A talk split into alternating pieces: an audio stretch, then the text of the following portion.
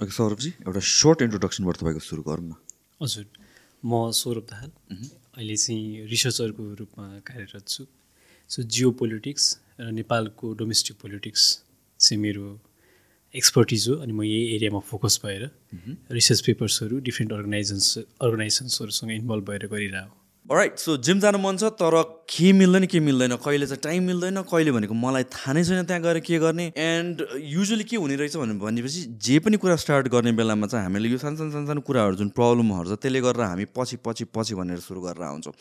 Start today हप्ताको छ दिन जानु सकिँदैन हप्ताको दुई दिन जानु हप्ताको तिन दिन जानु दुई घन्टा वर्कआउट गर्नु सक्दैन आधा घन्टा वर्कआउट गर्नु। तर स्टार्ट गर्ने भनेको चाहिँ आज हो थोरैबाट स्टार्ट गर्ने हो र बिस्तारै बिस्तारै बिस्तारै बिल्ड गर्दै लग्ने हो। Remember Rome wasn't built in a day neither will your body be built in a day so त्यो कारणले गरेर चाहिँ तपाईँ टाइम लिनुहोस्। थोरैबाट सुरु गर्नुहोस् and for that the physique workshop छ। द फिजिक वर्कसप चारवटा लोकेसनमा महाराजगञ्ज मैदेवी बानेश्वर र कुमारीपाटी। यहाँ नम्बरहरू छ। अहिले टु डेज फ्री ट्रायल दिइरहेको छौँ where you can walk in to the gym त्यहाँ गएर एक्सर्साइज गरेर हेर्नुहोस् ट्रेनरहरूसँग कन्सल्टेसन गर्नु फर फ्री एन्ड तपाईँलाई जोइन गर्न मन नलाग्यो भने जोइन नगर्नुहोस् तर if you like it if you want to join अहिले डिस्काउन्ट्सहरू पनि छ। तपाईँले जिममा फोन गरेर पनि बुझ्न सक्नुहुन्छ। एन्ड द फिजिक वर्कसपमा के छ भनेपछि यो चारवटै लोकेसनमा तपाईँ जुन लोकेसनमा जाँदाखेरि पनि भयो एउटा ब्रान्चमा तपाईँले मेम्बरसिप लिनुभएको छ भने अरू ब्रान्चमा गएर वर्कआउट गर्दाखेरि पनि हुन्छ। र त्यहाँ ट्रेनर्सहरू तपाईँहरूलाई गाइड गर्नको लागि हुन्छ जसले चाहिँ तपाईँलाई customise workout plan customise diet plan तपाईँको टाइम अनुसारले तपाईँको एक्सपिरियन्स अनुसारले र तपाईँको गोल अनुसारले चाहिँ तपाईँलाई बनाइदिनुहुन्छ। र त्यो कारणले गरेर चाहिँ तपाईँलाई हुने काइन्ड अफ एउटा प्लान रेडी हुन्छ। किनभने सबैजनाको लागि सेम डायट हुँदैन। कसैको वेट डिफ्रेन्ट होला हाइट डिफ्रेन्ट होला एज डिफ्रेन्ट होला गोल डिफ्रेन्ट होला खान मन लाग्ने मन नलाग्ने कुराहरू डिफ्रेन्ट होला तपाईँको बडी वेट डिफ्रेन्ट होला। सो सबैलाई एउटै डायट एउटै वर्कआउटले हुँदैन। Customise workout and diet plan only at the physique workshop locations at four branches Maharajganj Maidevi Baneshwar Kumaripati let's get fit basically geo पोलिटिक्सको कुरा गर्दाखेरि so many things are happening अनि हामीले हेर्दाखेरि चाहिँ अहिलेको करेन्टली जे भइरहेछ एउटा इभेन्ट आउँछ अनि त्यसपछि सबैजना त्यहाँतिर फोकस्ड हुन्छ अनि त्यसपछि त्यो कहाँबाट स्टेम भयो के हो कन्सिक्वेन्सेसको फ्युचर के हो या भन्छ त्यो आयो कहाँबाट के को कन्सिक्वेन्सेसको कारणले भनेर चाहिँ त्यो खासै बुझिरहेको हुँदैन क्या। सो अहिले पनि करेन्टली हेर्दाखेरि इट्स बेसिकली इजरायल प्यालेस्टाइनको कुरा छ। अ, योभन्दा अगाडि युक्रेन रसियाको कुरा थियो। त्योभन्दा अगाडि पनि केही न केही भइरहेको थियो। यो ग्लोबल सिनेरियोमा हेर्दाखेरि कन्फ्लिक्ट्सहरू कतिको भइरहेको हुन्छ कतिको common part of the whole global scenario या एकदमै इन्ट्रेस्टिङ क्वेसन सोध्नुभयो होइन। सो के हुन्छ भन्दाखेरि चाहिँ हाम्रो जुन इन्टरनेसनल सिस्टम छ त्यो चाहिँ अनार्किकल छ भनिन्छ कि। त्यो अनार्की छ भन्नाले कुनै पनि एउटा हायर अथोरिटी छैन जसले चाहिँ सबै कुरा म्यानेज गर्न सकियोस् नेपालमा भित्र केही समस्या भयो भने नेपालमा एउटा गभर्मेन्ट हुन्छ त्यसका इन्स्टिट्युसन्सहरू हुन्छन् जसले चाहिँ ती प्रब्लमहरू सल्भ गर्छन्। तर वर्ल्डमा चाहिँ यी सबै कन्ट्रिजहरूलाई हेर्ने एउटा यस्तो कुनै निकाय छैन जसले सबै कन्ट्रिजहरूलाई डिक्टेट गर्न सकोस् र ती कन्ट्रिजहरूले पालना गरून्। देयर इज युएन है यस्तो अर्गनाइजेसन्सहरू छन् तर उनीहरूको लिमिटेड क्यापेबिलिटिज मात्र छ। अनि युएन पनि अहिले भन्ने हो भने इन एसेन्स वेस्टकै लागि काम गरे जस्तो या वेस्ट नै बढी इन्फ्लुएन्सियल भयो जस्तो छ होइन? अनि यो वर्ल्ड गभर्मेन्ट नभएको केसमा चाहिँ होइन यो सिस्टम कस्तो भइदिन्छ भन्दाखेरि anarchical भइदिन्छ। There are no rules. Rules त छन् तर पालना नगर्न पाइयो। आज युनाइटेड स्टेट्सले रुल्सहरू ब्रेक गर्यो भने होइन? हामीले चाहिँ जुन इन्टरनेसनल एउटा अर्डर जस्तो बनाएका छौँ त्यो अर्डरभन्दा बाहिर गएर के गर्यो भने युनाइटेड स्टेट्सले कस्तो कन्सिक्वेन्सेसहरू फेस गर्छ त? उसले त कन्सिक्वेन्सेसहरू फेस गर्नु पर्दैन होइन? माइट इज राइट जस्तो स्टेट छ। त्यही कारणले गर्दाखेरि एउटा सिस्टमिक इस्यु हो। यो सिस्टमको समस्या हो एउटा स्ट्रक्चरल इस्यु हो। अनार्की भइसकिसके पछाडि र हाइरार्की नभइसकिसके पछाडि स्टेट्सहरूमा के हुन्छ भन्दाखेरि चाहिँ एउटा खालको कम्पिटिसन हुन्छ। र सबै स्टेट्सको सबै कन्ट्रिजहरूको एउटा मात्र या चाहिँ मेन गोल भनेको चाहिँ आफ्नो सर्भाइभललाई इन्स्योर गर्ने हो। They want to exist in the system and for that different थ्योरिजहरू छन् इन्टरनेसनल रिलेसन्समा तर त्यो सर्भाइभलको लागि चाहिँ उनीहरूले पावर अमास गर्न ट्राई गर्छन् या खोज्छन् होइन? जति बढी पावरफुल भयो त्यति चाहिँ उनीहरूको सर्भाइभल चाहिँ के हुन्छ? इन्स्योर हुन्छ।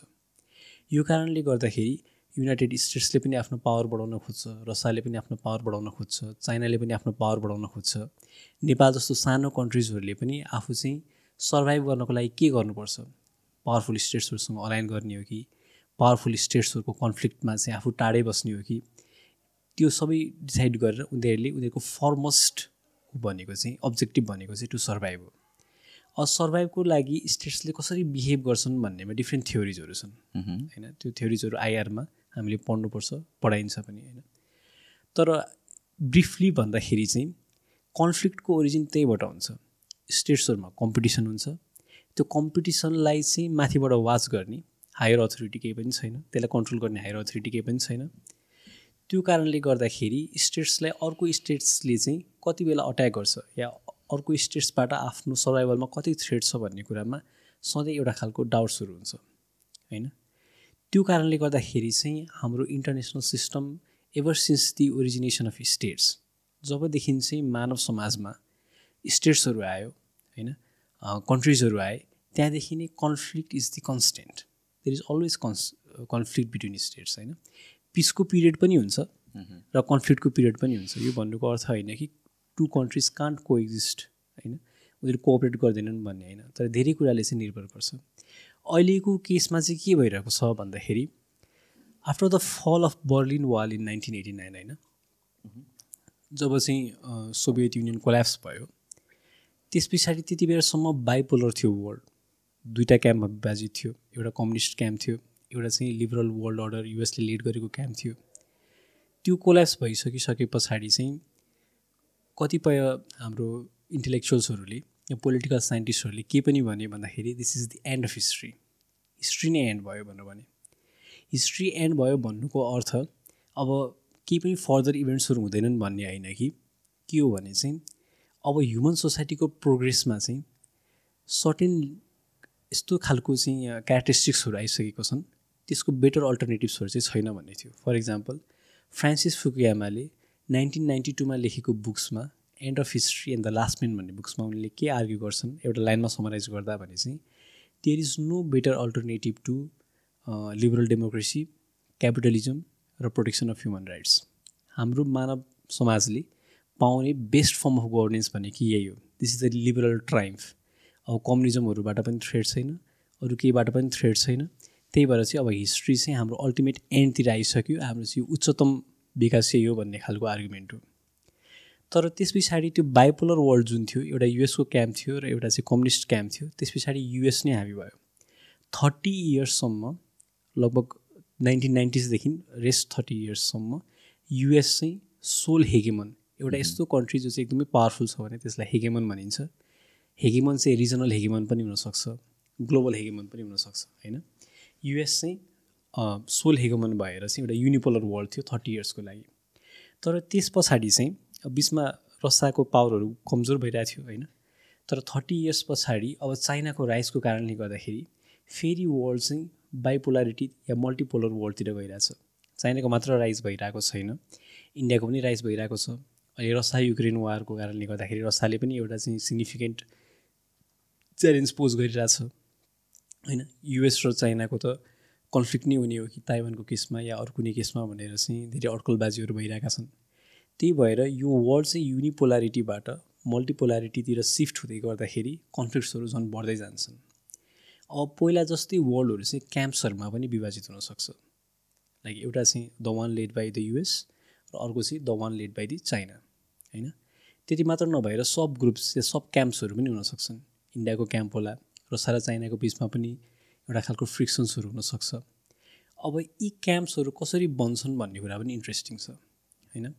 यो हाम्रो कोल्ड वारको पिरियडमा after the end of second world war nineteen नाइन्टीसम्म चाहिँ जुन कोल्ड वारको पिरियड थियो त्यति बेला यसरी बाहिरबाट झट्ट हेर्दाखेरि हाम्रो यो जुन ब्लक्सहरू बनिरहेको थिएँ तिनीहरूलाई मैले अघि भन्दाखेरि पनि एउटा कम्युनिस्ट ब्लक भनेर भने र अर्को चाहिँ लिबरल ब्लक या चाहिँ युएस लेड वेस्टर्न ब्लक भनेर भनियो। तर त्यो पनि प्योरली आइडियोलोजिकल ब्लक्सहरू थिएनन्।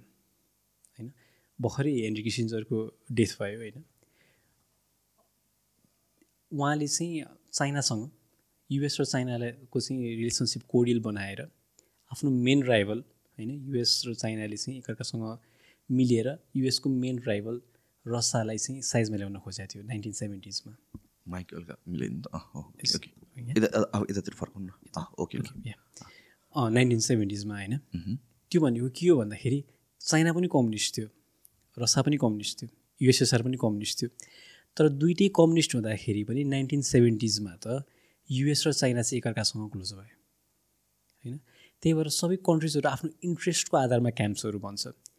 जब कोल्ड वारको बेलामा त्यति बेला त लास्टली एउटा इडियोलोजिकल क्याम्पिङ जस्तो थियो त्यो टाइममा त कम्युनिस्ट रसा चाहिँ नाइन्टिन सेभेन्टिजमा गएर युएससँग साइड गऱ्यो भने अबको यो टाइममा त इडियोलोजीको खासै ऊ छैन। चाइना चाहिँ बाहिरबाट आफूलाई कम्युनिस्ट भनेर क्लेम गरे पनि चाइनाको कम्युनिजम भनेको त नोमिनल क्लोम कम्युनिजम हो। नोमिनल भनेको नाम मात्रको यथार्थमा त त्यो कम्युनिस्ट स्टेट होइन। त्यही भएर अब चाहिँ इन्ट्रेस्टको आधारमा जब ब्लक्सहरू भन्छन् अनि त्यस पछाडि पहिलाको जस्तै नै के अरे प्रोक्सी वार्सहरू हुने सम्भावनाहरू बढ्छ। होइन दुईवटा न्युक्लियर पावरहरू एकअर्कासँग वारमा नगएर प्रोक्सी वार युक्रेनको वारलाई पनि टु लार्ज एक्सटेन्ट एउटा प्रोक्सी वारको रूपमा हेर्न सकिन्छ। एकदमै।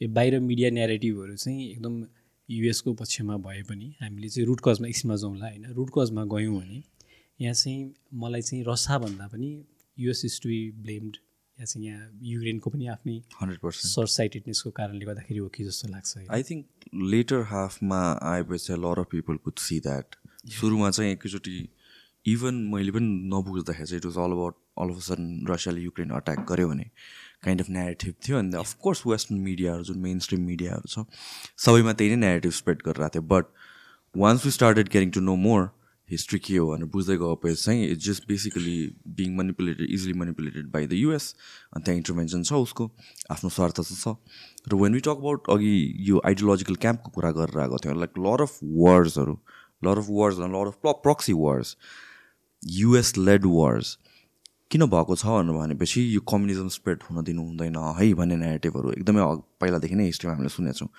why is that or why was that so important for the US so के भयो भन्दाखेरि चाहिँ युएसलाई कम्युनिजमबाट पनि सर्टेन लेभलको थ्रेड चाहिँ थियो होइन? सो रेजिम टाइप हुन्छ होइन? युएसको रेजिम टाइप चाहिँ डेमोक्रेटिक भयो। युएसएसआरको रेजिम टाइप चाहिँ कम्युनिस्ट थियो। तर त्यो कम्युनिजम भन्दा पनि युएसलाई चाहिँ आफूभन्दा नेक्स्ट पावरफुल कन्ट्री कुन हो भन्ने कुराले बढी चिन्ता गर्छ कि? लाइक फर इक्जाम्पल के हुन्छ भने यदि रसा कम्युनिस्ट थिएन भने पनि युएसलाई रसासँग या त्यति बेलाको युएसएसआरसँग सम यो समस्या चाहिँ हुन्थ्यो। त्यहाँ कुनै न कुनै फर्मको कम्पिटिसन चाहिँ अराइज हुन्थ्यो होइन? अनि अब त्यति बेला जसो इट ह्यापन्स युएसएसआरको क्यारेक्टरिस्टिक्स चाहिँ कम्युनिस्ट थियो। त्यही भएर उसले चाहिँ के गर्यो भन्दाखेरि कम्युनिजमको स्प्रेड भयो भने चाहिँ रसाको क्यारेक्टरिस्टिक्स भएको रेजिमहरू चाहिँ स्प्रेड भयो फर इक्जाम्पल एसियामा या चाहिँ अफ्रिकामा या चाहिँ अरू कन्टिनेन्ट्समा स्प्रेड भयो या चाहिँ युएसको पेरिफेरीमा गएर स्प्रेड भयो भने दुईवटा सिमिलर रेजिम टाइप भएको कन्ट्रिजहरूलाई चाहिँ कोर्डिनेसन गर्न सजिलो हुन्छ। होइन? सो कम्युनिस्ट कन्ट्रिज र कम्युनिस्ट कन्ट्रिजहरू बिचको कोर्डिनेसन्सहरू बेटर हुनसक्ला होइन? हुन्छै भन्ने ग्यारेन्टी चाहिँ छैन। लाइक नाइन्टिन सेभेन्टिजमा र सारा चाइनाको भएन। तर कम्युनिस्ट कन्ट्रिजहरू चाहिँ स्प्रेड हुँदाखेरि उनीहरूको सर्टन क्यारेक्टरिस्टिक्स हुन्छ उनीहरूको एउटा इकोनोमिक फ्रेमवर्क हुन्छ एउटा गभर्मेन्टको स्ट्रक्चर हुन्छ अनि कन्ट्रिजहरूको बिचमा कोअपरेसन्सहरू बढ्ला कोअर्डिनेसन्सहरू बढ्ला। यो कारणले गर्दाखेरि एउटा क्लाउड फर्म हुन्छ र यसले चाहिँ आफ्नो इन्ट्रेस्टलाई के गर्छ भन्दाखेरि चाहिँ च्यालेन्ज गर्छ आफ्नो इन्ट्रेस्टको अगेन्स्टमा छ भन्ने युएसको बुझाइ हो। त्यही भएर युएसको डेमोक्रेसी प्रमोसनको कुरा छ नि यो एकदमै इन्ट्रेस्टिङ छ। होइन? यसमा लामो कुरा गर्न सकिन्छ। युएसले चाहिँ सधैँ के भन्छ भन्दाखेरि म डेमोक्रेसीलाई च्याम्पियन गर्छु। म डेमोक्रेटिक कन्ट्रिजहरूसँग कोअपरेसन गर्छु। म डेमोक्रेटिक कन्ट्रिजहरूलाई चाहिँ सपोर्ट गर्छु होइन? अनि म डेमोक्रेसीलाई चाहिँ फ्लोरिस हुन हेल्प गर्छु भन्ने खालको युएसको क्लेम छ। यो त मिम नै भइसक्यो एट दिस पोइन्ट त। Yeah right but this is not true right this is not true at all होइन? लाइक फर इक्जाम्पल किनभने म तपाईँलाई एउटा इक्जाम्पल दिन्छु। इरानमा नाइन्टिन फिफ्टी थ्रीमा डेमोक्रेटिकल्ली इलेक्टेड गभर्मेन्ट थियो। मोहम्मद मोसादेक भन्ने प्राइम मिनिस्टर थिए होइन? उनी डेमोक्रेटिकल्ली इलेक्टेड थिए तर उनले त्यति बेलासम्म इरानको ओइल चाहिँ युकेको कन्ट्रोलमा थियो होइन? त्यसलाई चाहिँ अब इरानकै कन्ट्रोलमा ल्याउन भनेर फर्स्टमा उनले त्यहाँको पार्लियामेन्टमा त्यो जुन ओइल छ होइन के अरे के भन्थ्यो? I forgot the name Persian oil something के भनेर भन्छ त्यसको अकाउन्ट्सहरू हेर्नेलाई एउटा ल इन्ट्रोड्युस गरेँ होइन? त्यो ल चाहिँ युकेको इन्ट्रेस्टको अगेन्स्टमा थियो या वेस्टको इन्ट्रेस्टको अगेन्स्टमा थियो त्यहाँको ओइलको विषयमा। त्यस पछाडि युके र युएस मिलेर democratically elected prime minister of Iran Mohammad मोसादेकलाई चाहिँ हटाइदिन्छन् कु गरिदिन्छन्। त्यस पछाडि त्यहाँका राजा उनीहरूको टाइटल पनि शाह नै हो शाह किङ भन्छ इरानको। उनलाई चाहिँ एकदम पावरफुल बनाइन्छ। नाइन्टिन फिफ्टी थ्रीदेखि नाइन्टिन सेभेन्टी नाइनसम्म शाहले रुल गर्छन्। त्यो पिरियडमा इरान फुल्ली वेस्टर्नाइज हुन्छ। इरानको जुन आफ्नो चाहिँ कल्चर हो इरानको चाहिँ जुन आफ्नो चाहिँ क्यारेक्टरिस्टिक्सहरू छ त्यसको अगेन्स्टमा मोडर्नाइजेसन या वेस्टर्नाइजेसन भनौँ न त्यसलाई चाहिँ फास्ट फरवर्ड गरिन्छ। तर त्यहाँको एउटा कन्जर्भेटिभ समाज त थियो होइन? अनि उनीहरू त खुसी थिएनन् युएसको इन्क्रिजिङ इन्फ्लुएन्सको कारणले गर्दाखेरि। अनि यो भइसकिसकिसके पछाडि चाहिँ नाइन्टिन सेभेन्टी नाइनमा रेभोल्युसन हुन्छ। रेभोल्युसनले चाहिँ खमेनीलाई चाहिँ सुप्रिम लिडरको रूपमा इस्टाब्लिस हुन्छ। शाह चाहिँ आफ्नो देश छोडेर भाग्छन्। त्यस पछाडि अहिलेसम्म इरानमा चाहिँ त्यो इस्लामिक रिपब्लिकको रूपमा चाहिँ फङ्सन गरिरहेको छ। नट जस्ट विथ इरान जब जब उसलाई कन्भिनियन्ट हुन्छ युएसले चाहिँ डिक्टेटर्सहरूसँग पनि रिलेसनसिप बनाउँछ। साउदी अरेबियाका डिक्टेटर हुन् या चिलीका डिक्टेटर हुन् या चाहिँ इन्डोनेसियाका डिक्टेटर हुन् उसलाई खासै कन्सर्न छैन। तर उसले के भन्छ भन्दाखेरि डेमोक्रेटिक न्यारेटिभ चाहिँ एकदमै कन्भिनियन्ट न्यारेटिभ हो कि? हामी डेमोक्रेसीलाई सपोर्ट गर्छौँ होइन? हामी डेमोक्रेसीको लागि काम गर्छौँ भन्दाखेरि चाहिँ यो मिडियाले पनि पुस गर्न सजिलो भयो। होइन पिपुलहरूलाई कन्भिन्स गर्न पनि सजिलो भयो। आफ्नो युएसको त्यो पपुलेसनको डोमेस्टिक कन्जम्सनको लागि पनि भयो। त्यही भएर यो डेमोक्रेसीको नेरेटिभलाई चाहिँ युज गरेर होइन कुनै पनि उसको त्यो स्ट्राटेजिक पर्स्युट्सहरू हुन्छ नि त्यसलाई चाहिँ सुगर कोट गर्ने एउटा माध्यम हो कि डेमोक्रेसी भनेको। Plus to convince the public पब्लिकलाई चाहिँ आफ्नो साइडमा ल्याउनको लागि मतलब पपुलारिटी लुज नगर्नको लागि पनि हो। एन्ड वी सिन दिस इन एउटा अर्के अर्केस्ट्रेट नै गरेर जुन वरेभर इराकको केसमा पनि everything like lot of times त्यो देखिएको छ नि त. सो त्यहाँबाट म एकैचोटि यहाँ जम्प गरेँ अनि फेरि will go back to history होइन?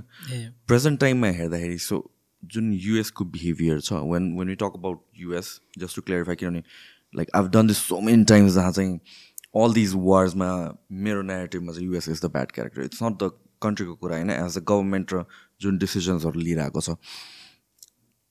दे हेभ दिस हिस्ट्री जसले बुझेको छ। Now again most of the media is control by वेस्टकै powerful छ अनि वेस्टर्न कन्ट्रोल मिडिया नै नेगेटिभहरू बाहिर स्प्रेड भएर जान्छ। सो कतिवटा रियालिटिजहरू या कतिवटा चाहिँ भित्रको कुराहरू चाहिँ बाहिर आउँदैन जे देखाउनु खोज्यो त्यहाँ आउने भयो।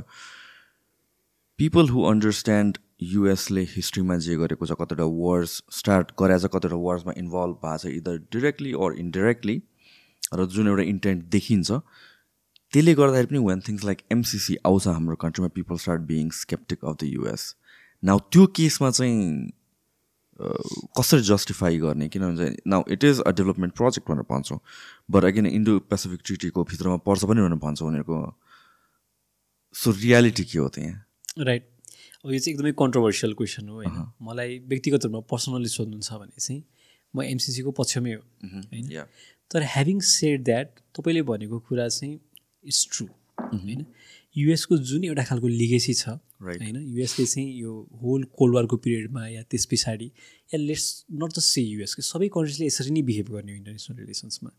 हामी चाइनाले पनि यसरी नै बिहेभ गर्छ तर let's come back to the US अहिलेलाई राइट नाउ अगेन यो ग्लोबल पोलिटिक्सको कुरा गर्दाखेरि one thing I don't abide by is US is bad so China is good भन्ने जुन एउटा त्यो क्याम्प छ नि that it doesn't work that way India is bad China is good China is bad India is good त्यो होइन कि अब आई मिन सबैजनाको आफ्नै इन्ट्रेस्ट छ होइन? वाइल वी आर टकिङ युएसको बिहाफमा सो कन्टिन्यू गर्नु न के भन्नु? या सो एमसिसीको केसमा चाहिँ अलट अफ मिसइन्फर्मेसन र डिसइन्फर्मेसन भयो होइन? अनि के हो भन्दाखेरि चाहिँ एउटा डेभलपमेन्ट ग्रान्ट थियो होइन? कतिले के क्लेम गरे भन्दाखेरि यो इन्डो पेसिफिक स्ट्राटेजीको एउटा कम्पोनेन्ट हो भनेर। युएसकै अफिसियल्सहरू they claim did exactly right exactly officially त्यो हाम्रो डकुमेन्ट्सहरूमै नभए पनि त्यो I think it's a part of Indo Pacific strategy कुनै न कुनै वेमा त होला नि त ग्रान्ड वेमा त होला। तर खासै फरक चाहिँ किन पर्दैन भन्दाखेरि किन के हेर्नुपर्छ भन्दाखेरि हामीले एमसिसीभित्र चाहिँ के छ त? त्यसको अन्तर्गत के हुन लागेको? हाम्रो त यो इलेक्ट्रिसिटीको ट्रान्समिसन लाइन्सहरूको कुरा छ अनि रोडहरू इम्प्रुभ गर्ने कुरा छ होइन? पैसा आउँछ त्यो पैसा कसरी युटिलाइज हुन्छ भन्ने कुरा छ। त्यसरी पाँच वर्षभित्रमा त्यो पैसा युटिलाइज भएन भने त्यो चाहिँ फेरि रिटर्न ब्याक गर्ने भन्ने पनि कुरा छ होइन? त्यही भएर जे कुरा त्यो उसमा छैन हाम्रो अग्रिमेन्टमा छैन। त्यसले चाहिँ हामीलाई अफेक्ट गर्छ जस्तो लाग्दैन। लाइक अमेरिकन सेना नेपालमा आउने यो सबै कुराहरू चाहिँ यो पोलिटिकल ब्राउनी पोइन्ट्सहरू स्कोर गर्नको लागि युज भयो। तर ह्याभिङ सेट द्याट सत्य चाहिँ के हो भने युएसले पैसा यत्तिकै दिइरहेको पनि होइन। होइन? एमसिसीबाट डिरेक्टली नेपाललाई केही सेक्युरिटी रिस्क या केही चाहिँ छैन। तर लार्जर कन्टेक्स्ट अफ थिङ्समा हेर्ने हो भने यो एउटा चाहिँ एटेम्प्ट नै हो कि? कस्तो खालको एटेम्प्ट हो भन्दाखेरि चाहिँ US wants let's be clear होइन? होइन let's call spade spade US wants Nepal to be in its camp इन्डियालाई पनि आफ्नो इन्फ्लुएन्स नेपालमा रहोस् भन्ने छ। एन्ड लाइकवाइज चाइनालाई पनि नेपाल चाहिँ आफ्नो स्फियर अफ इन्फ्लुएन्समा भन्ने छ। अब युएस र चाइनाको साइनो युएसको राइभलरी जसरी अगाडि बढिरहेछ नि यो दुइटै कन्ट्रिजहरूले एमसिसीको वेबाट या बिआरआईको वेबाट या अरू भेरियस यस्तो इनिसिएटिभ्सहरू एज इङ्गेजमेन्टबाट मिलिटरी ट्रेनिङहरूबाट होइन मिलिटरी इक्विपमेन्ट्सको किनबेचहरूबाट जसरी पनि नेपाललाई चाहिँ आफ्नो क्याम्पतिर ल्याउन खोज्छन्। एमसिसी नेपालले भले आफै त्यो एप्लिकेसन चाहिँ सब्मिट गरेको होस् त्यसमा त लबी त हुन्छ नि त। हामीले पाउँछौँ भन्ने खालको हुन्छ। अनि त्यस पछाडि पछि डोनाल्ड लु चाहिँ नेपाल आएर लिँदैनौँ भने यताउता भनेर त्यो थर्काएको कुराहरू पनि छ। एकदम अनडिप्लोमेटिक वेमा अप्रोच पनि गरेको थियो। के हो भन्दाखेरि चाहिँ पैसा दिइसकिसकिसके पछाडि यो एडको रेजिम चाहिँ कसरी वर्क गर्छ भन्दाखेरि एडले डिरेक्टली होइन डिरेक्टली नै एडले चाहिँ कुनै एउटा स्ट्राटेजिक अब्जेक्टिभ नपाए पनि कन्ट्रीलाई स्लोली पुस गर्न चाहिँ हेल्प गर्छ कि। अनि एडलाई चाहिँ कसरी आफ्नो इन्ट्रेस्टको रूपमा युज गर्ने भन्ने पनि उनीहरूको आफ्नै स्ट्राटेजी हुन्छ। लाइक फर इक्जाम्पल फेरि हिस्ट्रीमै जाउँ होइन। यसले हामीलाई बुझ्न सहयोग गर्छ नेपाल कुन पोजिसनमा छ भनेर बुझ्न पनि मद्दत गर्छ। टु थाउजन्ड सिक्समा फिजीमा लाइसिना करास प्राइम मिनिस्टरको अगेन्स्टमा कु भयो मिलिटरीले कु गर्यो। त्यस पछाडि इमिडिएटली युएसले के भन्यो यो मिलिटरी कु भयो अब फिजीमा डेमोक्रेसी छैन म एड दिँदिनँ भन्यो एड रेसाइन गरिदियो। तर ट्वेन्टी थर्टिनमा इजिप्टमा मोहम्मद मोर्सीको एगेन्स्टमा फेरि मिलिटरी कु भयो युएसले पैसा एक डलर पनि घटाएन किन त? किन भन्दाखेरि फिजी जस्तो कन्ट्रीलाई चाहिँ अमेरिकाले आफ्नो टर्म्स एन्ड कन्डिसन्समा ल्याउनको लागि सक्छ। स्ट्राटेजिकल्ली इम्पोर्टेन्ट छैन इकोनोमिकली पनि इम्पोर्टेन्ट छैन। तर इजिप्ट जस्तो कन्ट्री जुन चाहिँ स्ट्राटेजिकली इम्पोर्टेन्ट छ र इकोनोमिकली पनि इम्पोर्टेन्ट छ यस्तो कन्ट्रिजहरूलाई चाहिँ डोनर्सहरूले आफ्नो इन्ट्रेस्टमा पुस गरिहाल्न सक्दैनन्। त्यसमा चाहिँ के हुन्छ भन्दाखेरि एड रेसिपिएन्ट कन्ट्री नै भए पनि आफ्नो सर्टेन लेभरेजेसहरू पुल गर्न सक्छ कि? त्यही भएर पैसा लिँदैमा हामी डोनरको चाहिँ बसमा पर्छौँ या डोनरले चाहिँ हाम्रो इन्ट्रेस्टको अगेन्स्टमा काम गर्छन् या उनीहरूकै अनुसार चल्नुपर्छ भन्ने कुरा होइन। आफ्नो चाहिँ स्ट्राटेजिक इम्पोर्टेन्स बढाउन सक्नु पऱ्यो आफ्नो चाहिँ इकोनोमिक इम्पोर्टेन्स बढाउन सक्नु पऱ्यो यदि हामी इजिप्ट जस्तो रेसिपिएन्ट हुने भने अब Egypt is not ideal right हामीले नेपाललाई इजिप्ट जस्तो बनाउनुपर्छ भन्ने भने होइन। तर हाम्रो चाहिँ स्ट्राटेजिक इम्पोर्टेन्स भयो भने एड दिँदै गर्दाखेरि पनि चाहिँ उनीहरूले आफ्नो डिरेक्सनमा पुस गर्न सक्दैन। यसमा यसमा मलाई कन्सर्न लागेको वाइ एमसिसीको केसमा छ होइन। And I try to understand सबै भ्युजहरू म बुझ्न खोज्छु। एन्ड आई हेभ अ कप कपाल अफ कन्सर्न्स एउटा भनेर भनेको चाहिँ so it's it's not US good or bad मात्र होइन कि जुन सर्कमस्टान्सेसमा यो कन्ट्रीमा हामीले एड रिसिभ गरिरहेको छु भन्ने पनि कुरा हो। किनभने now let's look at it from भित्रकै पर्सपेक्टिभबाट पहिला सुरु आफूलाई नै हेर्नु पऱ्यो हाम्रो फरेन पोलिसी स्ट्रङ छैन। होइन? हामीलाई इजिली नेगोसिएट गर्न सक्छ। किनभने lot of times we've seen that हामीहरू हाम्रो ग्राउन्ड होल्ड गर्नै सक्दैनौँ। र कपाल अफ टाइम्स भइसकेपछि have you lost our ground भन्ने पनि कुरा हुन्छ नेगोसिएसन आउँदाखेरि विथ एनी पार्टिज सो हामी भित्रैबाट विक छौँ नम्बर वान फरेन पोलिसीको कन्टेक्स्टमा अरू कुरा के भयो भनेपछि अगेन पोलिटि पोलिटिसियन्सहरूको इन्टेन्टको कुराहरू पनि आउँछ र पर्सनल इन्ट्रेस्ट कुराहरू पनि आउँछ। सो यो त हाम्रो भित्रको इस्युज हो आई अन्डरस्ट्यान्ड युएसबाट एड आउँदाखेरि युएस होस् या चाहे जुन पनि कन्ट्रीबाट एड आउँदाखेरि अफकोर्स एड त आउने भयो for development and some sort of unsaid liability जस्तो पनि हुन्छ होला अर एउटा हिसाबले लोयल्टी पनि हुन्छ होला अलिकता चाहिँ। त्यो पनि त्यसमा पनि प्रब्लम भएन सबै कन्ट्रीले त्यो गर्छ। तर नेपाल कस्तो ठाउँमा भयो भनेपछि चाइनाको नजिकको भयो। सो दिस एड सिम्स या यो होल प्रोजेक्ट क्यान आई फि it feels like it can be leverage to their use चाइनालाई check गर्नलाई या चाइनाको नजिकको हुनुको लागि टु अन्डरस्ट्यान्ड लाइक चाइनाको पावर्स एउटा हिसाबले चाहिँ एब्जर्भ गर्नको लागि अरू वाट एभर इट इज त्यो कारणले पनि आएको हो कि जस्तो लाग्छ काउन्टर र ओभरअल अर्को कन्टेक्स्ट के पनि आउँछ भनेपछि यो जुन कपाल अफ क्लजहरू छ होइन जस्तो कि उनीहरूको उनीहरूको अकाउन्टिङको कुराहरू होला होइन अडिटको कुराहरू होला जुन चाहिँ उनीहरूसँग मात्र एक्सेस छ समथिङ लाइक द्याट त्यो क्लजमा मेन्सन छ जस्तो लाग्यो मलाई एउटा एउटा त्यो भयो अर्को चाहिँ रिगार्डिङ अफिसियल्सहरू को आउनु पाउँछ को आउनु पाउँदैन भनेर पनि उनीहरूले नै आफ्नो साइडमा लिएको छ जस्तो लाग्यो त्यसको डिसिजनहरू पनि। सो मैले भन्न खोजेको नट डिरेक्टली थ्रु एट तर कस्तो काइन्ड अफ फ्लड गेट खोल्छ फर द फ्युचर भन्न खोजेँ कि सो मेबी त्यो in the future five years down the line or ten years down the line can it be exploited भन्ने डर। हो इट्स नट द्याट एक्सप्लोइट गर्नलाई नै आएको होइन तर हामी कस्तो भलरेबिलिटी छोडिरहेको छु well bringing an aid like that र I feel like lot of conversations when you when we talk to or hear people who are against MCC it's not यो प्र हामीलाई डेभलपमेन्ट प्रोजेक्ट नचाहेको होइन कि यो यो यो यो पोइन्ट्सहरू अलिकता कन्सर्निङ छ। If you can amend that हामीलाई सेफ हुन्छ। भन्ने हिसाबले हो। एन्ड देन यो कन्भर्सेसन टेबलमा आउँदाखेरि चाहिँ अगेन उताबाट पुस आउँछ कि like no this is our our points or our हुन्छ नि रुल्स जुन हिसाबले हामी ल्याउनु खोजिरहेको छौँ। एन्ड त्यो चेन्ज नगर्ने एज इट इज एक्सेप्ट गर अर अमेन्ड नगरौँ भनेर भन्दाखेरि। सो यो कन्टेक्समा चाहिँ वाट यु थिङ्क यो एमसिसी चाइनाको काउन्टरकै लागि आएको स्पेसिफिकली जस्तो लाग्छ होइन होइन। तर क्यान इट बी युज भन्ने कुरा हो? लाइक यहाँ लङ टर्ममा यस्तै खालको एडहरू चाहिँ नेपालमा युएसले यो एमसिसी दिइसकिसकिसके पछाडि अर्को एडको प्रपोजल पनि आएको थियो होइन? त्यस पछाडि पनि आउनसक्छ उसले गर्न खोजेको चाहिँ त्यही नै हो। नेपालमा एडहरू चाहिँ बढी दिएर होइन? या चाहिँ हामी चाहिँ हाम्रो मेन डोनर चाहिँ युएस भयो। या वेस्टर्न डोनर्समा हामी बढी रिलाइ गर्न थाल्यौँ भने हाम्रो क्याम्पिङ पनि उतैतिर हुन थाल्छ नि त। होइन? त्यो तर यति बेला चाहिँ अब अब इट्स अन अस के? के गर्ने भन्ने चाहिँ?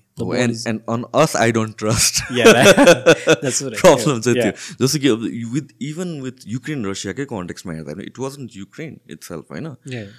अनि यो भएको त अहिले यो to twenty twenty two twenty twenty one twenty twenty twenty टूमा start भएको त होइन यो त। This happen like long history छ नि त पहिलादेखि नै।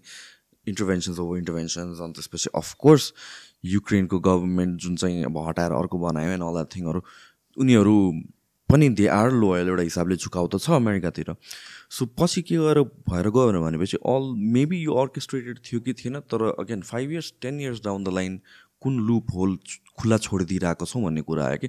सो मलाई डर लाग्ने कुरा as a layman I don't understand lot of geopolitics जुन अगाडि हामीले देख्यौँ हिस्ट्री अम अमेरिकाको इन्ट्रेस्ट अमेरिकाको intent with proxy wars and then whatever happen Ukraine it became more real to me personally भन् भन्दाखेरि चाहिँ सो यो पनि आम नट चाहिँ कि यही इन्टेन्टको लागि आएको होइन तर क्यान इट बी युज फ्युचरमा गएर भन्ने कुरा हो? र given that our government or our negotiating power on matters like this are not very strong र what if China reacts the way that Russia reacted भन्ने कुराहरू चाहिँ हामी बिचमा पढिदिन्छौँ कि भन्ने डर मात्र हो कि? या त्यही भएर मेरो अर्को पोइन्ट पनि के हो भन्दाखेरि अहिले चाहिँ धेरै फरेन पोलिसीको एक्सपर्ट्सहरूले के भन्छन् भने हाम्रो नन अलाइनमेन्टको जुन पोलिसी छ त्यो चाहिँ अब्सोलिट भइसक्यो। अबको यो वर्ल्डमा आएर नन अलाइनमेन्टको कुरा गरेर हुँदैन। हामी त एउटा क्याम्पसँग अलाइन हुनुपर्छ भन्छन्। तर त्यसको चाहिँ अगेन्स्टमा म। न्युट्रल हुनु हुँदैन न्युट्रल हुनु हुँदैन भनेर भन्छ आज भन्छ। एन्ड म पनि आई बिलिभ लाइक न्युट्रल हुनुपर्छ हुनुपर्छ country like ours we cannot afford to be making enemies exactly like युक्रेनकै example हेर्नु होइन। यदि युक्रेनले चाहिँ म यो वेस्टसँगको सबै सेक्युरिटाइजहरू सिभियर गर्छु भनेको भए आज यो दिन नआउँथ्यो होला। होइन? यदि नेटो जोइन गर नगरेको भए नेटोलाई चाहिँ उनीहरूले के गरे भन्दाखेरि अहिले हिस्ट्री नै कुरा गरौँला होइन? ट्वेन्टी नाइन्टिनमा गएर उनीहरूले कन्स्टिट्युसनमा के लेखेका छन् भने हामी युरोपियन युनियन र नेटो जोइन गर्छौँ भनेर भनेका छन्। त्यो भनिसकिसके पछाडि मात्र रसियाले अट्याक एक्ज्याक्टली लाइक मेक्सिकोमा गएर यदि चाइनाले चाहिँ चाइना र इरानले लेट्स फर एक्ज्याक्टली एक्ज्याक्टली त्यही कुरा हो। होइन चाइना गएर मेक्सिकोलाई चलाउनु खोज्यो भने what is going to happen युएसले पनि रिटेलिएट गर्छ। And this is a country USSR टुक्रियो Russia भयो but they have a long history of world wars basically right right कन्फ्लिक्टको history छ अनि of course Russia will become sensitive यो यो यस्तो म्याटरमा र हाम्रो पोजिसन चाहिँ मैले त्यहाँ चाहिँ कहाँ कहाँ सिमिल्यारिटिज देख्छु? आई मिन एमसिसीको कुरा आउने बित्तिकै प्रो अर अगेन्स्ट प्रोजेक्ट होइन कि? वाट इज इट लिभ कुन गेट्सहरू छोडिदिन्छ फर फ्युचर भन्ने मेरो कन्सर्न्स मात्र हो। एन्ड लर अफ टाइम्स मेरो I am I have not made concrete mind on what is right what is wrong किनभने I see a lot of intellectual people are on the opposite aisle as well where they say कि like MCC ठिक छ भनेर। So I try to understand के भइरहेको and I and I have my कन्सर्न्सहरू जुन voice गर्नु खोज्छु म। या सो अब त्यो इन्टरप्रिटेटिभ डिक्लेरेसन नेपालले जुन पास गर्यो I think it was the right step कि? किनभने हाम्रो जति धेरै कन्सर्न्सहरू थियो त्यो कन्सर्न्सहरूलाई त्यसले केही हदसम्म चाहिँ एड्रेस पनि गरिरहेछ होइन?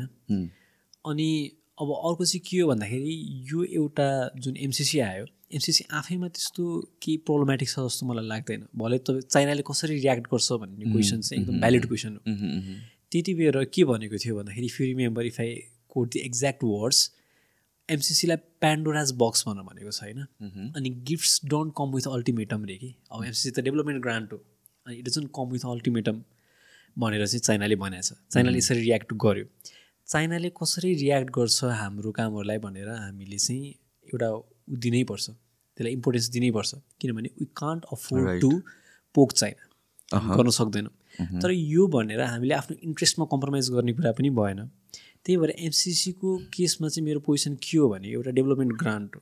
पैसा आइरहेको छ पैसा लियौँ नेपालसँग अहिले चाहिँ इकोनोमिकमा यस्तो स्ट्याटस छैन कि पैसा बिना हामी फरेन एड बिना या फरेन ग्रान्ट्सहरू बिना चाहिँ हामी डेभलपमेन्ट हाम्रो जुन एसपिरेसन छ त्यसलाई चाहिँ एड्रेस गर्न सकौँ या त्यसलाई चाहिँ फुलफिल गर्न सकौँ। यस्तो बेलामा पैसा लिनुपर्छ तर अलिकति स्मार्टली पैसा लिनु पऱ्यो अब फेरि ultimately it boils down to the ability of our politicians and bureaucrats and and that is why I don't trust you whole thing कि इफ हाम्रो ब्युरोक्राट्स र पोलिटिसियन्सलाई हन्ड्रेड पर्सेन्ट ट्रस्ट गर्न सकिने भएको भए एफिसियन्सी कन्टेक्समा है किनभने लोकल प्रोजेक्टहरू टाइममा गर्न सकेको छैन। ग्रान्ड फन्ड्स भएको प्रोजेक्टहरू गर्न सकिरहेको छैन भनेपछि and and one after another timeline जुन सर्दै गइरहेको छ जुन पनि प्रोजेक्टको लेट्स चाहिँ यो केसमा पनि त्यहाँ त क्लियरली मेन्सन छ यति टाइम पिरियडमा भएन भने एभ्रिथिङ रिटर्न गर्नुपर्छ समथिङ लाइक द्याट छ होइन? भनेर भनेपछि त त्यो त अर्को बर्डन पर्छ and it seems like it's going to go that way again I don't want to be pessimistic तर हाम्रो हिस्ट्री हेर्ने हो भने हाम्रो ट्रेन्ड हेर्ने हो भने त्यही भएको छ कि सबै project and then we fall into again अमेरिकाको डेट ट्र्याप भन्ने के भने त्यहाँतिर अड्किन्छौँ हामीहरू।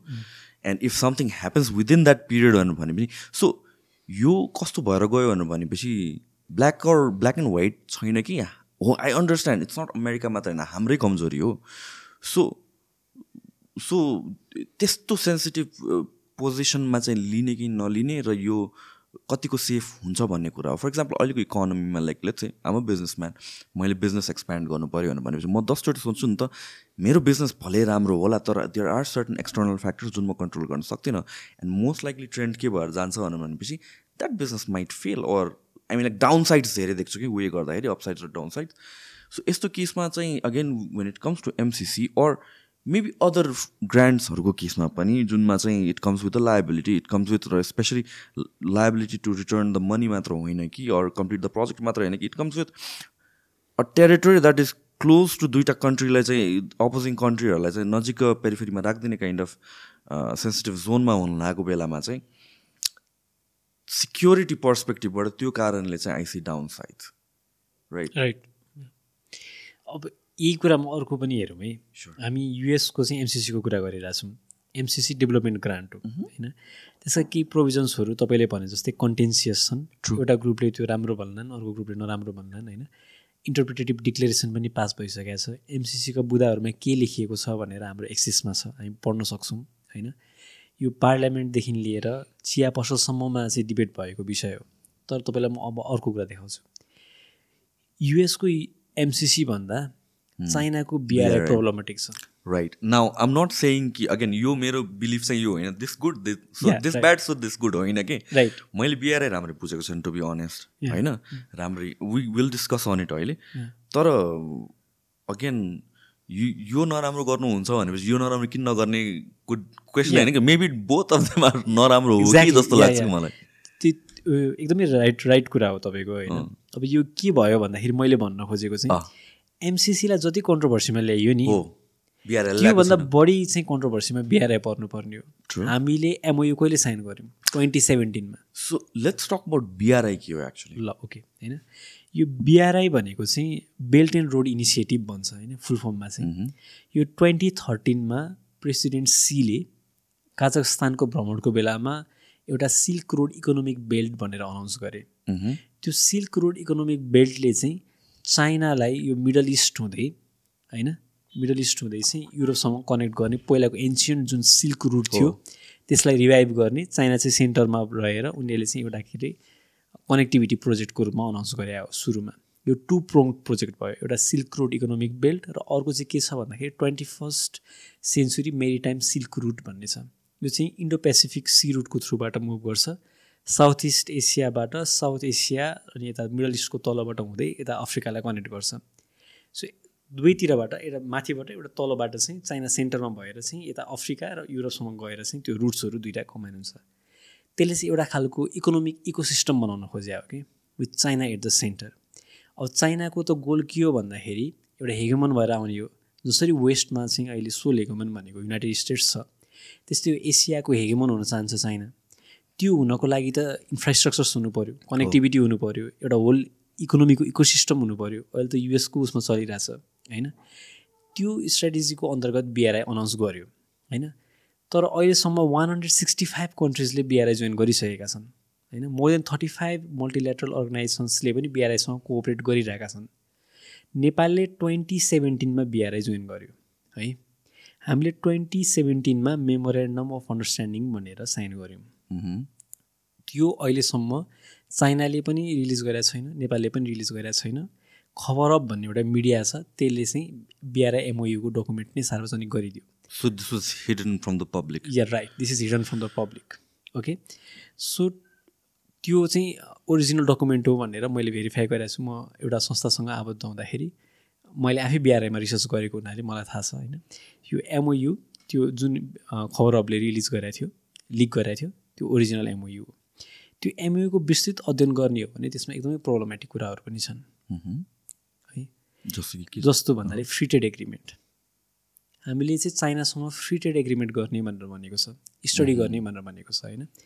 अब बिआरआई भन्दाखेरि सुरु चाहिँ कनेक्टिभिटीबाटै स्टार्ट भएको हो। तर बिआरआई अहिले बढ्दै गएर हामीले साइन गर्ने बेलासम्ममा अरू कम्पोनेन्ट्सहरू पनि आए। लाइक बिआरआईमा कनेक्टिभिटीको अलावा एउटा फाइनेन्सियल इन्टिग्रेसन भन्ने कम्पोनेन्ट छ भनेर चाइनासँगको फाइनेन्सलाई इन्टिग्रेट गर्ने त्यसको लागि फ्री ट्रेडहरूको प्रोभिजन्सहरू अर्को भनेको पोलिसी कोअर्डिनेसन छ चाइनासँग हामीले चाहिँ त्यो डेभलपमेन्टको पोलिसिजहरू कोअर्डिनेट गर्ने भन्ने छ। त्यसरी पिपुल टु पिपुल एक्सचेन्जेसहरू र पोलिटिकल एक्सचेन्जेसहरू पनि बढाउने भन्ने छ होइन? यो फ्री ट्रेड एग्रिमेन्ट चाहिँ यो इकोनोमिक इन्टिग्रेसनको पार्ट हो है? त्यो फ्री ट्रेड एग्रिमेन्टको स्टडी गर्दाखेरि चाइनाले एउटा स्टडी गर्यो नेपाल र चाइनाले अब फ्री ट्रेड एग्रिमेन्ट गऱ्यो भने कसरी फाइदा हुन्छ भनेर उसले फोर पोइन्ट टू पर्सेन्टले नेपालको जिडिपी इन्क्रिज हुन्छ भनेर एउटा चाहिँ रिपोर्ट स्टडी गरेर नेपाललाई पठायो। त्यसरी नेपालले सिमिलर स्टडी गर्दाखेरि हाम्रो जिडिपी चाहिँ टु पोइन्ट जिरो फोर पर्सेन्टले डिक्लाइन हुने देखियो। होइन? अनि नेपालले भन्यो ल यसमा हामी डिस्कस गरौँ। हाम्रो स्टडीले त हामीलाई फाइदा हुँदैन भन्ने देखाउँछ। चिप चाइनिज गुडको चाहिँ नेपाली मार्केटमा ओभरफ्लो हुन्छ। हामीले चाइना पठाउने गुड्सहरू नै छैन। होइन? यसले त हामीलाई हानि गर्छ। हाम्रो इकोनोमी नै चाहिँ चाइनिज इकोनोमीले चाहिँ क्रिपल गर्ने हो कि भन्ने जस्तो समस्या भयो। सबै चाइनिज गुड्सहरू बिना ट्याक्सेस र ट्यारिफ्स नेपाल आयो भने त इट्स प्रब्लमेटिक नि होइन? अनि त्यस्तो हुँदाखेरि हामीले छिमेकी इन्डिया चाहिँ ले कसरी रियाक्ट गर्छ भन्ने कुरा पनि हेर्नुपर्छ। इकोनोमी राइट राइट अनि फेरि गल्ती चाइनाको मात्र होइन। सबै कन्ट्रिजले आफ्नो इन्ट्रेस्टहरू पुस गर्न खोज्छन्। बिआरआई त झन् वान हन्ड्रेड सिक्सटी फाइभ कन्ट्रिजले जोइन गरिसकेका छन् अहिलेसम्म होइन? अब कनेक्टिभिटीको केसमा चाहिँ कतिसम्म हाम्रो चाहिँ ल्याक अफ प्रिपेयर्डनेस छ भनेर म तपाईँलाई भन्छु। केपी ओली चाइना जानुभयो होइन? उहाँले चाहिँ त्यति बेला थर्टी फाइभ प्रोजेक्ट चाहिँ यो बिआरआईको अन्तर्गत गरौँ भनेर प्रपोज गर्नुभयो।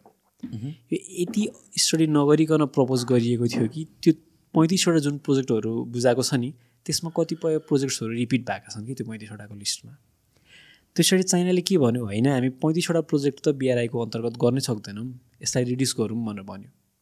त्यसरी नेपालले सोह्रवटा प्रोजेक्ट्स चाहिँ के गर्यो भन्दाखेरि प्रपोज गर्यो। चाइनाले होइन सोह्रवटा पनि गर्न सकिँदैन भने पछाडि नेपालले नौवटा प्रोजेक्ट्स चाहिँ प्रपोज गर्यो है? नेपालले नौवटा प्रोजेक्ट्स अहिले प्रपोज गरेको छ। यो कुनै पनि प्रोजेक्ट्सहरू अगाडि बढ्न सकेको छैन। एमओयु दुइटै सरकारहरूले बाहिर निकालेका छैनन् एउटा मिडियाले निकाल्यो। नौवटा प्रोजेक्ट्समा कुनै पनि प्रोजेक्ट्सहरू अगाडि बढ्न सकेका छैनन्। तीमध्येका दुईवटा हाइड्रो इलेक्ट्रिसिटी प्रोजेक्ट चाहिँ पुष्पकमल दाहाल प्रचण्डको रिसेन्ट इन्डिया भिजिटको बेलामा इन्डियन कम्पनीलाई ह्यान्डओभर गरिसक्यो। एउटा फुकेट कर्णाली भन्ने र एउटा तमर हाइड्रो इलेक्ट्रिसिटी भन्ने प्रोजेक्ट्सहरू हामीले इन्डियालाई दिइसक्यौँ। किन दियौँ यसमा पनि जियो पोलिटिकल कारण छ। अहिले एड्रेस गरौँ।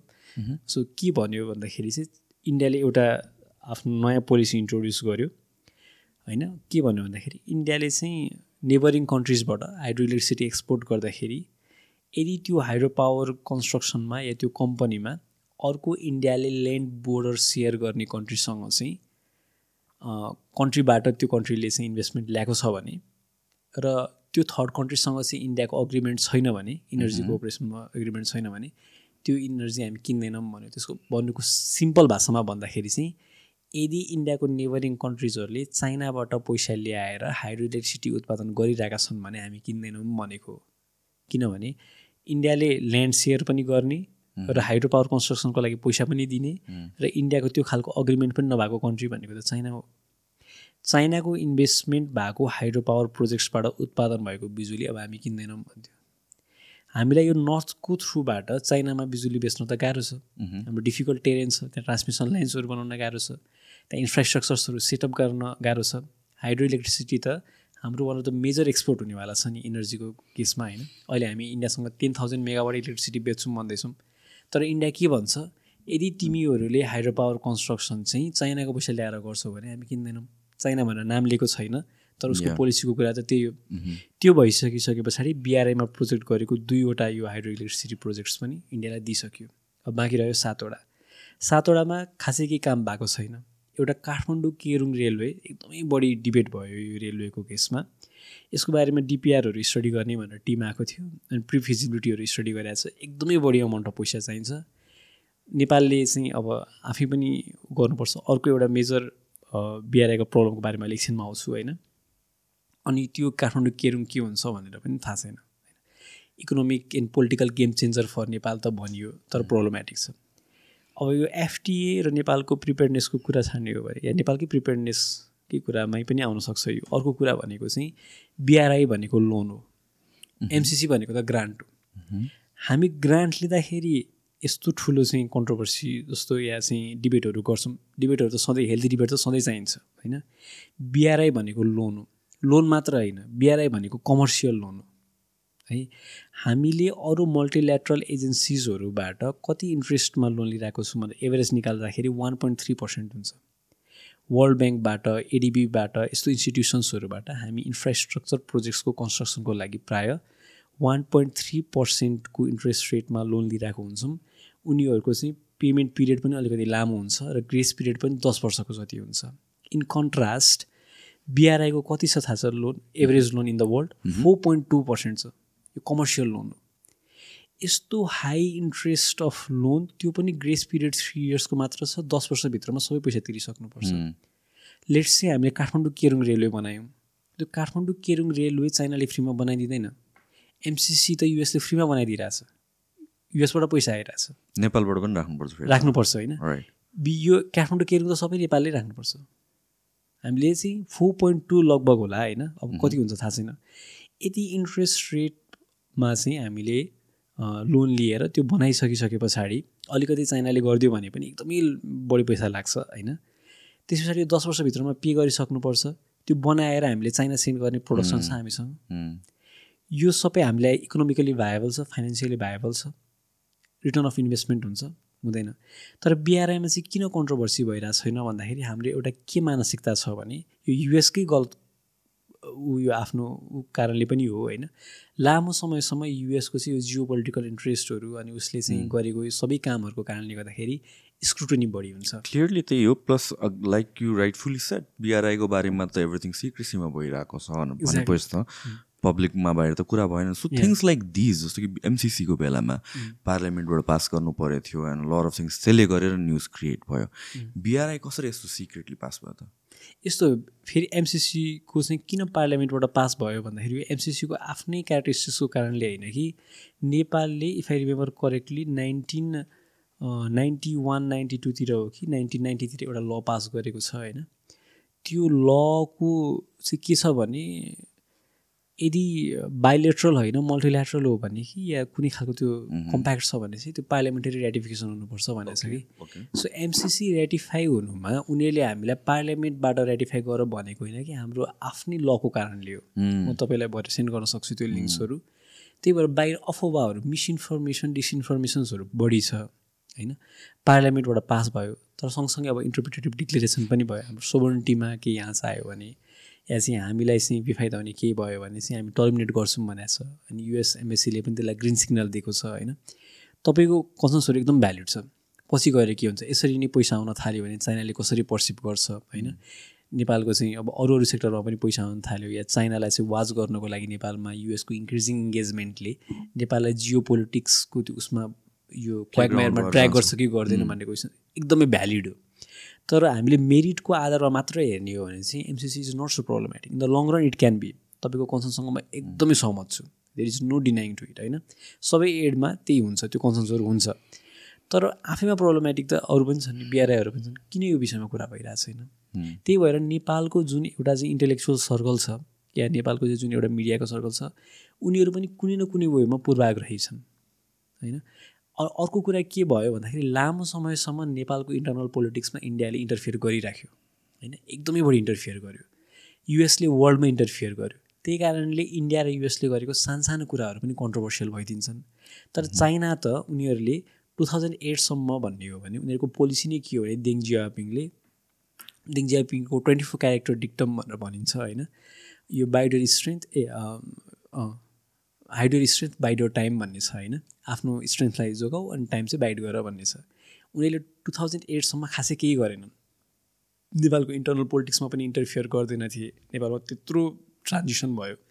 मोनर्की हटेर रिपब्लिकन आयो होइन? मोनर्कीसँग चाइनाको एकदमै राम्रो सम्बन्ध थियो तर पनि उनीहरूले खासै केही गरेनन्। इन्टर इन्टरफियर नगर्ने खालको हो नि त क्यारेक्टरिस्टिक्स तर टु थाउजन्ड एट पछाडि चाहिँ चाइनाको क्यारेक्टरिस्टिक्स बदलेको छ।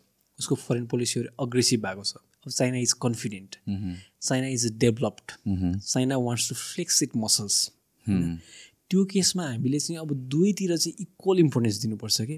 हामीले चाइनालाई पनि इरिटेट गर्नु हुँदैन। या चाइनाको यस्तो जुन चाहिँ हुन्छ नि अल्टेरियर मोटिभबाट आएको हेर के अरे युएसए जसरी आफ्नो इन्ट्रेस्ट पुस गर्न खोज्छ चाइनाले पनि पुस गर्न खोज्छ।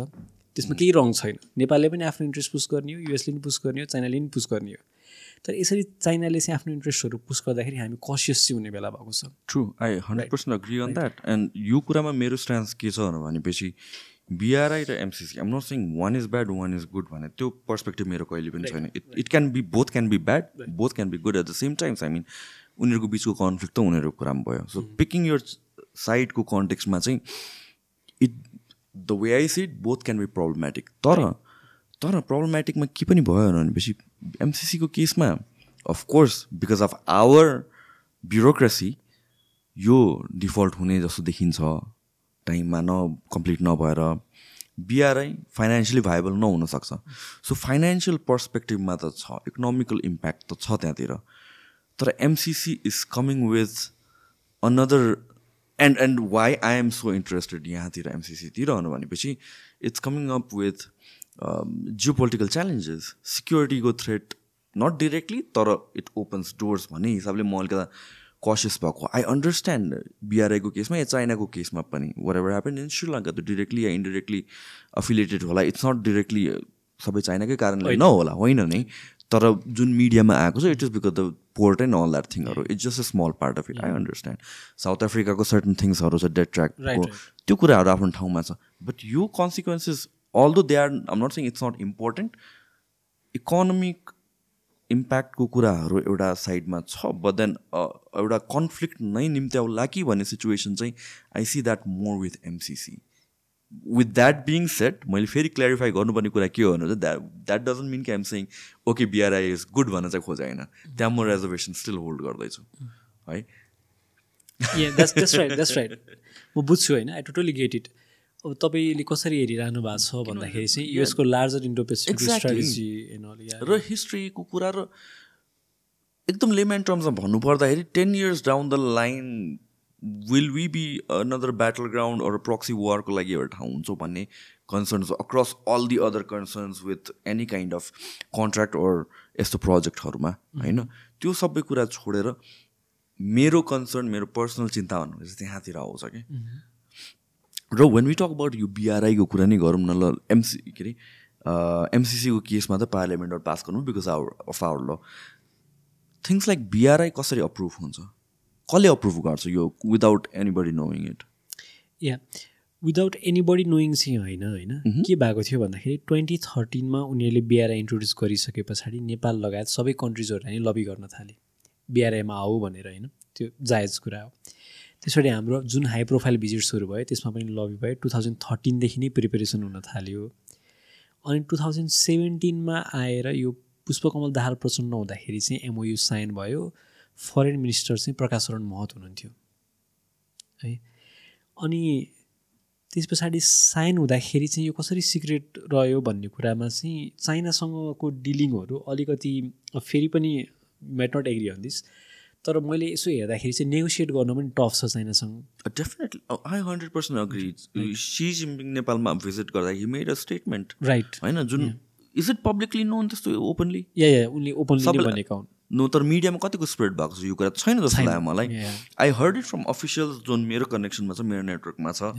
त्यो statement so can you tell me के भनेको त एक्ज्याक्ट या सो उनले ट्वेन्टी एटिनमा जो twenty eighteen I guess right yeah Nepal आए नेपाल आएर उनीहरूले के भने भने यदि कसैले पनि हाम्रो चाहिँ सेक्युरिटीलाई या टेरिटोरियल इन्टिग्रिटीलाई च्यालेन्ज गर्न खोज्छ भने इङ्ग्लिस ट्रान्सलेसन चाहिँ के हुन्छ भन्दाखेरि will shatter their bones and crush their bodies कि के भन्ने हुन्छ कि uh, this was right after एमसिसीको यो डिबेट भइरहेको बेलामा सो. त्यही कन्टेक्समा भने हो। Basically it's it's a warning अब एमसिसीकै कुरा हो कि होइन चाहिँ थाहा छैन तर कन्टेक्स्ट चाहिँ त्यही हो। अफकोर्स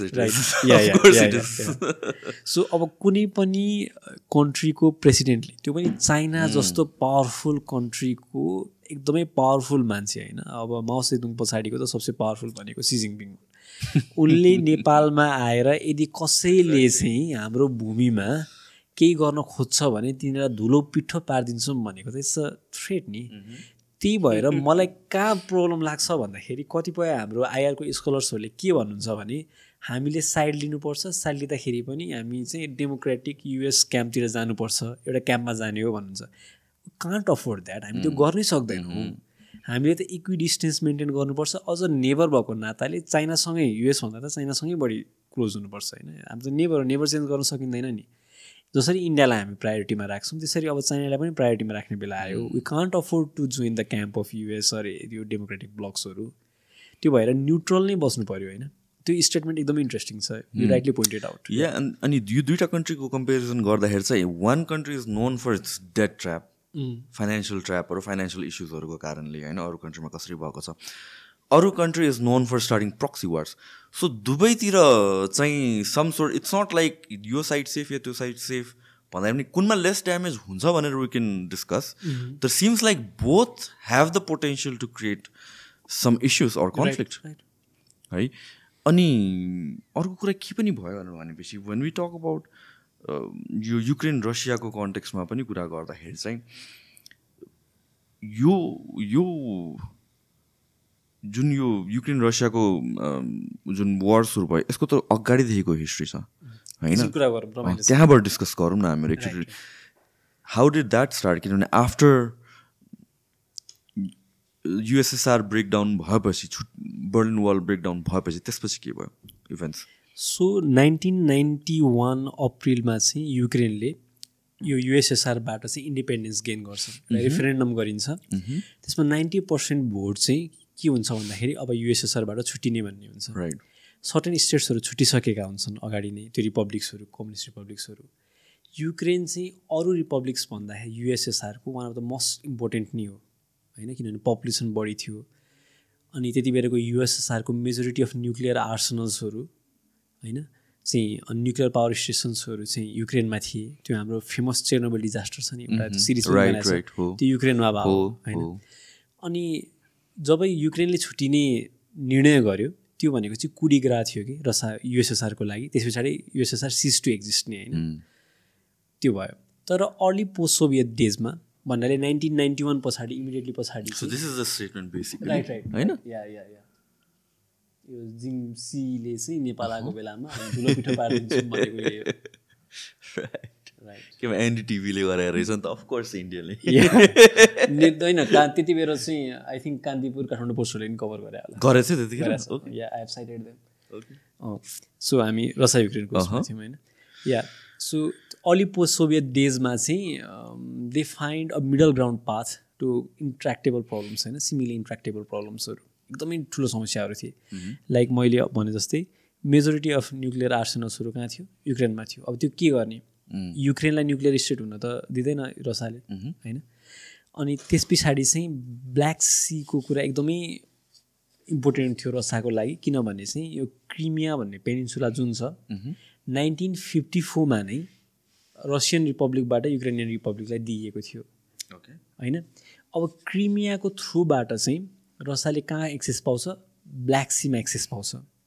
ब्ल्याक सीको थ्रुबाट larger Mediterranean region middle east र चाहिँ इस्टर्न अफ्रिकातिर चाहिँ रसाको एक्सेस हुन्छ। रसाको नेभीको लागि मिडल इस्टमा एक्सेस हुन गर्न या चाहिँ यतापट्टि मेडिटेरियन रिजनमा एक्सेस पाउन या चाहिँ इस्टर्न अफ्रिकन रिजनमा एक्सेस पाउनको लागि त्यो ब्ल्याक सीको रुटबाट आउनुपर्छ रसालाई। त्यो क्रिमियन पेनसुला चाहिँ नाइन्टिन फिफ्टी फोरमै युक्रेनमा थियो। नाइन्टिन फिफ्टी फोरदेखि नै युक्रेनियन रिपब्लिकमा थियो।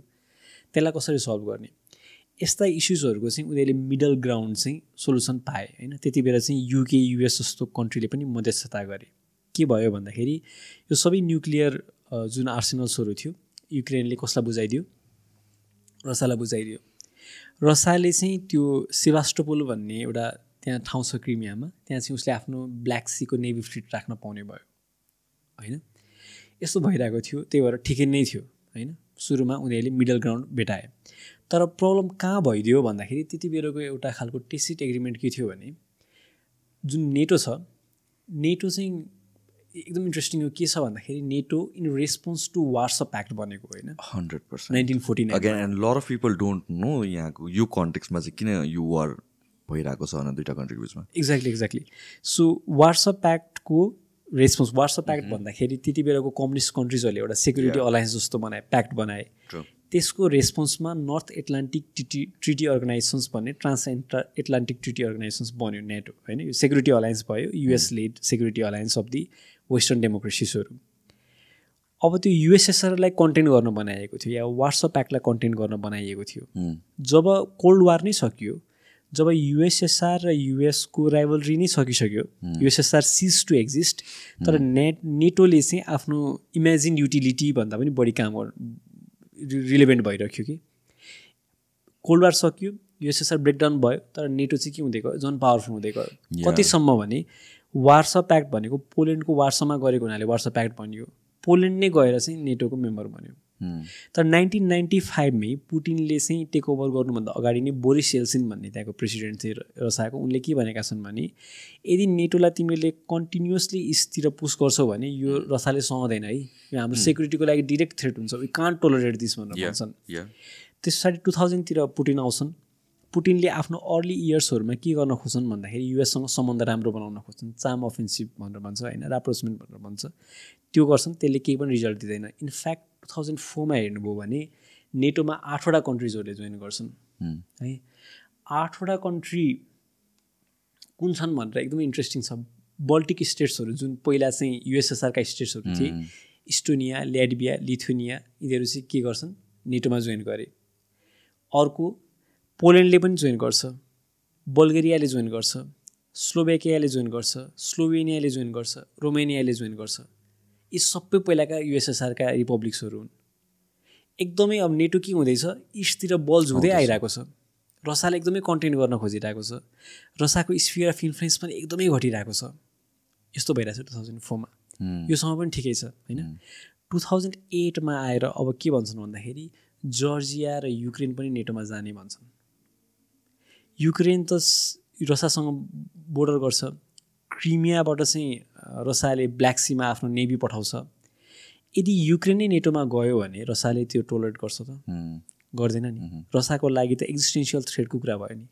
त्यस पछाडि रसाले चाहिँ जर्जियाको एगेन्स्टमा वार अनाउन्स गर्छ। होइन? वार नै हुन्छ टु थाउजन्ड एटमा। त्यसरी जर्जियाले नेटो जोइन गर्दैन। तर लकिली के भइदिन्छ भन्दाखेरि चाहिँ टु थाउजन्ड टेनमा युक्रेनमा भिक्टर यानुकोभिच भन्ने मान्छेले चुनाव जित्छन्। उनले चाहिँ उनी अलिकति प्रो क्रेमलिन भनेको प्रो रसियन थिए। उनले के भन्छन् he jettisons the plans to join UN NATO हामी यु पनि जोइन गर्दैनौँ नेटो पनि जोइन गर्दैनौँ भन्छन्। त्यस पछाडि ठिक भयो अलिकति। तर त्यो भनिसकिसके पछाडि चाहिँ टु थाउजन्ड थर्टिनमा एउटा युरो मैदान भन्ने चाहिँ एउटा उ भयो स्ट्रिट प्रोटेस्ट भयो युक्रेनमा। भिक्टर यानुकोभिचको गभर्मेन्ट ढल्यो तर रसाले चाहिँ यसलाई के बुझ्यो भन्दाखेरि यो आन्दोलन चाहिँ युएसले गराएको हो। The orchestration for the final so that was to be stage in the Moscow streets भनेर कतिपय क्रेमलिनको उयोहरूले भनेको छ And doesn't that hold truth as well? या या त्यसमा इन्भल्भमेन्ट थियो। युरो मैदानमा युएसको इन्भल्भमेन्ट थियो भनेर चाहिँ इट इज क्लियरली यो भेरिफाएबल होइन। अहिले डकुमेन्ट्सहरू आएको छ इन्टरभ्युजहरू आएका छन् त्यसमै इन्भल्भ भएका डिप्लोमेट्स ब्युरोक्राट्सहरूले भनेका छन् होइन। त्यो युरो मैदानबाट भिक्टर यानुकोभिचको गभर्मेन्ट ढल्यो। अर्को पेट्रो पोरोसेङ्को भन्ने मान्छे चाहिँ युक्रेनको राष्ट्रपति भयो होइन। त्यति बेरै टु थाउजन्ड फोर्टिनमा रसियाले क्रिमिया लिइदिन्छ। किन लिइदिन्छ भन्दाखेरि त मैले अघि भने नि रसियाको नेभी पनि त्यहीबाट जान्छ रसियाको ओइल पनि युक्रेनको त्यो क्रिमियाकै साइडको उसबाट फ्लो भएर जान्छ। युरोपको चाहिँ अलमोस्ट हाफ या टु थर्ड ओइल इम्पोर्ट र रसियाको चाहिँ almost half of oil export चाहिँ त्यो बाटोबाट जान्थ्यो। यदि युक्रेन चाहिँ नेटोमा जोइन गरेको भए होइन के हुन्थ्यो भन्दाखेरि रसियाको इकोनोमी पनि क्रिपल हुन्थ्यो। रसियाको सेक्युरिटी पनि थ्रेटमा हुन्थ्यो। इकोनोमी पनि वेस्टको ह्यान्डमा हुन्थ्यो हामी तिम्रो तेल किन्दैनौँ भन्यो भने गाह्रो हुन्छ होइन। त्यसरी उनीहरूले क्रिमिया लिए। होइन? क्रिमिया लिइसकिसके पछाडि चाहिँ अनि त्यस पछाडि ट्वेन्टी नाइन्टिनतिर के गर्छन् भन्दाखेरि यिनीहरूले कन्स्टिट्युसनमै हामी इयु र नेटो जोइन गर्छौँ भनेर लेख्छन्। अनि त्यसपछि या। टु रसिया या। अनि त्यस पछाडि ट्वेन्टी ट्वेन्टी टू अप्रिलमा त फेब्रुअरीमा February twenty one twenty twenty टूमा त युक्रेनले इन्भिजनै सुरु गर्छ। So this is a series of event कि बेसिकली समराइज गर्नु पर्दाखेरि वर्स प्याक्टको अगेन्स्टमा चेक एन्ड ब्यालेन्स गर्नलाई नेटो आयो। वर्स प्याक्ट सक्यो डिजल्भ भयो। नेटोको एक्जिस्टेन्सको पहिला सुरु त्यहाँ जरुरत छैन। त्यही पनि मानौँ नेटो एक्जिस्ट गर्छ अरे।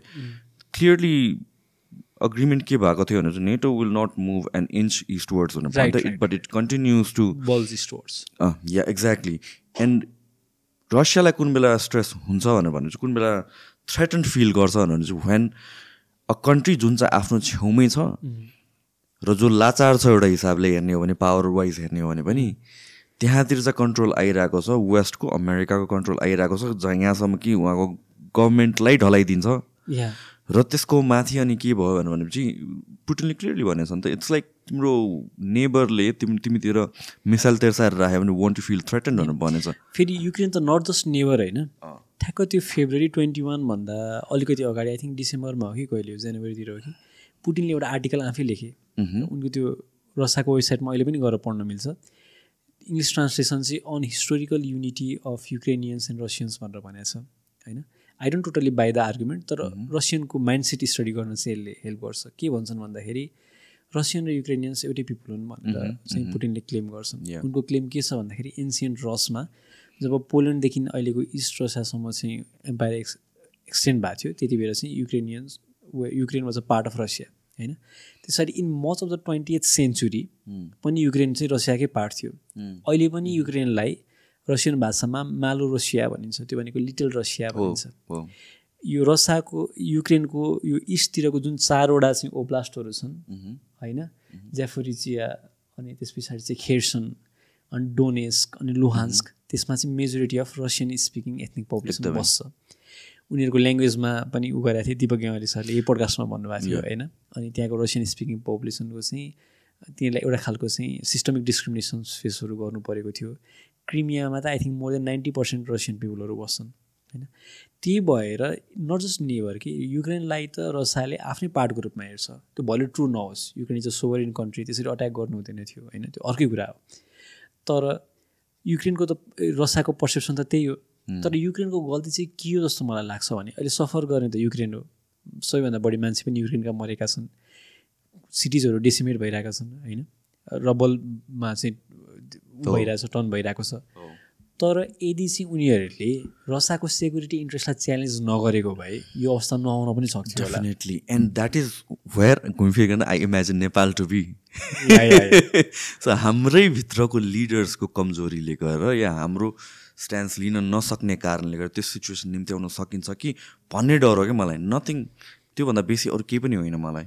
किनभने सिमिलर काइन्ड अफ थिङ युक्रेनमा भएको हो नि त वेयर अ गभर्मेन्ट झन् बिस्तारै इन्फ्लुएन्समा आउँदै गएर एउटा कन्ट्री अमेरिकासँग मिल्न गयो या नेटोमा जोइन गर्छु भने उसलाई जोइन गर्नु आवश्यकता टु बी भेरी अनेस्ट केही थिएन होइन? अब त्यो उसले आफ्नो इन्ट्रेस्ट होला आफ्नो डरले होला भनेर भने धेरै डिबेट आउँछ होला। तर ब्रोडर पर्सपेक्टिभमा हेर्ने हो भने चाहिँ इमिडिएट त्यो जोइन गरिहाल्नु पर्ने या गर्छु भनेर त्यस्तो बोल्ड स्टेटमेन्ट बनाउनु चाहिँ जरुरी थिएन। त्यो जिस्काएको जस्तो भयो कि।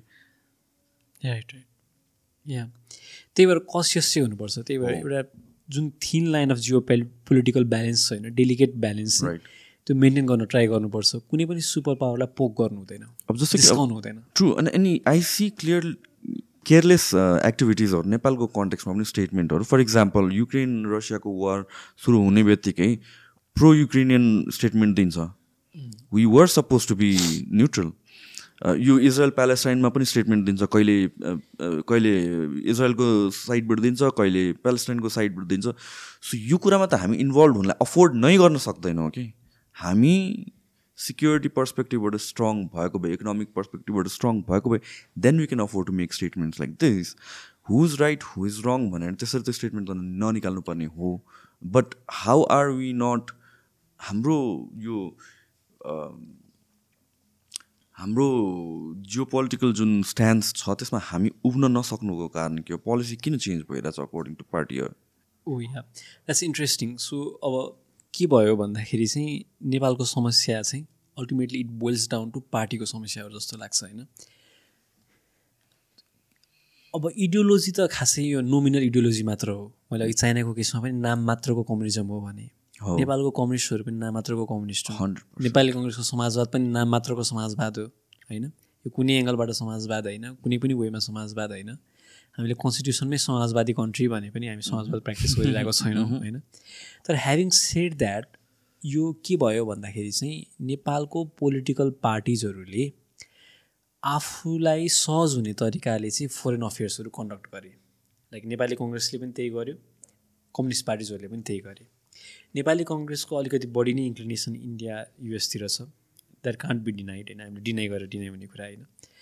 नेपालको कम्युनिस्ट पार्टिजहरूको चाइनातिर इन्क्लिनेसन छ। त्यो नोमिनल कम्युनिजम भए पनि नाम मात्रको कम्युनिजम भए पनि के हुँदो रहेछ भन्दाखेरि कोअर्डिनेसन गर्न चाहिँ अलिक सजिलो हुँदो रहेछ कि? लाइक फर इक्जाम्पल सिजिङ प्रेसिडेन्ट भइसकिसके पछाडि I think it was in twenty eighteen or twenty nineteen Xi Jinping थटमा चाहिँ चाइनाबाट मान्छे आएर नेपालको कम्युनिस्ट लिडर्सहरूलाई ट्रेन गरे। What is Xi Jinping thought Nepal democracy हो चाइना अथोरिटेरियन कन्ट्री हो। होइन वान पार्टी स्टेट हो तर उनीहरूले आएर चाहिँ कसरी गभर्मेन्ट चलाउने या चाहिँ कस्तो खालको सिस्टम राम्रो भनेर ट्रेन गरे। एउटा त्यो नेपाली कङ्ग्रेसको ओरिजिन नै इन्डियाबाट भयो होइन? जुकापहरू अलिकति त्यस्तो खालको इन्ग्लिसन्सहरू इन्डियातिर नै छ क्लियरली होइन? राइट अनि वेस्टतिर पनि अलिकति बढी इन्क्लाइन्ड छ फर अभियस रिजन्स यस्तो हुँदाखेरि चाहिँ जब पोलिटिकल पार्टिजहरूले आफ्नो सहजता अनुसार चाहिँ फरेन अफेयर्स चाहिँ कन्डक्ट गर्छन् त्यस पछाडि समस्या आउँछ। फेरि पनि इक्जाम्पल दिउँ यो ट्वेन्टी सेभेन्टिनमा नेकपा माओवादी र एमाले दुइटा मेजर कम्युनिस्ट पार्टिजहरू चाहिँ चुनावी तालमेल गरे अनि त्यस पछाडि चुनावमा एकदमै राम्रो पर्फर्मेन्स गरे अनि पार्टी एकीकरण भयो। त्यो पार्टी एकीकरणमा चाइनाको फेसिलिटेटरको रोल थियो। पछि जब एनसिपी स्प्लिट हुन लागेको थियो त्यो बेलामा हुयाङ्कीको एकदमै बढी एक्टिभिटीहरू देखिएको थियो होइन? त्यो बिचमा नेपालमा चाइनाको इन्फ्लुएन्स यस्तो बढेको थियो कि हामीले युएनमा कसरी भोट गरिरहेछौँ भनेर देखिन्छ कि? त्यति बेला दुईवटा कन्ट्रोभर्सियल कुराहरू थिए चाइना रिलेटेड एउटा सिङजियाङमा जुन मुस्लिमहरूलाई चाहिँ चाइनाले एउटा खालको सिस्टमिक एट्रोसिटिजमा चाहिँ उ गरिरहेछ त्यसको रेजुलेसनमा हामीले चाइनाको फेभरमा ओके त्यसको रेजुलेसनमा चाहिँ चाइनाको फेभरमा भोट गऱ्यौँ एउटा सिङजियाङको केसमा। अर्को हङकङमा जुन प्रो डेमोक्रेसी प्रोटेस्ट भएको थियो त्यो बेलामा एउटा रेजुलेसन ल्याइएको थियो होइन? अनि त्यो रेजुलेसन चाहिँ चाइनाले इन्ट्रोड्युस गरेको सेक्युरिटी लको अगेन्स्टमा थियो। त्यो सेक्युरिटी लमा चाहिँ भेगली डिफाइन्ड पोलिटिकल क्राइम्सहरूमा चाहिँ हङकङबाट मान्छेहरू मेनल्यान्ड चाइनामा लाने भन्ने थियो। एकदमै कन्ट्रोभर्सियल कुराहरू थियो। Nepal simply could have stayed neutral. तर नेपालले न्युट्रल बसेन त्यहाँ पनि चाइनाकै फर्ममा भोट गर्यो कम्युनिस्ट पार्टिजहरू चाहिँ गभर्मेन्टमा हुँदाखेरि चाइनातिर ढल्किने होइन? नेपाली कङ्ग्रेस चाहिँ गभर्मेन्टमा हुँदाखेरि इन्डियातिर ढल्किने या युएसतिर ढल्किने हामी बिचमा चाहिँ नबस्ने। हो। कहिले यता ढल्केको छ कहिले उता ढल्केको छ। अब कम्युनिस्ट पार्टी सधैँ चाइनातिर ढल्किन्छन् भन्ने नि होइन। होइन? अहिले प्रचण्डको इन्डिया भिजिट र युएस चाइना भिजिटलाई कम्पेयर गर्नुभयो भने अहिले प्रचण्ड इन्डियातिर बढी ढल्केका छन् होइन? त्यही भएर पोलिटिकल पार्टिजले कहिले इडियोलोजीको कारणले या चाहिँ कहिले चाहिँ आफूलाई पोलिटिकल ब्राउनी पोइन्ट्स स्कोर गर्न या चाहिँ सहजताको लागि यस्तो हुँदा यो एकदम समस्या भयो। किनभने त हामी त regardless of who is in power अब नेस नेसनको इन्ट्रेस्ट भने नेसनको इन्ट्रेस्ट हो. It shouldn't change according to personal interest yeah भने चाहिँ पार्टीको इन्ट्रेस्ट तर हाम्रो फरेन पोलिसी चाहिँ त्यसले डिक्टेट गरिदिइरहेको छ को कसको रुलिङ गभर्मेन्ट छ र के इन्ट्रेस्ट छ भनेर। राइट एउटा प्रिक्लिम सो युक्रेन रसियाको कुरामा फेरि पछाडि आउँदाखेरि हामीहरू will talk about domestic politics पनि. एट दिस पोइन्ट के भइरहेको छ? इज लाइक दे आर अब हार खाएर बिस्तारै फर्किने किनभने I don't see any choices अर्को वार सुरु भयो फन्डिङ आइरहेको छैन यु सी युक्रेनको को को कस्तो नाम बिर्सेँ मैले? Zelensky is asking for money credit भए पनि देऊ पछि रिटर्न गर्छु and things like that and in terms of operations चाहिँ यो युएसको फेलियर नै भन्न मिल्छ अगेन यहाँ पनि। कि. Where too soon to decide अहिले? या सो अर्को एउटा इन्ट्रेस्टिङ इन्फर्मेसन है अहँ। एकदमै इन्ट्रेस्टिङ इजरायलको प्राइम मिनिस्टर त्यति बेला नाफ्ताली बेनेट भन्ने थिए। फेब्रुअरी ट्वेन्टी ट्वेन्टी टूमा रसियाले चाहिँ युक्रेनमा आफ्नो ट्रुप्सहरू पठायो इन्भेजनको लागि है। मार्चबाट दुईवटा च्यानलबाट चाहिँ अब सिज फायर गराउनको लागि अप्रोच भइरहेको थियो। एउटा इजरायलको थ्रुबाट अर्को चाहिँ टर्कीको रेसिप ताइप एड्रोगान भन्ने छन् होइन? नाफ्ताली बेनेट चाहिँ इजरायलको प्राइम मिनिस्टरबाट रिमुभ भइसकिसके पछाडि बिबी बेन्जामिन नेतान्याहु आए अनि उनले एउटा इन्टरभ्यूमा के भन्यो भने युक्रेन र रसिया चाहिँ सिज फायरको लागि अग्री गरिसकेका थिए। हामीले गराइसकेका थियौँ। टर्की र इजरायल मिलेर रेसिप ताइप एड्रोगान र म नाफ्ताली बेनेट मिलेर पुटिनसँग पनि हामी कुरा गरिरहेको थियौँ। जेलेन्स्कीसँग पनि कुरा गरिरहेको थियौँ अब चाहिँ हामी टेबलमा बसेर होइन? एउटा चाहिँ अग्रिमेन्टमा जाने भन्ने खालको कुरा विकसित भइसकिसके पछाडि युके र युएसले जेलेन्स्कीलाई तपाईँहरू एग्रिमेन्ट नगर्नुहोस्। Boris Johnson directly flew exactly Boris Johnson युक्रेनमा आयो त्यो बेलामा त्यो रोक्नको लागि। किन? उसको किन इन्ट्रेस्ट यो यो वार अन गोइङ पार्ट राख्नलाई? यस्तो भयो लाइक सुरुमा जब स्टार्ट भयो त्यति बेला चाहिँ युएसको आफ्नो इन्टेलिजेन्स रिपोर्टहरूमा पनि के थियो भने रसियाले चाहिँ तिन दिनमा कि लान्छ भन्ने थियो। त्यो सकेन। किन सकेन? त्यो अर्को होल डिबेट होला होइन। अहिले जति इजरायलले चाहिँ गाजामा सेना पठाएको छ त्योभन्दा कम सेना पठाएको थियो त्यत्रो ठुलो कन्ट्रीमा no I I don't see रसियाको Take over complete गर्ने इन्टेन्ट नै थिएन। देख्दिनँ क्या म चाहिँ। किनभने किनभने या या या। किन त्यति थोरै मान्छे पठायो त? किन त्यति थोरै सेना पठायो त? एक्ज्याक्टली किनभने Russia in terms of tactical power हेर्ने हो भने त it is second to none again like in terms of nuclear count गर्ने के गर्ने। युएसभन्दा बेसी छ न्युक्लियर मेजोरिटी अफ आर्टिलरीहरू आफै म्यानुफ्याक्चर गर्छ भनेपछि उनीहरूलाई I don't see the problem र जुन देखिन्छ जुन उनीहरूको वार स्ट्राटेजी यहाँ यो इन्भेजन भन्ने कि कन्फ्लिक्ट भन्ने यसमा पनि they are not going all out just एउटा एउटा वार्निङ दिएको जस्तो लाग्छ अनि जस्ट एउटा सिरियस स्टेटमेन्ट दिनको लागि अलिकति यतिसम्म पुस गरेर जस्तो लाग्छ। राइट राइट अनि उनीहरूको मलाई चाहिँ के लाग्छ भन्दाखेरि पुटिनले म जेलेन्स्कीको गभर्मेन्टलाई टपल डाउन गरिदिने। त्यही त्यही इन्टेन्सन थियो। अब युक्रेनलाई इन्भेड नै चाहिँ गर्ने होइन कि जेलेन्स्कीको गभर्मेन्टलाई हटाइदिने। अनि त्यो भयो भने चाहिँ नेटोमा जाने कुरालाई ब्लक गर्न सकिएला आफ्नो सेक्युरिटी इन्स्योर गर्न सकिएला भन्ने थियो होला। त्यो गर्न सकेनन् होइन? त्यो गर्न नसकिसकिसके पछाडि चाहिँ युएसलाई या वेस्टलाई के लाग्यो भने अब चाहिँ हामी युक्रेनको थ्रुबाट पुटिनको रेजिमलाई सिरियसली च्यालेन्ज गर्न सक्छौँ। If Zelensky can put up a fight against Putin I think this is the time भन्ने रियलाइज भयो कि किन भन्दाखेरि रसियाभित्र पनि त समस्या छ। त्यहाँको आर्मी जेनरल्सहरू यति करप्ट रहेछन् कि र पुटिन थट उनले चाहिँ आफ्नो मिलिटरीलाई मोडर्नाइज गरेको दस वर्षसम्म बिस वर्षसम्म मोडर्नाइज गरेँ भने तर खासै मोडर्नाइज भएको रहेनछ होइन? ब्याटल फिल्डमा पनि युक्रेनको आर्मीहरूले कस्तो धेरै प्रब्लमहरू फेस गरिरहेका थिए। त्यति भएर होल वेस्टको माइट चाहिँ एक्लो रसियासँग भिड्यो भने चाहिँ अब यति बेर नै हो पुटिनलाई चाहिँ साइजमा राख्ने पुटिनलाई चाहिँ टोपल डाउन गर्ने या चाहिँ पुटिनलाई एकदमै विक बनाउने रसियालाई एकदमै विक बनाउने यही नै हो। अनि if for that purpose if you have to fight till the last Ukrainian so be it भने जस्तो होला। होइन? सबैले आफ्नो इन्ट्रेस्टलाई नै पर्स्यु गर्ने हो। अनि सुरुमा चाहिँ त्यो थियो जस्तो लाग्दैन। तर युक्रेनले एकदमै कडा रूपमा चाहिँ आफूलाई डिफेन्ड गरे पछाडि अनि युएसलाई त्यो लागेको हुनसक्छ कि अब this is the time to contain Russia अनि चाइनाबाट डिरेक्ट सपोर्ट आउने पनि उनीहरूले देखेनन् अब भले कि एउटा चाहिँ मोरल सपोर्ट या अरू खालको सपोर्टहरू गरिरहेछ। तर जसरी युएस इन्भल्भ भयो युक्रेनको सपोर्टमा त्यसरी नै रसियाको सपोर्टमा चाइना आएन होइन। अनि रसिया विक भयो भने पछि चाहिँ चाइनासँगको कन्फ्लिक्टमा पनि आफूलाई हेल्प हुन्छ भन्ने खालको बुझाइ हुनसक्छ। युएसको आई थिङ्क त्यही कारणले गर्दाखेरि त्यो नाफ्ताली बेनेट र रेसिप ताइप एड्रोगानले चाहिँ जुन पिस्टक्समा एकदमै अ, अगाडि बढिसकेका थिए त्यसलाई बिचमै तुवाइयो रोकियो सो एट दिस पोइन्ट के भइरहेछ? एट दिस पोइन्ट त्यो यो युक्रेनको इस्टतिरको चारवटा ओब्लास्ट छन् नि जेफ्रेजिया अनि खेर्सन अनि लुहान्स्क अनि डोनेस्क त्यसको मेजोरिटी अफ एरिया चाहिँ रसियाको कभरमा कन्ट्रोलमा कन्ट्रोलमा छ होइन? त्यहाँ इलेक्सन्सहरू पनि गरायो। अब रसियाले चाहिँ त्यसको इमिडिएट त्यो नेबरिङ चारवटा अरू ओब्लास्टहरू लिन खोजिरहेछ त्यो सकिरहेको छैन। युक्रेनले जुन चारवटा ओब्लास्ट चाहिँ यो रसियाको कन्ट्रोलमा छन् त्यसलाई लिन खोजिरहेछ अनि काउन्टर अफेन्सिभ गर्न खोजिरहेछ। अलिअलि काहीँ काहीँ सफल पनि भइरहेछ त्यो पनि भइरहेको छैन। सो एउटा स्टेलमेटको जस्तो पोजिसन छ। अब पैसा चाहिँ अब यतापट्टि यता इजरायललाई पनि पठाउनु परिरहेछ युएसले होइन। त्यही भएर कहिलेसम्म चाहिँ यो वार थेक्न सक्छ भन्ने खालको क्वेसन पनि उठिरहेछ। अनि अर्को कुरा चाहिँ युएसभित्रको डोमेस्टिक पोलिटिक्सले पनि इन्टरनेसनल कोर्सलाई एकदमै बढी चाहिँ गाइड गर्छ होइन? जो बाइडनले आफूले प्रेसिडेन्सी अज्युम गरिसकिसके पछाडि अहिले अहिलेसम्मकै सबैभन्दा लो रेटिङ छ। उनको अप्रुभल रेटिङ एकदमै कम छ। पोलमा कतिपय पोलमा चाहिँ डोनाल्ड ट्रम्पसँग उनी हारिरहेका छन्। राइट अब डोनाल्ड ट्रम्प या डोनाल्ड ट्रम्प अब नोमिनी हुन्छन् कि हुँदैनन् भन्ने कुरा त धेरै कुरामा कन्टिन्जेन्ट छ होइन। राइट केसेसहरू छन् यहाँ अरू कुराहरू पनि छन्। यो गाजा वार त ब्याकफायर नै गर्यो युएसको लागि होइन।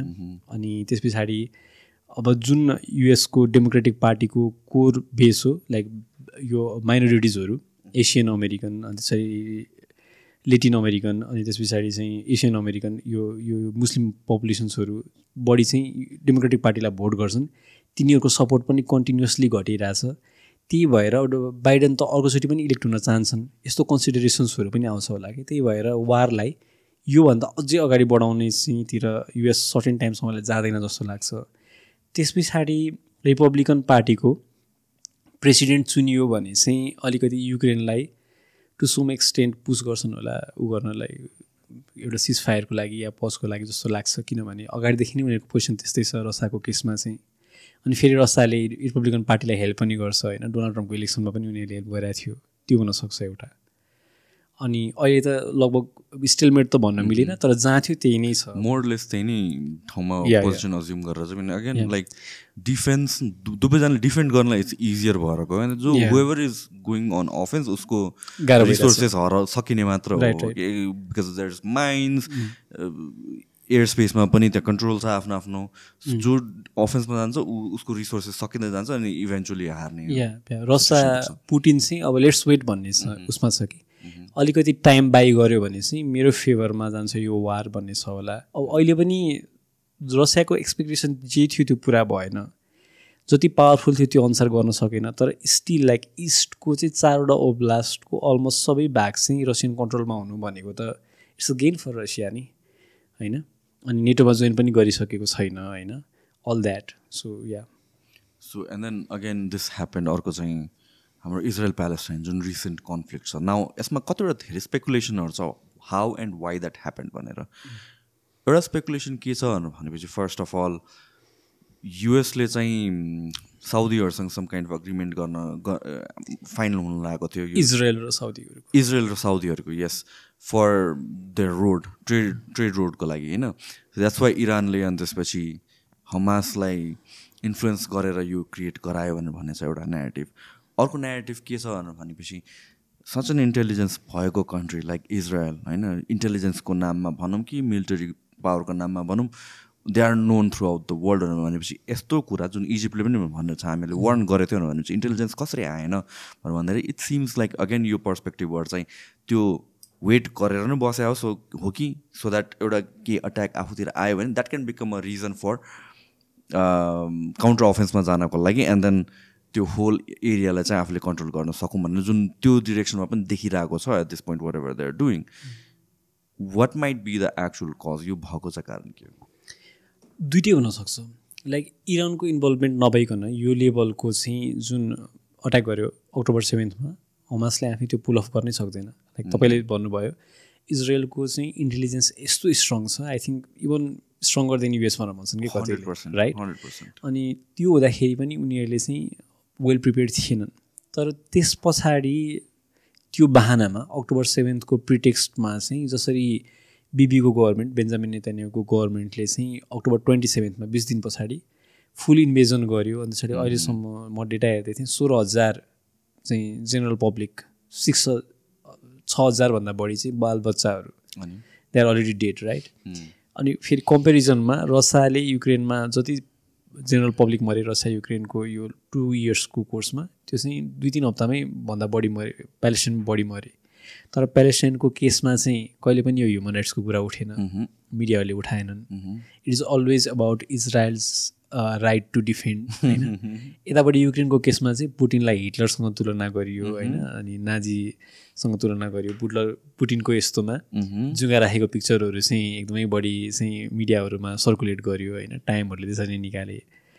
तर त्यो चाहिँ इन्ट्रेस्टिङ छ कि? लाइक प्यालेस्टाइनको केसमा दुई हप्तामा जति पुटिनले यतापट्टि युक्रेनमा दुई वर्षमा चाहिँ जेनरल पब्लिकहरू मारे त्योभन्दा बढी मार्दाखेरि पनि अहिलेसम्म यो हामी ह्युमन राइट्सको च्याम्पियन हौँ भन्ने डेमोक्रेसीको च्याम्पियन हौँ भन्ने होइन? यिनीहरूको चाहिँ जुन एउटा ऊ छ नि अहिले पनि इजरायललाई नै सपोर्ट गरिरहेछन्। अहिले पनि बाइडनहरू त फुल इजरायलकै सपोर्टमा हो होइन? अनि त्यो इन्ट्रेस्टिङ छ। अब कारण चाहिँ दुइटै हुनसक्छ। त्यस पछाडि अब मलाई लाग्छ कि तर यो अल्टिमेटली चाहिँ इजरायललाई ब्याकफायर गर्छ कि जुन खालको इन्भेजन गरे नि।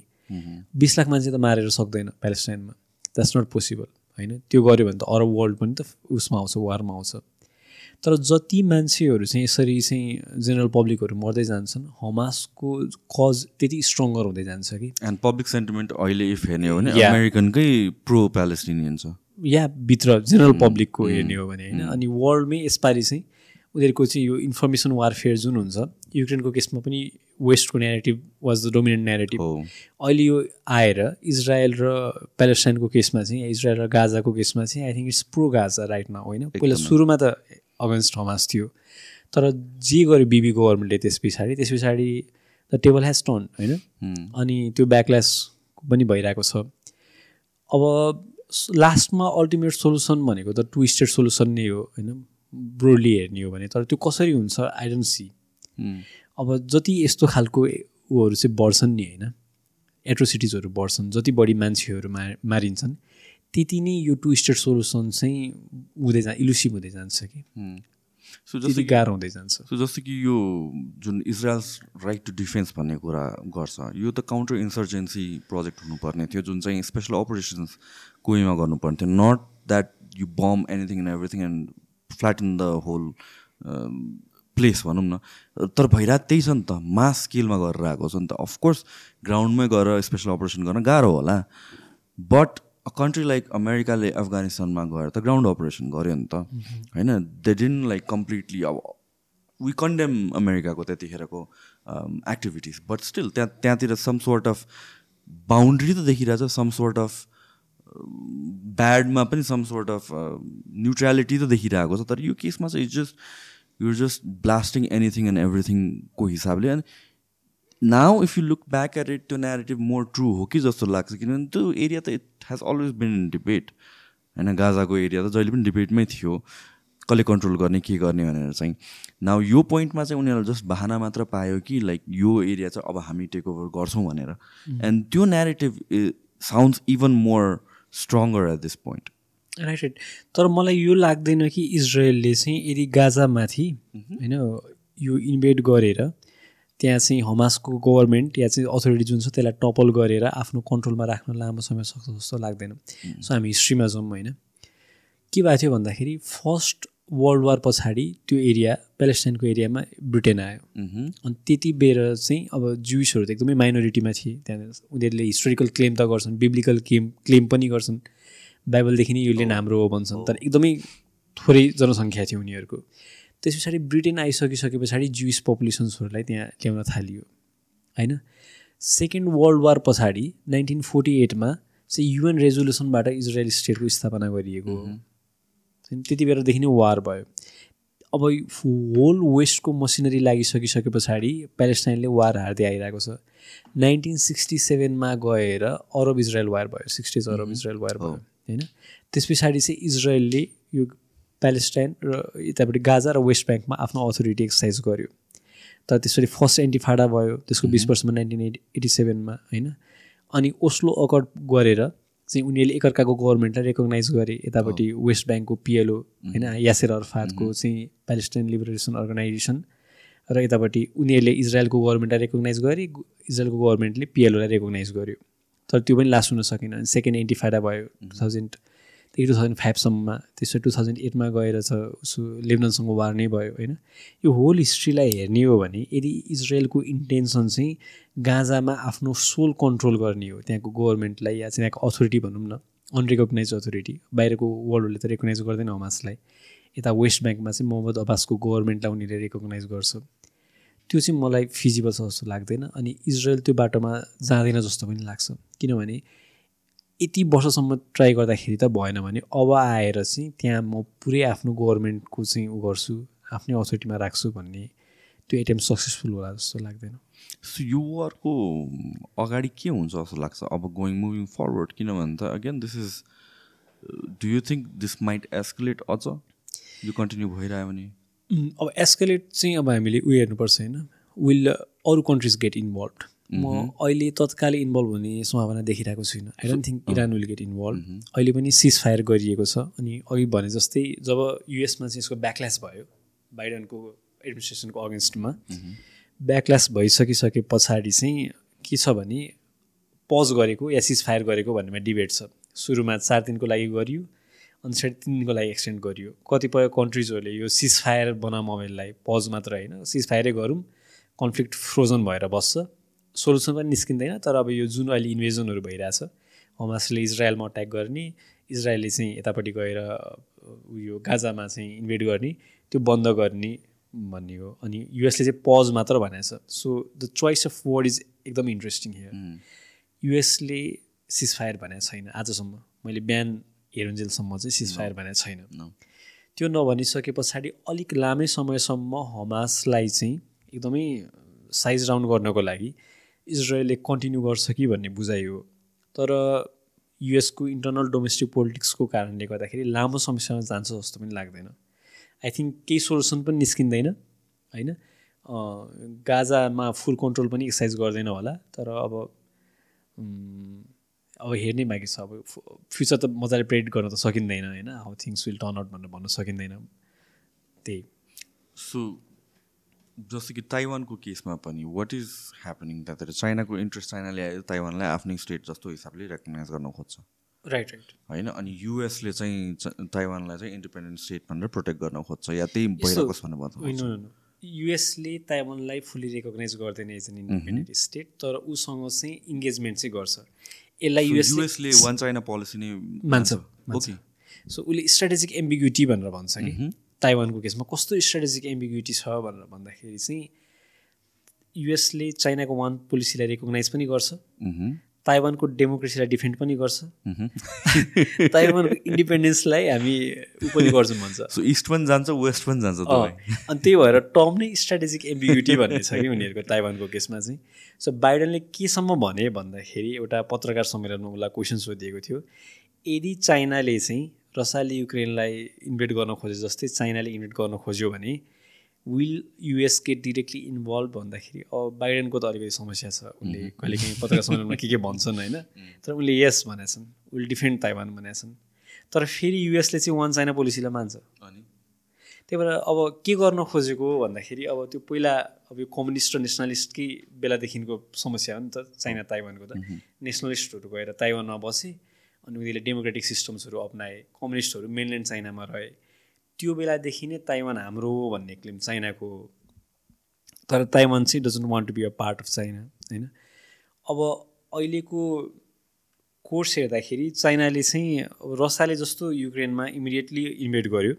मेरो बुझाइमा चाहिँ चाइनाले तत्काल गर्दैन। To wait wait and watch अनि युक्रेनको जुन एक्सपिरियन्स भयो त्यो पनि एउटा चाइनाको लागि लर्निङ एक्सपिरियन्स जस्तै भयो कि होल यो वेस्टको मसिनरी चाहिँ कसरी इन डिफेन्स अफ सर्टेन स्टेटहरू आउँछन् भन्ने कुरामा। अब चाइनाले पनि ताइवानले चाहिँ के गर्नुपर्छ जस्तो लाग्छ भने उसको सोभरेन्टीलाई इन्ट्याक्ट राख्नको लागि चाइनालाई फर्दर पोक गर्ने भन्दाखेरि पनि आई थिङ्क मिडल ग्राउन्ड सोल्युसनतिर जानुपर्छ but it doesn't seem likely किन भन्दाखेरि अब यो डिफ्रेन्स जुन छ ताइवान र चाइनाको इट्स इरिकन्साइलेबल डिफ्रेन्स नि त। Taiwan wants to be a separate nation Chai ताइना Taiwan wants to be an independent nation तर फेरि चाइनाले चाहिँ मेरी वान कन्ट्री टु गभर्मेन्ट जस्तो कुरा गर्छ होइन? अनि त्यहाँको डेमोक्रेसी पनि लाई मान्दैन। अब it's it's a very tricky situation अनि ताइवानको केसमा के हुने भने चाहिँ त्यसको चाहिँ नेपाल पनि ड्र्याग हुनसक्छ लाइक फर इक्जाम्पल नेन्सी पेलोसीको भिजिट हो। जुन चाहिँ चाइनाले अपोज गरेको थियो। होइन? त्यो भिजिटको उपाध्यायता के थियो भन्ने कुराको विमर्श अर्कै होला होइन? तर युएसको त्यहाँको कङ्ग्रेसमेनहरूले भिजिट गरिरहेका हुन् तर हाई प्रोफाइलले चाहिँ गर्दैन थिए अनि नेन्सो पुलिसले गरिन्। त्यो बेलामा नेपालले केही पनि वक्तव्य जारी गरेन। I think it was right है। नेपालले केही पनि भनेन। पेलोसीको भ्रमण ठिक छ भनेर पनि प्रेस विज्ञप्ति आएन या चाइनाको क्लेम ठिक छ भनेर पनि आएन। इट वाज फाइन तर हु याङ्कीले चाहिँ वक्तव्य जारी गरिन्। हु याङ्की भनेको त्यति बेलाको चाइनिज एम्बेसेडर नेपाल अनि उनले के भनिन् भन्दाखेरि नेपाल चाहिँ यो भिजिटको अगेन्स्टमा छ भन्ने खालको आशयको एउटा वक्तव्य वक्तव्य जारी गरेकी छिन् कि। हो त्यस्तो हुन थाल्यो भने चाहिँ नेपाललाई आफै इन्भल्भ नहुँदाखेरि पनि ड्र्याग्ड हुनसक्छ कि यो। अनि हात्तीको जुदाइ बाछाको मिचाइ भन्छ नि। होइन? Two super powers fight and then small countries like Nepal get dragged in अनि त्यो चाहिँ प्रब्लम हुन्छ अनि त्यसमा चाहिँ कसियस हुनुपर्छ। सो जस्तो कि फरेन पोलिसी पनि युएसको केसमा जस्तो कि if you look at Israel इजरायलको कन्टेक्समा युएस त प्रो इजरायल नै हो जो आए पनि। At least that's for I hear approach different हुनसक्छ। होइन? तर प्रो इजरायल नै हो। अहिलेको आइआरको फिल्डमा इन्टरनेसनल रिलेसनको फिल्डमा अफेन्सिभ रियलिजम भन्ने एउटा थ्योरी छ। त्यो थ्योरीको दिने मान्छे चाहिँ जोन मियर साइमर छन् होइन? इट्स ए लिभिङ लेजेन्ड जस्तो होइन? म उनको धेरै कुराहरूसँग अग्री गर्छु तर एकदमै कन्ट्रोभर्सियल फिगर उनी पनि रसिया युक्रेनको केसमा चाहिँ वेस्टलाई ब्लेम गर्छन् युएसलाई ब्लेम गर्छन् इजरायल प्यालेस्टाइनको केसमा इजरायललाई ब्लेम गर्छन् अनलाइक युएसको मान्छेहरू होइन? उनले एउटा किताब लेखेका छन्। त्यो बुकको नाम चाहिँ the Israel lobby and American foreign policy भनेर। अनि उनले के भन्छन् भन्दाखेरि युएसमा पनि कङ्ग्रेस र सिनेटहरूमा या चाहिँ त्यहाँको एडमिनिस्ट्रेसनमा धेरै लबीले काम गरिरहेको हुन्छ कि। सबैभन्दा बढी पावरफुल लबी। या इजरायल लबी हो अरे।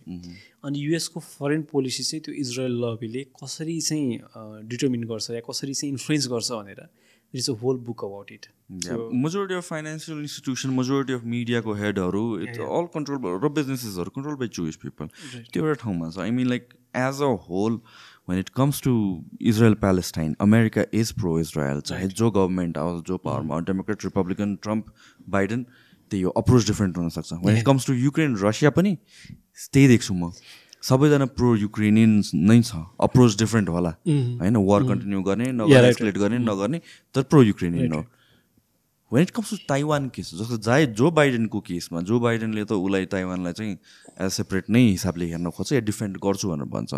वर द रिपब्लिकन्स र अरू पिपल युक्रेनको भन्दा पनि स्ट्रङ्गर ऊ छ कि यो ताइवानको केसमा चाहिँ? अनि रिपब्लिकन डेमोक्रेट सबैको वान भोइस हो okay yeah why are they interested in Taiwan तर?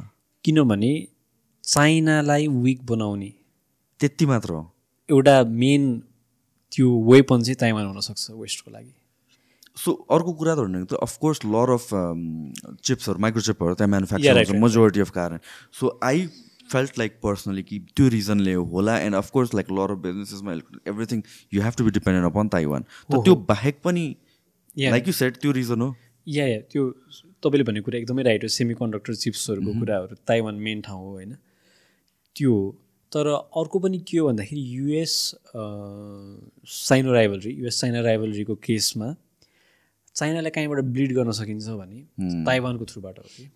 तिब्बतको थ्रुबाट हो। मैले मैले त्यही बुझ्न खोजेको चाहिँ is it like financial motive हो कि? बिजनेस मोटिभ हो कि कि सोल्ली जियो पोलिटिकल मोटिभ हो? बोथ जियो पोलिटिक्स र फाइनेन्स इकोनोमी त कमाइन्ड भएर आउँछ नि त। रिसोर्सेसहरूमा त सधैँ नै उनीहरूको हुन्छ। युएसहरूको या वेस्टको या सबै कन्ट्रिजको भनौँ न सबै सुपर पावरहरूले रिसोर्सफुल कन्ट्रिजहरूमा चाहिँ आफ्नो अधीनमा रह्यो भने मैले भने नि इरानमा मोहम्मद मोसादेकलाई एउटा सिम्पल त्यो वेल उस कर्पोरेसनको अकाउन्ट चाहिँ इरानले आफै गर्ने भन्दाखेरि चाहिँ के गरे टपल डाउनै गर्थ्यो डेमोक्रेटिकली इलेक्टेड प्राइम मिनिस्टरलाई भने त्यो रिसोर्सको कारण पनि हो। न with formation of BRICS world order कसरी चेन्ज हुनसक्छ होला? कि एफेक्ट गर्दैन? यस्तो अब China South Africa Brazil Russia India एक ठाउँमा आउँदाखेरि चाहिँ यो जुन इमर्जिङ कन्ट्रिजहरू छन् नि यिनीहरूले एउटा लेभलमा गएर कोलाबोरेटहरू गर्न सक्यो भने चाहिँ केही वेस्टको अगेन्स्टमा या युएसको अगेन्स्टमा एउटाखेरि अपोजिसन बन्न सक्ला। तर I don't see that happening किनभने डिफ्रेन्सेसहरू छ नि त इन्डिया र चाइना एउटा क्याम्पमा कसरी बस्ने होइन? चाइनालाई कन्टेन्ट गर्नको लागि अहिलेसम्म बनाएको मेजर अलायन्समा चाहिँ दुईवटा अलायन्स हुन्। एउटा भनेको चाहिँ यो क्वाडलेटरल सेक्युरिटी डायलग भन्छ क्वाड चारवटा कन्ट्रिजको यसमा युएस जापान अस्ट्रेलिया र इन्डिया छन्। क्वाडिलेट्रल सेक्युरिटी डायलग चाइनालाई कन्टेन गर्नको लागि चाइनाको इन्फ्लुएन्सलाई यो इन्डो पेसिफिक रिजनमा ग्रोइङ इन्फ्लुएन्स जुन छ त्यसलाई चेक गर्नको लागि युएसले बनाएको मेजर अलायन्स त्यो त्यसमा इन्डिया छ। अर्को भनेको अकस हो अस्ट्रेलिया युके र युनाइटेड स्टेट्स छन् होइन? भनेपछि अब ब्रिक्समा त इन्डिया पनि छ चाइना पनि छ होइन? अनि फेरि रसा पनि छ अनि ब्राजिल पनि छ। यी कन्ट्रिजहरूको इन्ट्रेस्टहरू काहीँ न काहीँ सिमिलर भए पनि एउटा इमर्जिङ पावरहरू इमर्जिङ इकोनोमिजहरू भएर भए पनि काहीँ गएर डाइभर्स पनि हुन्छ कि? चाइना र इन्डिया नै मिल्दैन। चाइना र इन्डिया मिल्ने हो भने त एउटा खालको चाहिँ छुट्टै डिनामिक्स हुन्थ्यो international पोलिटिक्समा I don't see that happening मेरो कन्फ्युजन नै त्यही हो कि किनभने चाहिँ again most केसेसमा India side with America right तर यहाँ चाहिँ अलायन्स बिल्ड गरेर चाहिँ चाइना पनि भएको ठाउँमा। त्यो ब्रिक्स त यस्तो हुन्छ ब्रिक्स चाहिँ जियो पोलिटिक्स भन्दाखेरि पनि इकोनोमीहरू सिमिलर भएको कन्ट्रिजहरूको हो कि। बट त्यसको त जियो पोलिटिकल इम्प्लिकेसन्स हुन्छ। हुन्छ लाइक अब कन्ट्रिजहरूको के हुन्छ भन्दाखेरि उनीहरूले कुनै न कुनै वेमा कोअपरेसन पनि गर्न खोज्छन्। तर यति बेला चाहिँ हामीले प्रेसिडेन्ट्सको आधारमा हेर्ने हो भने क्वाडले चाहिँ इन्डियाको फरेन पोलिसीलाई बढी रिप्रेजेन्ट गर्छ कि ब्रिक्सले बढी गर्छ भन्दाखेरि क्वाडले गर्छ होला कि। लाइक इन्डियाको लोयल्टी चाहिँ क्वाडतिर छ। होइन? चाइनाको ब्रिक्सतिर छ भन्न खोजेको होइन। चाइनाको आफ्नै इन्ट्रेस्ट छ। चाइना पनि चाइनालाई पनि त इन्डिया पावरफुल होस् भन्ने त छैन नि त। इन्डिया विक भयो भने न चाइना चाहिँ यहाँ एसियाको हेगेमन हुन पाउँछ। अनि त्यस पछाडि दुईवटा कन्ट्रिजको बिचमा कन्फ्लिक्ट हुन्छ लाइक युएस र चाइना होइन? तर इन्डिया पनि भइदियो भने त मल्टिपोलर हुन्छ युएस र इन्डिया क्याम्प गर्ला चाइनाको अगेन्स्टमा अनि चाइनाको लागि त त्यो एकदमै प्रब्लमेटिक कुरा हो होइन? स्टिफ अपोजिसन भयो। त्यही भएर चाइना र इन्डिया मिल्न सक्छन् भन्ने चाहिँ फोर्सेबल फ्युचरमा छैन। It doesn't seem likely cooperation होला हेर्नु इकोनोमीमा यतापट्टि वार भइरहेको थियो। भन्नाले वार त नभनौँ ब्याटल भइरहेको थियो बोर्डरको रिजनमा उतापट्टि चाहिँ इकोनोमी त फेरि गइरहेको थियो होइन? त्यस्तो चाहिँ भइरहन्छ। तर यो मिलिटरी अलायन्सहरू क्वाडहरू नि फर्म हुने अनि त्यस पछाडि त्यसले चाहिँ युएसको अगेन्स्टमा काम गर्ने गर्ने चाहिँ it doesn't seem likely so institutions like युएनहरूको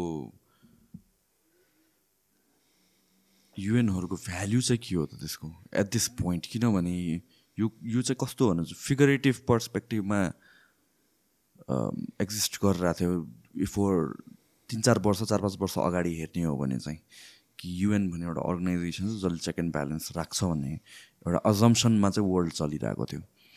जुन हिसाबले युएन फेल गर्यो यो युक्रेन रसियाकै केसमा भनौँ या इजरायल प्यालेस्टाइनको केसमा भनौँ जब युएन टेस्टेड भयो at this point UN UN माथि पनि क्वेसन आउन थाल्यो what is the UN for भनेर। एट दिस पोइन्ट युएनको भ्याल्यु के छ सिग्निफिकेन्स के छ? तपाईँले भनेको कुरा के छ त्यो हो भने युक्रेन रसिया क्राइसिसमा इजरायल प्यालेस्टाइन क्राइसिसमा युएनले रोल प्ले गर्न सकेन। तर मेरो बुझाइ चाहिँ के हो भने कुनै पनि इन्टरनेसनल अर्गनाइजेसन्सले सुपर पावरको अगेन्स्टमा काम गर्न सक्दैन। त्यही भएर युएन अहिले फेल भएको होइन कि युएन इस्टाब्लिसमेन्टदेखि नै फेल अर्गनाइजेसन्स हो। कुन यसले केही कामहरू गर्न सक्छ। लाइक अब ब्ल्याक एन्ड व्हाइट पिक्चरमा पेन्ट नगरौँ होइन। तर मेजर जियो पोलिटिकल कुराहरूमा लाइक युएस चाइना कन्फ्लिक्ट या युएस चाइना राइभलरी होइन? या चाहिँ चाइना इन्डिया राइभलरी या Russia Ukraine rivalry Israel Palestine यस्तो कुरामा युएनले खासै केही रोल प्ले गर्न सक्दैन। हिस्ट्रीमा कहिले पनि गरेको छैन। द्याट्स दि के भन्ने foundational concept of international relations world government छैन माथिको एउटा अथोरिटी छैन। वर्ल्ड गभर्मेन्ट हुनुपर्छ। अब त्यो चाहिँ एकदमै फिलोसफिकल क्वेसन हो it's it's a very debatable controversial idea पनि। एक्ज्याक्टली एक्ज्याक्टली सो होल मैले जे पढेर आएँ इन्टरनेसनल रिलेसन्स त्यो कसरी स्टार्ट भएको भन्दाखेरि या चाहिँ आइआरलाई के भनिन्छ भने आइआर कहाँबाट सुरु हुन्छ अरे भन्दाखेरि वर्ल्ड गभर्मेन्ट छैन त्यही भएर के भइरहेछ त भनेर सुरु हुन्छ अरे कि? वर्ल्ड गभर्मेन्ट हुन सक्ला पछि गएर होइन डिफ्रेन्ट थ्योरिजहरू छन्। अब कन्स्ट्रक्टिभिजमले के भन्छ भन्दाखेरि केही कुरा पनि शाश्वत सत्य त होइन। हामीले जे कुरामा बिलिभ गर्छौँ त्यही हुने हो। त्यही भएर पछि गएर कुनै टाइममा वर्ल्ड गभर्मेन्ट हुन सक्ला होइन? तर रियलिस्टहरूले वर्ल्ड गभर्मेन्टको पोसिबिलिटी देख्दैनन्। त्यो नहुँदाखेरि चाहिँ युएनहरू जस्तो संस्थाले कस्तो बेलामा इफेक्टिभ हुनसक्छ लाइक नेपालको केसमा जब दुईवटा सेनालाई मर्ज गराउनु पर्ने थियो United Nation Mission to Nepal UNMIN भनेर आयो अनि यहाँको कुरालाई फेसिलिटेट गर्यो। डिजास्टरको केसमा युएनको रोल इफेक्टिभ होला। या सानोतिनो क्राइसिसको केसमा पनि युएनले चाहिँ एउटा मेडिएसन गर्न सक्ला। तर यस्तो ठुलो जियो पोलिटिकल कुराहरू छ नि त्यो चाहिँ सल्भ गर्न सक्दैन। किन भन्दाखेरि इट्स त्यो पावर नै छैन कि। कसरी गर्छ त्यो युएनले? तर अजम्सन जस्तो कि जेनरल पब्लिकको अजम्सन मेरो अजम्सन के थियो भने युएस युएन भनेर चाहिँ गार्जियन हो जसले चाहिँ यस्तो कन्फ्लिक्टहरू म्यानेज गर्छ भनेर। And that's the sole purpose of its existence जस्तो लाग्छ अनि अरू वाट एभर यो डिजास्टर म्यानेजमेन्ट त उसको अब भन्नु पेरिफेरीमा पर्ने कुराहरू मात्र हो। सोल अब्जेक्टिभ भनेको to check and balance everything भनेर भन्छ कि। सो यो कस्तो सिचुएसन आयो भने चाहिँ let's I have a gun I have no intention of using it म गन युज गर्न पनि सक्दैन चाहेर पनि psychologically so just because I have a gun मेरो अपोजिङ पर्सनले चाहिँ मलाई अट्याक गर्दैन भन्ने अजम्सन हो. But the moment I get attacked I don't use the gun भनौँ भने त्यो गनको भ्याल्यु लुज भइहाल्छ त्यो केही सिचुएसन अराइज हुने बित्तिकै. मेरो कन्टेक्समा चाहिँ मैले त्यसरी देखेँ कि युएनलाई चाहिँ। UN as an authority figure UN छ है भनेर चाहिँ एउटा हार्मोनी बनाएर बस्नुपर्छ भन्ने काइन्ड अफ उसको फिगरेटिभ एक्जिस्टेन्स या भने रोल थियो। तर वान्स इट्स टेस्टेड युएनले गर्न नसकेपछि अब फ्युचरमा चाहिँ उसको रोल त्यही कायम हुन्छ कि हुँदैन भन्ने। अब फर्स्ट वर्ल्ड वार पछाडि लिग अफ नेसन फेल भयो अनि सेकेन्ड वर्ल्ड वार भयो होइन? तर म चाहिँ के भन्छु भने युएनहरूको इस्टाब्लिसमेन्ट नै यस्तो ठुलो कुराहरू ह्यान्डल गर्नलाई भए होइन एउटा कोअपरेसन गर्ने एउटा फोरम जस्तो दिएको त्यस पछाडि भिटो पावरहरू छ सुपर पावरहरूसँग अनि त्यति हुँदा हुँदै पनि अझै पनि मलाई वेस्ट सेन्ट्रिक छ जस्तो लाग्छ होइन। सबै यो जुन अहिलेको इन्टरनेसनल अर्डर छ लिबरल इन्टरनेसनल अर्डर यो चाहिँ वेस्ट सेन्ट्रिक छ यसले वेस्टलाई फेसिलिटेट गर्छ। चाइनाको इमर्जेन्स पछाडि चाहिँ तपाईँले भनेको कुरा अझ किन सत्य हुन्छ भने यी चाइनाले त के मात्र गर्न खोजिरहेको भन्दा चाहिँ योसँग कम्पिटिसन मात्र गर्न खोजिरहेन नि। वर्ल्डको नर्म्सलाई नै वर्ल्डको रुल्सलाई नै वर्ल्डको अर्डरलाई नै उसको फ्रेन्डली बनाउन खोजिरहेछ नि। उसले विश्वास गर्ने इडियोलोजिजहरू फरक छन् उसको अप्रोच फरक छ। त्यसरी ऊ चाहिँ एउटा सुपर पावरको रूपमा आउँदै गर्दाखेरि यी पहिलाका जुन इन्स्टिट्युसन्सहरू हुन् जुन चाहिँ वेस्टको इडियोलोजिकल फाउन्डेसनमा चाहिँ फर्म भएका थिए यिनीहरू चाहिँ अझ विक चाहिँ हुँदै जान्छन्। लाइक अब अगाडि हेर्दाखेरि फोर्सेबल फ्युचरमा युएनहरूको रोल के होला भन्दाखेरि अझ इनइफेक्टिभ हुन्छन् यी अर्गनाइजेसन्सहरू अझ चाहिँ स्ट्रगल गर्छन्। अनि त्यस पछाडि एउटा केही कन्फ्लिक्ट भयो या चाहिँ लेट्स चाहिँ लकिली युएस र चाइनाले मिलेर कि एउटा अर्को अर्गनाइजेसन्स बनाउँछौँ भने या चाहिँ अझ फेयर अर्गनाइजेसन्स बनाउँछौँ भने भने त्यो अर्गनाइजेसन्स बढी इफेक्टिभ होला। तर यही फ्रेमवर्कको इन्टरनेसनल इन्स्टिट्युसन्सहरू चाहिँ झन् इफेक्टिभ भएर वर्ल्ड मेजर क्राइसिसहरू सल्भ गरिरहेको चाहिँ म देख्दिनँ। त्यो पोसिबिलिटी चाहिँ म देख्दिनँ। जेनरल पब्लिकको अन्डरस्ट्यान्डिङ त त्यही हो सेकेन्ड ब्यालेन्स त्यसमा त अहिले यत्रो कन्ट्रोभर्सी आइरहेको छ या यो युक्रेन रसिया या इजरायल प्यालेस्टाइनको बेलामा ट्विटर हेर्दाखेरि म युएन के गरिरहेछ युएन फेल भयो भने जस्तो कमेन्टहरू गर्छन् कि। युक्रेन रसियादेखि नै सुरु भएको राइट राइट तर युएन त सुरुदेखि नै फेल इस्टाब्लिसमेन्टमै फेल भइसकेको अर्गनाइजेसन्स हो त्यो। भन्नाले जुन बाहिर जुन बुझाइ छ युएनले यस्तो गर्न सक्छ उस्तो गर्न सक्छ भनेर। स्कुल टेक्स्ट बुकमा त्यसरी नै पढाइन्छ हामीलाई सोसल स्टडिजहरूमा बुझाइ त्यस्तो छैन तर त्यो होइन। ब्याकल्यास ब्याकल्यास भयो बिकज लाइक मान्छेहरूको एक्सपेक्टेसन अहिले आएर मात्र रियलाइज भयो कि। हो एक्ज्याक्टली योभन्दा अगाडि त टेस्ट भएको छ र यसरी। लाइक अब इराकको केसमा हो भएको छ तिनीहरू पनि पहिला पहिला जति वारहरू भयो सबै कुनै पनि प्रिभेन्ट त गर्न सकेको छैन नि युएनले तर I think it's just that यो टाइममा मिडिया यस्तो पावरफुल भएको छ। I mean like each other common पिपलको access बेसी छ।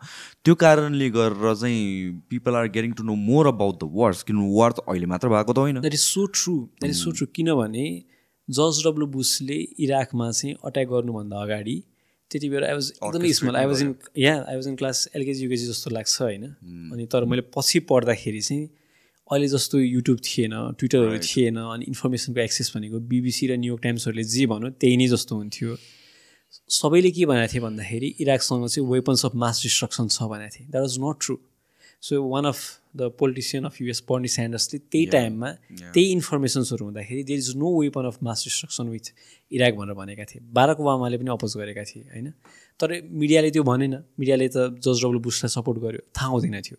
अब त अहिलेको केसमा न्युयोर्क टाइम्स पढ्ने हो भने रसिया युक्रेन क्राइसिस बुझ्दै बुझिँदैन। म पनि सब्सक्राइब गर्छु मेरो घरमा। अझै पनि न्युयोर्क टाइम्स आउँछ। तर न्युयोर्क टाइम्स पढेर यु बिकम इल इन्फर्मड होइन? अब रसियाको टेलिभिजन मात्र हेर्ने हो भने you also become ill informed होइन? चाइनाको ग्लोबल टाइम्स मात्र हेर्ने हो भने यु बिकम मिसइन्फर्मड होइन? त्यही भएर अहिले चाहिँ अब धेरै इन्डिपेन्डेन्ट सोर्सेसहरू छन् नि त। ट्विटरमा मान्छेहरूले ट्विट गर्छन्। Twitter is such a wonderful platform specially अहिले आएर। I mean one can argue कि इट्स ओभरवेल्मिङ अनि नेगेटिभिटी छ but then that's what happens freedom speech दिने हो भने फ्री स्पिच दिने हो भने त्यो लाइबिलिटी चाहिँ लिनुपर्छ है। नत्र त एउटै साइडलाई या भन्छ if you let somebody else decide pick and choose किन ट्विटरमा पहिला भइरहेको त्यही थियो। अल दि अदर सोसियल मिडियामा भइरहेको त्यही थियो। एउटा लेफ्टको मात्र नेगेटिभ आइरहेको थियो। नाउ सबै साइडको आइरहेको छ। अनि यस आई अग्री त्यहाँ सम सोर्ट अफ नेगेटिभिटी आउँछ अफकोर्स अरू एजेन्डाहरूमा पनि नेगेटिभिटी पोर हुन्छ। तर फ्रिडम भने नै त्यही हो। When you walk when you're free to walk across a street त्यहाँ रिस्क एसोसिएटेड हुन्छ त्यहाँ नेगेटिभिटी एसोसिएटेड हुन्छ तर you weigh down the pros and cons and things like this अन्त युक्रेन रसियाको अहिले पनि इन्फर्मेसन आउँथेन होला। इजरायल प्यालेस्टाइनको कन्टेक्समा देयर इज मेजर रोल दुवै साइडको नेगेटिभ सुन्न पाएपछि हो मान्छेहरूले बुझ्न थालेको। Right in the absence of social media होइन अहिले जुन लेभल अफ सपोर्ट प्यालेस्टाइन या ग्याजाले पाइरहेछ नि त्यो पाउँदैन थियो कि। मेन सोसियल मिडिया भन्दा पनि ट्विटर हो एउटा एन्ड आइसी अरू प्लेटफर्ममा चाहिँ अल जजिराले चाहिँ रिपोर्ट गरिरहेछ। अरू अरू यु लुक एट अरू सोर्सेस बिबिसी सिएनएनहरू म लाइक ट्रस्ट नै हराइसक्यो कि? I follow them I look at अरू न्युजहरू यिनीहरूले कसरी रिपोर्ट गरेर चाहिँ हेर्छु।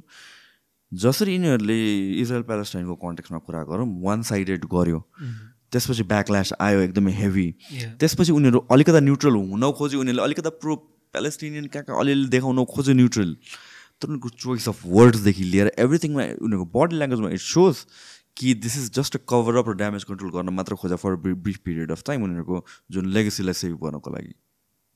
राइट हो मेन स्ट्रिम मिडियाको समस्या त्यही छ। Not just in geopolitical affairs तर हामीले युएसकै डोमेस्टिक पोलिटिक्सलाई हेर्ने हो भने। त्यसरी त्यो फक्स न्युजले रिपब्लिकनको साइड लिएको र सिएनएन एमएसएनबिसीले डेमोक्रेटिक पार्टीको साइड लिएको देख्यो भने त्यो डिबेटहरू पनि म युएसको पोलिटिक्सलाई एकदम क्लोजली वाच गर्ने भइरहेको छु होइन। यस्तो पार्टिसन छ त्यहाँको मिडिया यस्तो इल इन्फर्म गराउँछ जनतालाई।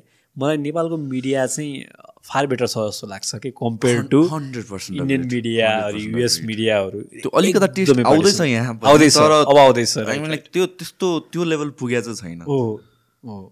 अनि फेरि मिडिया रविन्द्र मिश्रको धेरै कुरासँग त म सहमत हुँदिनँ तर आई थिङ्क रविन्द्र मिश्रले हिजो अस्ति कहाँ एउटा ठाउँमा भनिराख्नु भएको थियो के अरे यो डेमोक्रेसीमा चाहिँ नेता खतम भयो भने भन्दा पनि मिडिया चाहिँ अलिकति बायस्ड भयो भने डेमोक्रेसीलाई बढी थ्रेट हुन्छ अरे एकदमै हो नि। एकदमै ट्रु कुरा हो नि मिडियालाई के अरे चार चौथो अङ्ग भनेर भनिन्छ। यति भने होइन। त्यहाँ इम्पोर्टेन्स छ। But then like you see massive biasness कतिवटा कुराहरू रिपोर्ट हुँदैन नि मिडियाले पिक एन्ड चुज गर्छ नि त। हुँदैन। अनि पब्लिकले फेरि आफ्नो ओपिनियन फ्रेम गर्ने भनेको त त्यही मिडियाबाट आएको इन्फर्मेसनबाट हो।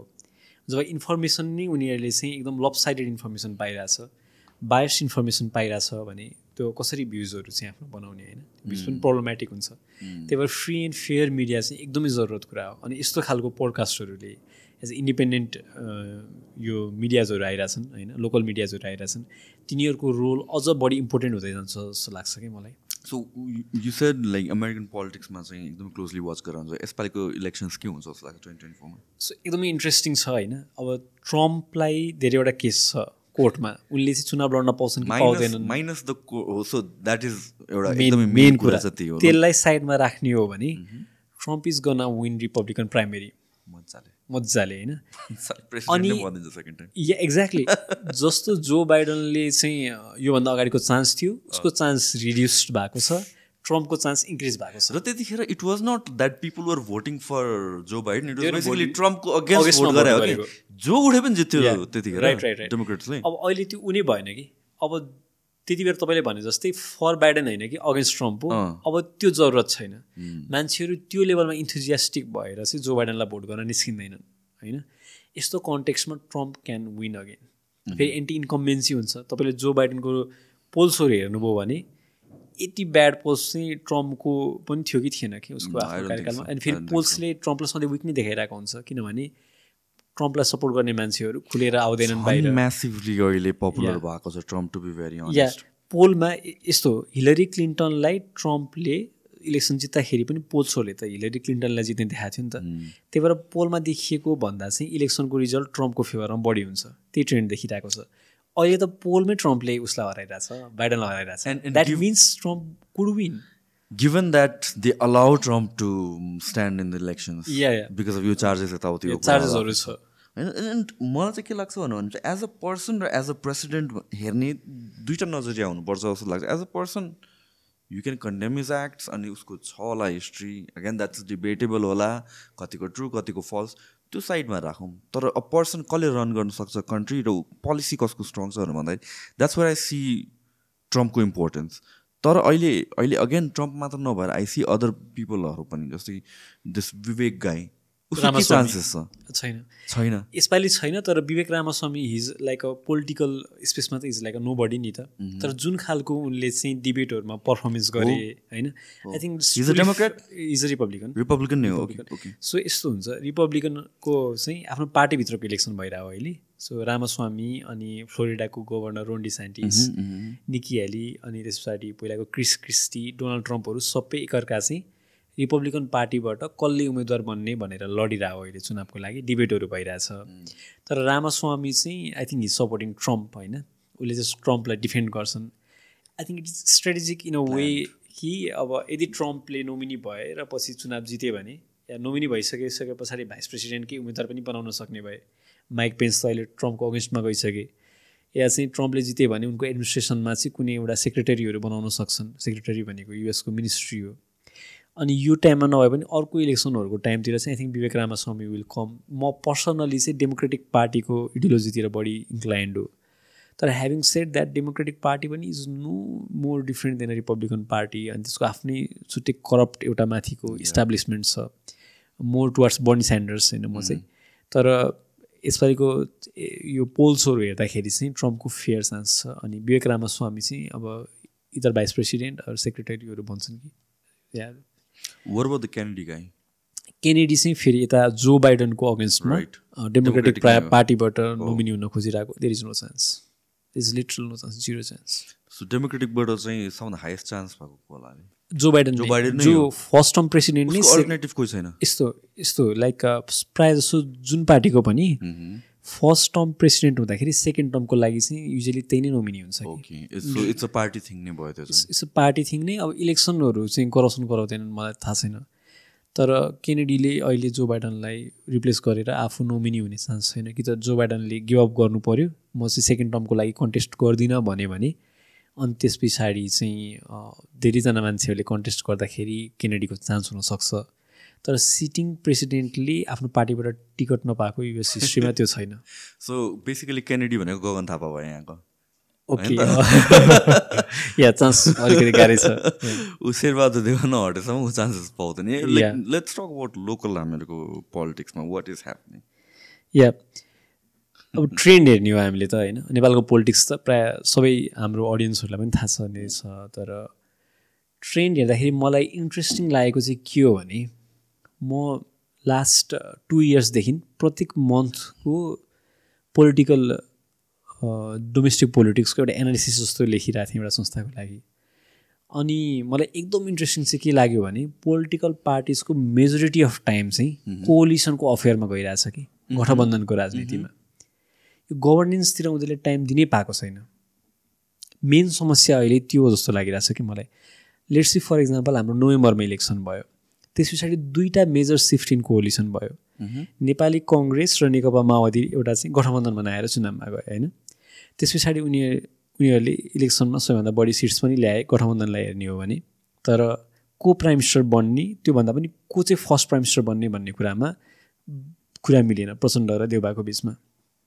अनि Prachanda then sided with Oli ओलीको सपोर्टमा प्रचण्ड प्राइम मिनिस्टर भए गभर्मेन्ट बनाए। डिसेम्बरमा गभर्मेन्ट बन्यो। फेब्रुअरीमा गएर चाहिँ प्रेसिडेन्सियल इलेक्सन हुने टाइममा प्रचण्डले नेपाली कङ्ग्रेसको गभर्मेन्टलाई सपोर्ट गरे युएमएलको लागि गरेनन्। अनि त्यस पछाडि युएमएल युएमएल चाहिँ गभर्मेन्टबाट एक्जिट गर्यो राप्रपा पनि गभर्मेन्टबाट एक्जिट गर्यो अनि त्यसपछि फेरि कङ्ग्रेस आयो होइन? साना पार्टीको गभर्मेन्टमा आउने जाने क्रमलाई चाहिँ ट्र्याक गर्ने हो भने यो त झन् अनगोइङ छ। जनमत पार्टी कहिले आउँछ कहिले बाहिर निस्किन्छ होइन? राप्रपाको त्यस्तै भइरहेको छ। त्योभन्दा अगाडि पनि नोभेम्बरभन्दा अगाडि जाने हो भने पनि हाम्रो पोलिटिकल पार्टिजको ध्यान चाहिँ के छ भन्दाखेरि कसरी सत्तामा पुग्ने भन्ने छ या सत्तामा पुग्ने भन्दा पनि कसरी कोलिसन जोगाउने भन्ने छ।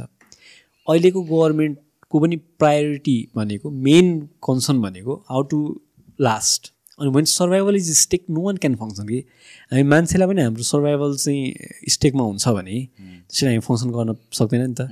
चार वर्षसम्म चाहिँ मलाई कसैले हटाउन सक्दैन भन्ने खालको चाहिँ त्यो भयो भने त्यस्तै खालको पोलिसिजहरू ल्याउन सकिन्छ। त्यस एउटा चाहिँ फर्स्ट इयरमा यो गर्छु सेकेन्ड इयरमा बेस बनाउँछु थर्ड इयरमा यस्तो गर्छु भन्न सकिएला। यहाँको गभर्मेन्ट त सर्दर लास्ट गर्ने भनेको अ इयर होला होइन? आजसम्म नेपालको हिस्ट्रीमा कुनै पनि गभर्मेन्टले फुल टर्म सर्भ गर्न सकेको छैन। बिपी कोइरालाले पन्ध्र सालमा चाहिँ बहुमत ल्याउँदाखेरि पनि महेन्द्रले कु गर्दै पाएनन्। गिरिजाले यो अडचालिस सालमा नेपाली कङ्ग्रेसले फेरि बहुमत लिएर आयो। एकाउन्नमा मध्यावधिको घोषणा गरियो त्यति बेला पनि भएन। एकाउन्नमा कसैले बहुमतले ल्याएन। छप्पन्नमा नेपाली कङ्ग्रेसले बहुमत ल्याए पनि नेपाली कङ्ग्रेस पार्टी नै फुट्यो। त्यस पछाडि चौसठी सालको इलेक्सनमा नेकपा माओवादीले चाहिँ बढी सिट ल्यायो तर त्यस पछाडि त कुनै एउटा पार्टीले बहुमत नै ल्याएको छैन। यो लास्ट योभन्दा अगाडिको इलेक्सनमा एमाले र माओवादी मिलेर उनीहरूको बहुमत त पुग्थ्यो त त्यस पछाडि पार्टी एकीकरण गरे फेरि फुटाए। भइ के रहेछ भन्दाखेरि चाहिँ अहिलेको मेजर समस्या भनेको गभर्मेन्ट लास्ट नहुन सक्ने गभर्मेन्ट लास्ट नहुँदाखेरि कोलिसनको गभर्मेन्ट जुन बनेको छ यो चाहिँ हाम्रो निर्वाचन प्रणालीसँग पनि सम्बन्धित छ। हाम्रो एक सय पैँसठीजना चाहिँ फर्स्ट पास द पोस्ट भनेको डिरेक्टली निर्वाचित प्रत्यक्ष निर्वाचित भएर आउँछन् एक सय पैँसठीवटा कन्स्टिट्युन्सीबाट एक सय दसजना चाहिँ प्रोपोर्सनल रिप्रेजेन्टेसन सिस्टमबाट आउँछन् होइन? यो खालको निर्वाचन प्रणालीले गर्दाखेरि कुनै एउटा दललाई बहुमत ल्याउन अत्यन्तै मुस्किल छ। यो बहुमत नआएको बेलामा अरू दलसँग कोलाबोरेसन गर्नुपर्छ। अरू दलसँग कोलाबोरेसन गर्दाखेरि त्यो दलको पनि आफ्नै एजेन्डाहरू हुन्छ त्यो दलले पनि आफू प्राइम मिनिस्टर बन्न पाऊँ भन्छ या चाहिँ कि प्रेसिडेन्टमा भाग खोज्छ कि भाइस प्रेसिडेन्टमा भाग खोज्छ कि सभामुखमा भाग खोज्छ होइन? त्यस पछाडि चाहिँ मन्त्रीहरूलाई म्यानेज गर्ने गाह्रो छ होइन? को मन मान्छेलाई मन्त्री बनाउने भन्ने एउटै पार्टीमा यति धेरै एक्सपिरियन्सहरू छन्। झन् अब त पोलिटिकल पार्टिजहरू चुनावको लागि मात्र होइन सरकार गठनको लागि मात्र गठबन्धन गर्ने होइन कि चुनावकै लागि गठबन्धन गर्न थाले। पहिला पनि हाम्रो नाइन्टिन नाइन्टिजदेखि नै यो गठबन्धनका सरकारहरू त भइरहेका हुन्। कोलिसनका गभर्मेन्ट त भइरहेका हुन्। तर अहिले आएर चाहिँ के भइदियो भन्दाखेरि गभर्मेन्ट बनाउन मात्र होइन चुनाव नै गठबन्धनमा गएर जाने कि। योभन्दा अगाडि एमाले र सुरुमा ट्वेन्टी सेभेन्टिनमा कङ्ग्रेस र माओवादी लोकल इलेक्सनमा गठबन्धन गरेर गए। तर भोट ट्रान्सफर भएन किन भन्दाखेरि भोटर बेसहरू अलिकति फरक थियो। त्यसरी माओवादीले कङ्ग्रेससँगको गठबन्धनलाई छोडेर एमालेसँग गरे। उनीहरूले इलेक्सनमा राम्रो पर्फर्म गरे। एनसिपी भन्ने पार्टी फर्म भयो नेपाल कम्युनिस्ट पार्टी भन्ने फर्म भयो त्यो गएर स्प्लिट भयो। त्यस पछाडि चाहिँ फेरि नेपाली कङ्ग्रेस र माओवादीको कोलाबोरेसनमा गभर्मेन्ट फर्म भयो। दुइटै पार्टी मिलेर लोकल इलेक्सनमा गए अनि त्यस पछाडि जेनरल इलेक्सनमा गए। होइन अनि यतापट्टि एमाले पनि राप्रपा जस्तो सानातिना पार्टी भए पनि तिनीहरूसँग कोलाबोरेसन गर्यो। चुनावमा पनि कोलाबोरेसन गर्ने अनि त्यस पछाडि सरकार फर्मेसनमा पनि कोलाबोरेसन गर्दाखेरि चाहिँ कहिले पनि गभर्नेन्समा सरकारको उ जानुपर्ने हो नि त। एउटा गभर्मेन्ट इलेक्ट भइसकिसके पछाडि त्यस पछाडि त पोलिसीमा काम गर्नुपर्छ अनि डेलिभरीतिर जानु पऱ्यो त्यो चाहिँ ब्याकसिटमा गयो कि। अहिलेको पोलिटिकल पार्टिजहरूको मेन प्रायोरिटी चाहिँ आफ्नो गभर्मेन्ट कि जोगाउने कि अर्काको गभर्मेन्ट ढालेर आफू चाहिँ त्यहाँ जाने। यदि एउटा पार्टीले बहुमत ल्याउन सक्ने अवस्था हुन्थ्यो भने आई थिङ्क यो प्रब्लम केही हदसम्म सल्भ हुन्थ्यो। यसले नेपालको समस्याहरू केही पनि त्यस्तो ठुलो समस्याहरू चाहिँ हल गर्दैन। त्यसको लागि अर्को कुरामा आउँछु इन्ट्रा पार्टी डेमोक्रेसी भन्ने कुरामा आउँछु म। तर यो चाहिँ एउटा एउटा स्ट्रक्चरल इस्यु जस्तो लागिरहेछ। स्ट्रक्चरल त नभनौँ तर एउटा एउटा मेन इस्यु हो होइन? हाम्रो निर्वाचन प्रणाली। अब फेरि यो समानुपातिक खालको पनि अब इन्स्योर त गर्नु पऱ्यो किनभने लामो समयसम्म चाहिँ हाम्रो धेरै एथनिक आइडेन्टिटिजको केही रिप्रेजेन्टेसन नै भएन हाम्रो स्टेट एपारेटेसेसहरूमा त्यही भएर यसको उपयोगिता त छ। तर अब यसले गर्दाखेरि कुनै पार्टीले बहुमत नआउने अवस्था छ। अनि सरकारहरू त एकदमै डिसफङ्सनल भइरहेका छन्। अहिले पनि कोलिसनकै कुरा छ? आज बिहान पनि केपिओडीले डडेलधुरा पुगेर देउवालाई फोन गरे भनिसके पछाडि अब कङ्ग्रेस एमाले मिल्ने हुन् कि भन्ने स्पेकुलेसन्सहरू चल्न थालिसक्यो होइन? प्रचण्डले मेरो गभर्मेन्ट कहिलेसम्म लास्ट गर्छ मलाई नै थाहा छैन भन्नुहुन्छ। होइन? गगन थापाहरू हामी ओलीसँगलाई ओलीसँगको कोलाबोरेसनलाई कम्प्लिटली रुल आउट गर्न सक्दैनौँ। त्यो पनि हाम्रो पोसिबिलिटीमा छ भनेर भनिरहेका छन्। होइन? शेखर कोइरालाले प्रदेश नम्बर एकमा चाहिँ एमालेसँग मिलेर केदार कार्कीलाई मुख्यमन्त्री बनाउनु भयो। होइन? यता काठमाडौँमा पनि त्यही हुन्छ कि भन्ने खालको पोसिबिलिटिजहरू पनि छ। यो गभर्मेन्ट कहिलेसँग लास्ट गर्छ भन्ने कुरा छ। यस्तो अवस्थामा चाहिँ अलिकति समस्या हुन्छ। कि एउटा मेजर ट्रेन्डदेखिको कोलिसनको अफेयर्सले अरू सबै कुरालाई ओभरस्याडो गरिदियो कि। पोलिटिक्स पोलिटिकल पार्टिज नेता सबैको ध्यान चाहिँ कोलिसनको अफेयर गठबन्धनको राजनीतिमा मात्र छ। And that's a problem so हाम्रो जस्तो कन्ट्रीमा टु पार्टी सिस्टम फङ्सन गर्छ कि गर्दैन? Is that a good idea or bad idea यस्तो लाइक हामीले कन्स्टिट्युसनमै टु पार्टी सिस्टम भनेर त भन्न सक्दैन। इभन युएसमा पनि अरू पार्टी छन् होइन? It just so happens that only two parties are उयो होइन? मेजर पार्टिज त्यो चाहिँ अब कोइन्सिडेन्स जस्तो कुरा भयो युएसमा तर ग्रिन पार्टी भन्ने छ उनीहरू चुनावै लड्छन् अरू पार्टीहरू छन् होइन? प्रेसिडेन्टै उठाउँछन् तर त्यो मिडियामा पनि कभर हुँदैन जित्दा पनि जित्दैनन् त्यही भएर हामीलाई टु पार्टी सिस्टम जस्तो लाग्छ। अब युकेकै केसमा पनि अरू पार्टिजहरू छन् लेबर र कन्जर्भेटिभ मात्र होइन? त्यही भएर डेमोक्रेसी चाहिँ हामी एउटा फङ्सनल डेमोक्रेसीको इन एसेन्स नै यतिवटा पार्टी बनाऊ भनेर भन्न चाहिँ सकिँदैन होइन? तर के गर्नु मेजर जुन फोर्सेस हुन्छ नि किनभने it makes sense that again it comes with अरू क्वेसन्सहरू पनि तर वाट मेक्स सेन्स इज एउटा पार्टी रुल गरिरहेछ भने उसको अपोजिसन इफ दुवै दुईवटा पार्टी अपोजिट स्ट्रङ छ भनेर भनेपछि एउटा पार्टी रुल गरेर बेलामा अपोजिसनले उसले चेक एन्ड ब्यालेन्स गर्छ कि भन्ने कुरा चाहिँ हो। गठबन्धन हुँदाखेरि पनि अपोजिसनमा त हुने नै भयो होइन। अहिले पनि एमाले अपोजिसनमा छ। तर टु पार्टिज को त्यो त्यतातिर त जान सकिँदैन किनभने कन्स्टिट्युसनले हामीलाई बाटो दिँदैन। यो निर्वाचन प्रणालीमा चाहिँ के हेरफेर गरेर एउटा पार्टीले बहुमत आउन सक्ने अवस्था बन्यो भने चाहिँ के हुन्छ कि? बट अगेन क्वेसनहरू के पनि आउँछ। भने टु पार्टी सिस्टम नै भयो भने या दुइटा मेजर पार्टिज नै भयो भने कसले भन् भन्न सक्छ कि भोलि गएर त्यो अपोजिसन र रुलिङ पार्टी नै एकजुट भएर अनि गर्दैन भनेर मिलेर कि? त्यो पोसिबिलिटिज त सधैँ नै हुन्छ होइन। लाइक अब राष्ट्रिय सरकारहरूको जस्तो कुरा गर्नुभयो होला। त्यो हुन्छ। तर त्योभन्दा पनि अर्को मेजर समस्या भनेको त हामी अब इन अ डेमोक्रेटिक कन्ट्री अब हामी डेमोक्रेसी भनेर चाहिँ प्र्याक्टिस गरिरहेको छौँ what is democracy it is about giving choices to people होइन? त्यस पछाडि पार्टीहरू राजनीतिमा छन् भन्दैमा त्यो डेमोक्रेसी हुँदैन नि।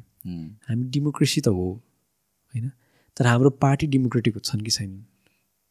अनि त्यो चाहिँ इन्ट्रा पार्टी डेमोक्रेसी भनेर भन्छ कि?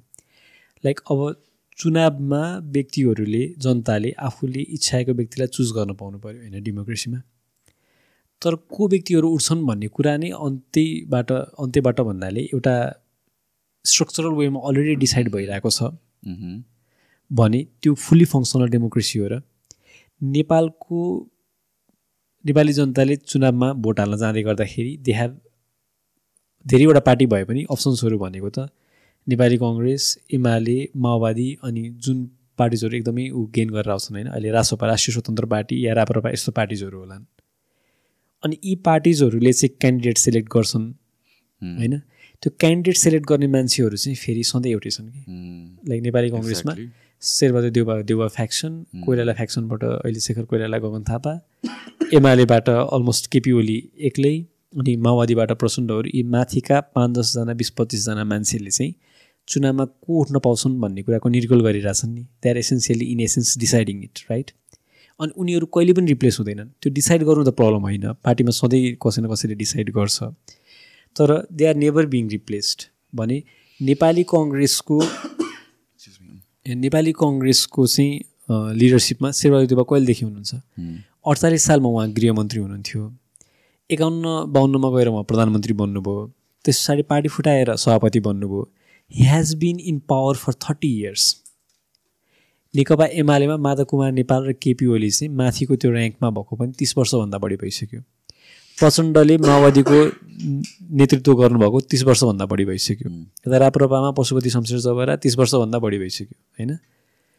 त्यो हुँदाखेरि चाहिँ हाम्रो पोलिटिकल पार्टिजहरू एकदमै अनडेमोक्रेटिक छन् कि। कसरी चाहिँ यहाँको लिडर्सहरू चुज हुन्छ? आई थिङ्क द्याट इज एकदमै बढी इम्पोर्टेन्ट कुरा। केही हदसम्म नेपाली कङ्ग्रेसले डेमोक्रेसी प्र्याक्टिस गर्छ। इट्स अ डेमोक्रेटिक पार्टी केही हदसम्म प्र्याक्टिस गर्छ तर इट्स त्यो पनि नामात्रको या पर्फङ्टरी मात्र हो। कसरी भने डिटेलमा गएर कुरा गरौँ। यो नेपाली कङ्ग्रेसमा लगभग हाम्रो चाहिँ क्रियाशील सदस्य भनेको आई थिङ्क दस लाख जति छन् होला। तर लास्टमा चुज गर्न पाउने केन्द्रीय कमिटी या माथिको पदाधिकारी चुज गर्न पाउने भनेको यो के अरे दस लाखमा पाँच हजारजनाले हो। ओके सबैले चाहिँ भोट गर्न मिलेन। मिलेन।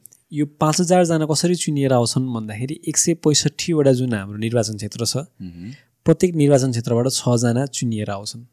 होइन? अनि भातृ सङ्गठनहरूबाट आउँछन् अनि विदेशका ती हाम्रो अर्गनाइजेसन्सहरू हुन्छन् नेपाली कङ्ग्रेसको तिनीहरूबाट पनि आउँछन्। त्यसरी लगभग पाँच हजारजना आउँछन्। तर यी पाँच हजारलाई कसले इलेक्ट गर्छ भन्दाखेरि चाहिँ यी क्रियाशील सदस्यहरूले आफ्नो गाविस गाविसमा पहिला चाहिँ अहिले त के भन्छ यो नगरपालिकामा इलेक्सन हुन्छ वडामा अनि नगरपालिकामा अनि त्यसरी निर्वाचन क्षेत्रमा त्यसरी कसरी हुन्छ होइन? ओके। अनि त्यो निर्वाचनमा कसले भोट हाल्न पाउँछ भन्ने कुरा चाहिँ पहिला नेताले चुज गर्छन् नेताले पहिला कार्यकर्ता चुज गर्ने होइन? क्रियाशील सदस्य को को हुन् भनेर नेतालाई दिने अधिकार दिएको हुन्छ। ती क्रियाशील सदस्यले त्यस पछाडि यो महाधिवेशन प्रतिनिधिहरू चुज गर्ने अनि एउटा निर्वाचन क्षेत्रबाट होइन एउटा निर्वाचन क्षेत्रबाट फर इक्जाम्पल काठमाडौँमा दसवटा निर्वाचन क्षेत्र छ भने साठीजना हुने भए। काठमाडौँका यो क्षेत्र नम्बर एकको छजना भनेको त एकदमै पोलिटिकली मोटिभेटेड मान्छे हो नि त ए कसैलाई केमा नियुक्ति चाहिएको होला कसैलाई चाहिँ सांसदको टिकट चाहिएको होला कसैलाई प्रत्यक्षको कसैलाई समानुपातिकको कसैलाई मन्त्री बन्ने रहर होला जम्मा छजना मात्र आउँदाखेरि यी पोलिटिकल्ली मोटिभेटेड पिपुल आएर अनि फेरि चाहिँ माथिको मान्छेहरू चुज गर्छन् कि? त्यो गर्दाखेरि या राउन्ड एन्ड सर्कल पहिला नेताले कार्यकर्ता चुज गर्ने कार्यकर्ताबाट छ छजना आउँछन् लगभग पाँच हजार पुग्छन्। ती पाँच हजार भनेको एकदमै पोलिटिकली मोटिभेटेड पिपुल हुन्छन् उनीहरूको आफ्नै पोलिटिकल एसपिरेसन्स हुन्छ। त्यस्तो मान्छेले लिडर चुज गर्दाखेरि अलरेडी पावरफुल चुज गर्छन्। यदि यो दस लाख मान्छेले नै भोट हाल्न पाएको भए नेपाली कङ्ग्रेसमा गगन थापा र देउबा उठ्ने हो भने कसले जित्थ्यो होला? को राइट को रङ भन्ने बेग्लै कुरा हो। को पपुलर छ त्यसले जित्थ्यो होइन। या चाहिँ विजय कक्षदारले एक मतले मात्र भोट हार थियो होला धनराज गुरुङसँग होइन नि त? राम्रो खालको क्यान्डिडेटहरू आउँथ्यो अनि त्यस पछाडि चाहिँ लिडरसिप पनि चेन्ज हुन्थ्यो कि? देउबा तिस वर्षसम्म हुँदैन थिए होइन? अनि अर्को चाहिँ लिडर आउँथ्यो त्यसले चाहिँ लिड गर्न सकेन भने त्यो चेन्ज हुन्थ्यो। त्यसरी पार्टीहरू के हुन्थ्यो भन्दाखेरि भाइब्रेन्ट हुन्थ्यो डेमोक्रेटिक हुन्थे तर यो पोलिटिकल पार्टीहरूभित्रको इलेक्सनको सिस्टम नेपाली कङ्ग्रेसमा त एटलिस्ट इलेक्सन छ। त्यो इलेक्सनको system in a way rigged छ। या चाहिँ नट फुल्ली ऊ छ होइन एउटा पर्फङ्टरी मात्र छ। त्यो कारणले गर्दाखेरि डेमोक्रेटिक हुन पाएको छैन अनि एउटा व्यक्ति चाहिँ तिस वर्ष चालिस वर्ष पचास वर्षसम्म त्यो नेतृत्वमा बस्न सक्छ।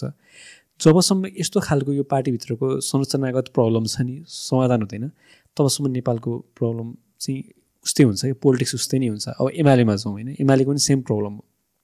सेम भन्दा पनि अझ वर्स प्रब्लम हो। यो नोभेम्बर ट्वेन्टी ट्वेन्टी वानमा एमालेको महाधिवेशन भएको थियो दसौँ महाधिवेशन होइन। डिसेम्बर ट्वेन्टी ट्वेन्टी वानमा नेपाली कङ्ग्रेसको एक्काइसौँ महाधिवेशन भयो। यो एक ए ए चौधौँ महाधिवेशन भयो। चौधौँ महाधिवेशनमा एटलिस्ट पाँच हजारले भोट त हाले। त्यहाँ कम्पिटिसन त भयो।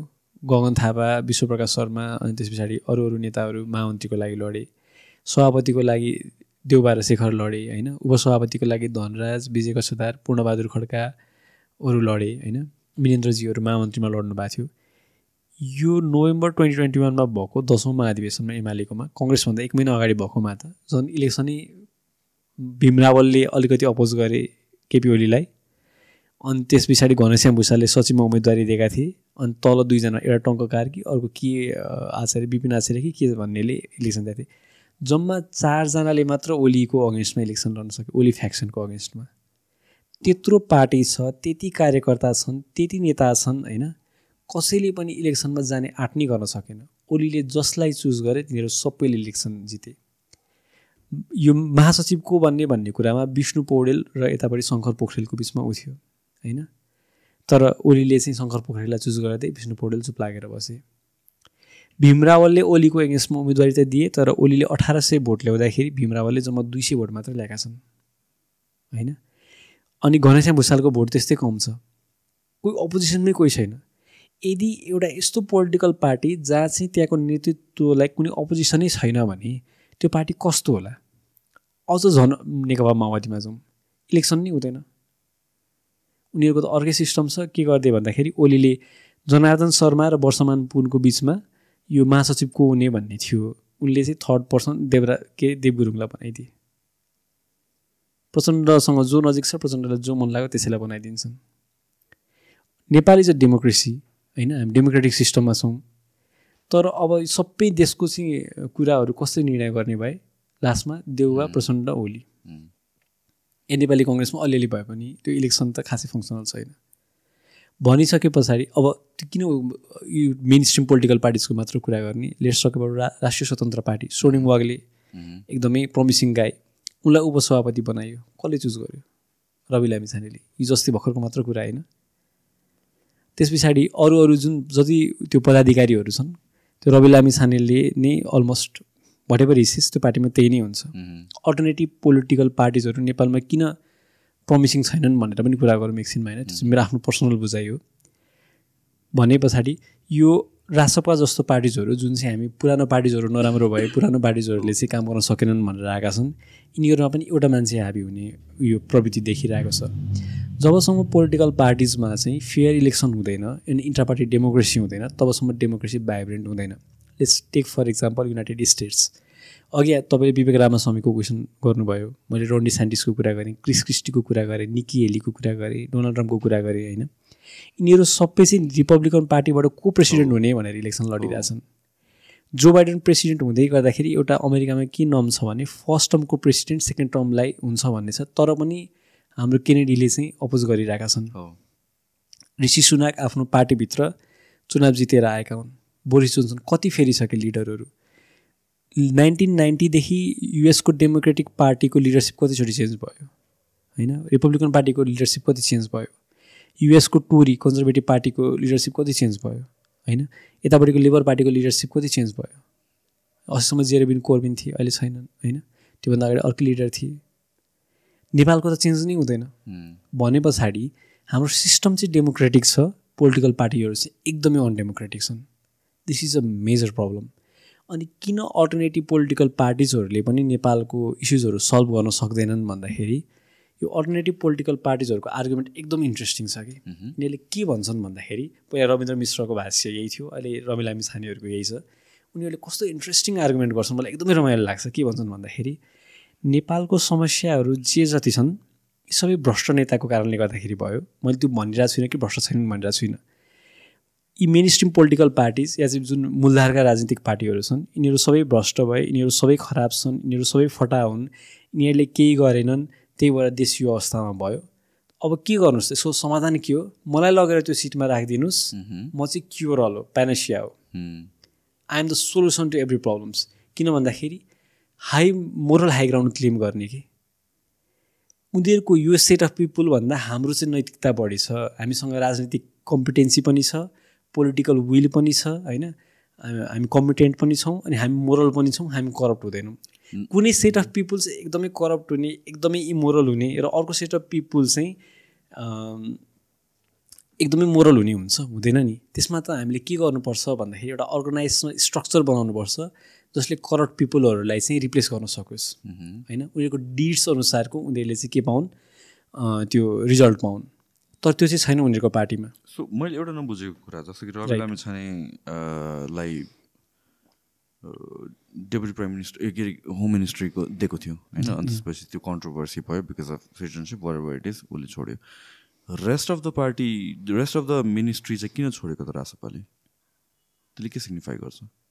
यस्तो उनको त्यो नागरिकताको विषयमा सर्वोच्चले चाहिँ अब उनको नागरिकता भ्यालिड हुँदैन भन्यो होइन? त्यस पछाडि उनले राजीनामा दिए। उनले राजीनामा दिँदाखेरि पुरै पार्टीले चाहिँ राजीनामा गभर्मेन्ट नै एक्जिट गर्यो। किन त्यही त्यही नहुने होइन र। गर्न नहुने हो। इफ इन्टेन्ट वाज टु जनताको सर्भ गर्ने इन्टेन्ट हो भने बसेर गर्नु पर्ने। किनभने भेरी इम्पोर्टेन्ट मिनिस्ट्रीहरू उनीहरूको हातमा दिएको थियो। राइट हाम्रो शिशिर खन्नाजी चाहिँ शिक्षा मन्त्री हुनुहुन्थ्यो होइन। तोसिमाजी स्वास्थ्य राज्य मन्त्री हुनुहुन्थ्यो। राइट चान्चुने मिनिस्ट्रीहरू त होइन। होइन। सो रवि लामे छाने होम मिनिस्ट्रीमा बस्थेन उनीहरूले त आफ्नो साइडबाट त काम गर्न सक्छ नि इफ त इन्टेन्ट भएको कि अरू स्ट्रक्चरले होल्ड गर्छ? यस्तो उनीहरू रवि लामी छानेको एगेन्स्टमा गएर डिसिजन लिन सक्ने अवस्थामा छँदै छैन त्यही भएर I don't blame them so होइन मैले त्यो भन्नु खोजेँ रवि लामे छाने एन्ड द आरएसपी नै क्वेसनमा आयो नि त भनेको। एक्ज्याक्टली राइट राइट राइट मैले त्यही भनिरहेको छु। त्यही भएर जबसम्म एउटा व्यक्तिको उसमा हिममा पार्टी चल्छ एउटा व्यक्ति चाहिँ अल पावरफुल हुन्छ त्यो त डिक्टेटरसिप हो नि। यदि राजसभाभित्र डिक्टेटरसिप छ भने नेपाली कङ्ग्रेसमा डिक्टेटरसिप छ भने सम फर्म अफ डिक्टेटरसिप माओइस्टमा सम फर्म अफ डिक्टेटरसिप छ भने कुनै पनि प्रकारको डेमोक्रेसी चाहिँ प्र्याक्टिस हुँदैन भने त्यो त प्रब्लम होइन त। कसरी चाहिँ यो पार्टिजहरूले जनताको पक्षमा काम गर्छन् भनेर विश्वास गर्नु अप टिल द्याट पोइन्ट म I was all for RSP अनि त्यसपछि त्यो इन्सिडेन्ट पछि चाहिँ अनि त्यो इन्टेन्सन्स डिन सिम करेक्ट त्यसले नै देखायो। आई थिङ्क धेरैजनाको आँखा त्यतिखेर खुल्यो होला। हो तर मैले सुरुदेखि नै मेरो बुझाइ चाहिँ के हो भन्दाखेरि यिनीहरू खराब छन् यिनीहरूलाई हटाऊ मलाई लगेर राखिदियो म चाहिँ क्योर अलो जसले भन्छ नि त्यो मान्छेलाई कहिले विश्वास नगर्नु। र अर्को के पनि भयो भने चाहिँ this this new wave of youth leaders youth leaders एउटा कार्ड भएर गयो। सो एनी गाई हु इज यङ उसले चाहिँ सल्युसन हो भनेर। आफ्टर बालेन्ड हर्क साम्पाङको राइस आएपछि सो यहाँ पनि के भएर गयो भनेपछि not pro Trump not pro Biden तर anybody standing against Trump so not not old parties old पार्टिजको अगेन्स्टमा जो उठे पनि यङ छ भनेर भने अलिकति बोल्न सक्यो भने चाहिँ उसलाई भोट गर्ने सेन्टिमेन्ट आयो। यो भनेर मैले ओल्ड पार्टिजहरूलाई भिन्डिकेट गर्न खोजिरहेको होइन। ओल्ड पार्टिजहरू ठिक छन् भन्न खोजिरहेको होइन। तर मैले के भन्न खोजिरहेको भने जनताहरूमा चाहिँ यो नयाँ पार्टिजहरूमा एकदमै बढी एक्सपेक्टेसन छ। हो एक्ज्याक्ट बालेन्ससँग एकदमै बढी एक्सपेक्टेसन छ। रासपो आयो भने चाहिँ नेपालमा गभर्नेन्स गुड गभर्नेन्स हुन्छ भन्ने खालको एक्सपेक्टेसन छ। मेरो बुझाइ के हो भने त्यो एक्सपेक्टेसन राख्यो भने हामी डिसिल्युजन हुन्छौँ। हामी चाहिँ दुःखी हुन्छौँ त्यो नराखौँ। किनभने समस्या भनेको व्यक्तिको मोरालिटीको समस्या होइन। को व्यक्ति कति मोरल छ कुन नेता कति नैतिकवान छ भन्ने कुरा त त्यो व्यक्तिलाई पावर नदिएसम्म त्यो व्यक्तिलाई त्यो स्ट्रक्चरमा चाहिँ नराखेसम्म त्यो सिस्टममा इन्ट्रोड्युस नगरेसम्म थाहा हुँदैन होइन? यी स्ट्रक्चरल इस्युजहरू पार्टीभित्रको स्ट्रक्चरल इस्युजहरूको कारणले गर्दाखेरि होइन? पोलिसीको इस्युजहरूको कारणले गर्दाखेरि नेपालमा यी सबै समस्याहरू आइरहेका हुन्। कुनै एउटा सेट अफ व्यक्तिलाई चाहिँ निकालेर अर्को सेट अफ व्यक्तिलाई ल्याउँदाखेरि या एउटा पार्टीलाई निकालेर त्यस्तै नेचरको अर्को पार्टीलाई ल्याउँदाखेरि चाहिँ यो समस्या सल्भ हुनेवाला छैन। त्यही भएर राष्ट्रिय स्वतन्त्र पार्टी बालेन यिनीहरूसँग हामीले एक्सपेक्टेसन एकदमै चेकमा राख्नुपर्छ। यिनीहरू इन सम वे चाहिँ अझ बढी जनघातक किन हुन्छन् भन्दाखेरि जुन पार्टीसँग पपुलर सपोर्ट हुन्छ अलिकति डिम डिमागोगिक टेन्डेन्सी छ कि? डिमागोगिक भनेको जनताले जे सुन्न चाहन्छन् त्यही भन्ने होइन। अहिले त्यही नै भइरहेको एक्ज्याक्टली पपुलिस्ट नेरेटिभहरू मात्र पपुलिस्ट नेरेटिभ डिमागोगिक नेरेटिभहरूले चाहिँ के हुन्छ भने इन्स्टिट्युसन्सहरूलाई अन्डरमाइन गर्छ कि? नेपाली कङ्ग्रेस र रासपामा कुन पार्टीले बढी इन्स्टिट्युसनलाई अन्डरमाइन गर्न सक्छ होला भने रासपाले गर्न सक्छ। मैले यो भनिरहेको छैन कि रासपाका नेता खराब छन् त्यही भएर गर्छन् भनेको छैन। जुन पार्टीसँग पब्लिक सपोर्ट बढी हुन्छ तर त्यो सपोर्ट त्यो पार्टीको काम कारबारलाई चेक गर्ने मेकानिजम हुँदैन नि। त्यस्तो पार्टीले चाहिँ बढी हार्म गर्न सक्छ एकदमै less potential to harm right Nepali कङ्ग्रेसले त के नराम्रो गर्यो भने जनताले के भन्छन्? खबरदारी गर्छन्। यो त एकदमै भ्रष्टहरूको पार्टी हो। या नेकपा एमालेको लागि पनि माओवादीको लागि पनि एकदम कसियस हुन्छन्। तर जनताको विश्वास छ रवि लामिछानेसँग बालेनसँग यस्ता नेताहरूसँग स्वर्णिमहरूसँग। यिनीहरूलाई ट्रस्ट गरेका हुन्छन्। यस्तो जनताको ट्रस्ट लिएर आएको नेताहरूले चाहिँ इन्स्टिट्युसनलाई बढी ड्यामेज गर्ने पोटेन्सियल राख्छन् कि किनभने उनीहरूलाई मिडियाको स्क्रुटनी पनि कम हुनसक्छ जनताको स्क्रुटनी पनि कम हुनसक्छ। त्यही भएर कुनै पनि व्यक्तिले यिनीहरू चाहिँ खराब छन् म चाहिँ ठिक हो भन्छ भने don't believe them we should not believe this parties or about like independent क्यान्डिडेट्सहरू जुन आइरहेको छ अहिले? उनीहरूको सिग्निफिकेन्स के हो या भन्छ उनीहरूको पोटेन्सियल के हो भनौँ न एउटा हिसाबले पार्टी नै चाहिने हो कि किनभने यस्तो system at the end of the day एकजना पर्सनले त सबै हलाउन सक्ने भन्ने त हुँदैन। So is that good or it just doesn't work to some एक्सटेन्टसम्म I think it's good होइन। किनभने चाहिँ सुरुमा यदि बालेन शाह हर्क साम्पाङ र गोपाल हमालहरूले इलेक्सन नजितेको भए राष्ट्रिय स्वतन्त्र पार्टी राजनीतिमा आउँदै आउँदैन थियो। हो। जति नराम्रो सिम्बोलिक मेसेज जाने गयो राइट राइट जति नराम्रो भए पनि नयाँ पार्टिजहरू आउनु आफैमा राम्रो कुरा हो कि फेरि? हामीले आफ्नो एक्सपेक्टेसन्स चाहिँ चेकमा राख्नुपर्छ र हामीले राइट कजको लागि फाइट गर्नुपर्छ। तिमीहरू म राम्रो छु मोरल मोरल छु भनेर क्लेम चाहिँ नगर तर तिमीहरू आफ्नो पोलिसीमा चेन्जेस ल्याऊ तिमीहरू आफ्नो पार्टीको स्ट्रक्चरमा चेन्ज ल्याऊ भनेर हामीले भन्नुपर्छ। तर बालेन हर्क साम्पाङहरूले चुनाव नजितेको भए त यही फेरि मेन स्ट्रिम पोलिटिकल पार्टिजहरू कङ्ग्रेस एमाले र माओवादीमै घुम्थ्यो। यिनीहरूले चुनाव जितिसके पछाडि एउटा बाटो त खुल्यो। नेपालको पोलिटिक्समा यो ओल्ड पार्टिजहरूलाई एउटा थ्रेड त महसुस भयो होइन? अब चाहिँ हामीलाई चाहिँ क्रेडिबल च्यालेन्ज हुनसक्छ हामीले उम्मेदवार उठाउँदैमा जनताले चुनिदिँदैनन् होइन? न हामीले सुध्रिनुपर्छ भन्ने खालको एउटा मेसेज त गएको छ सुध्रेका छैनन्। तर एउटा सिम्बलिक भए पनि मेसेज त गएको छ नि। आई थिङ्क त्यो आफैमा एउटा इम्पोर्टेन्ट कुरा हो कि। यी नयाँबाट एक्सपेक्टेसन्स कम राख्ने एउटा कुरा हो तर यिनीहरूले जित्नु राम्रो कुरा चाहिँ हो। होइन? यसले नयाँ एउटा बाटोकोलाई चाहिँ दिन्छ होइन? अब राम्रो पार्टी आए यी नयाँ पार्टिजहरूले चाहिँ झन् राम्रो आफूलाई राम्रो बनाउँदै गए पार्टीको स्ट्रक्चरलाई पनि राम्रो बनाए पोलिसीलाई पनि राम्रो बनायो भने चाहिँ नेपालको जुन इन्टरनल डोमेस्टिक पोलिटिक्सको समस्याहरू छन् तिनीहरू समाधान हुन सक्छन्। तर उनीहरूले पनि त्यो त्यतातिर चाहिँ नजाने तर पहिलाको लागि नराम्रो भन्ने अनि आफूले चाहिँ केही राम्रो कुरा गर्न नखोज्ने फेरि त्यही कुराहरू गरेर चाहिँ नयाँ सेम वर्क गरेर नयाँ रिजल्ट खोजेर डिफ्रेन्ट रिजल्ट खोजेर त हुँदैन। तर जित्नु त राम्रो कुरा चाहिँ हो। अनि पार्टी बनाउनु पर्छ कि पर्दैन भन्ने कुरामा लोकल लेभलसम्ममा यो लोकल लेभल नगरपालिकाको लेभलसम्ममा या महानगरपालिकाको लेभलसम्ममा लोकल क्यान्डिडेटहरू उठेको एउटा हदसम्म ठिकै पनि हो। लाइक इन्डियामा त पोलिटिकल पार्टिजहरूबाट उठ्दैनन्। इन्डिपेन्डेन्ट क्यान्डिडेट्स नै उठ्छन् लोकल लेभलमा तर यदि नेसनमै यो प्रदेशको लेभलमा या आएर चाहिँ यता केन्द्रको लेभलमै इन्फ्लुएन्स गर्नको लागि ब्यालेन्स साइकलले त सक्दै सक्दैन नि। उसँग त नम्बर चाहिन्छ। One thirty eight is the magic number to form a government in Nepal हामीसँग लगभग कति हुन्छ? दुई सय यतापट्टि एक सय पैँसठी एक सय दस दुई सय पचहत्तर हुन्छ।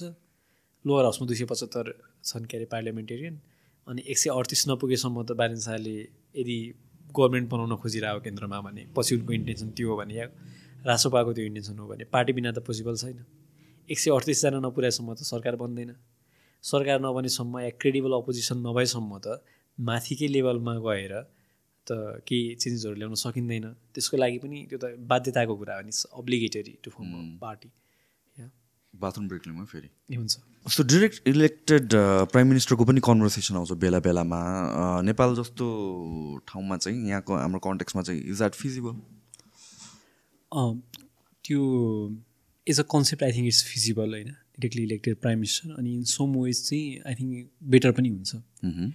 लाइक अब अहिले चाहिँ हामीले जुन यो युकेको पार्लियामेन्टरी सिस्टम वेस्टमिन्स्टर मोडल भन्छ इन्टायरली वेस्टमिन्स्टर मोडल नै होइन नेपालको होइन? त्यो प्र्याक्टिस गर्दाखेरि धेरै समस्याहरू फेस गरिरहेको छौँ।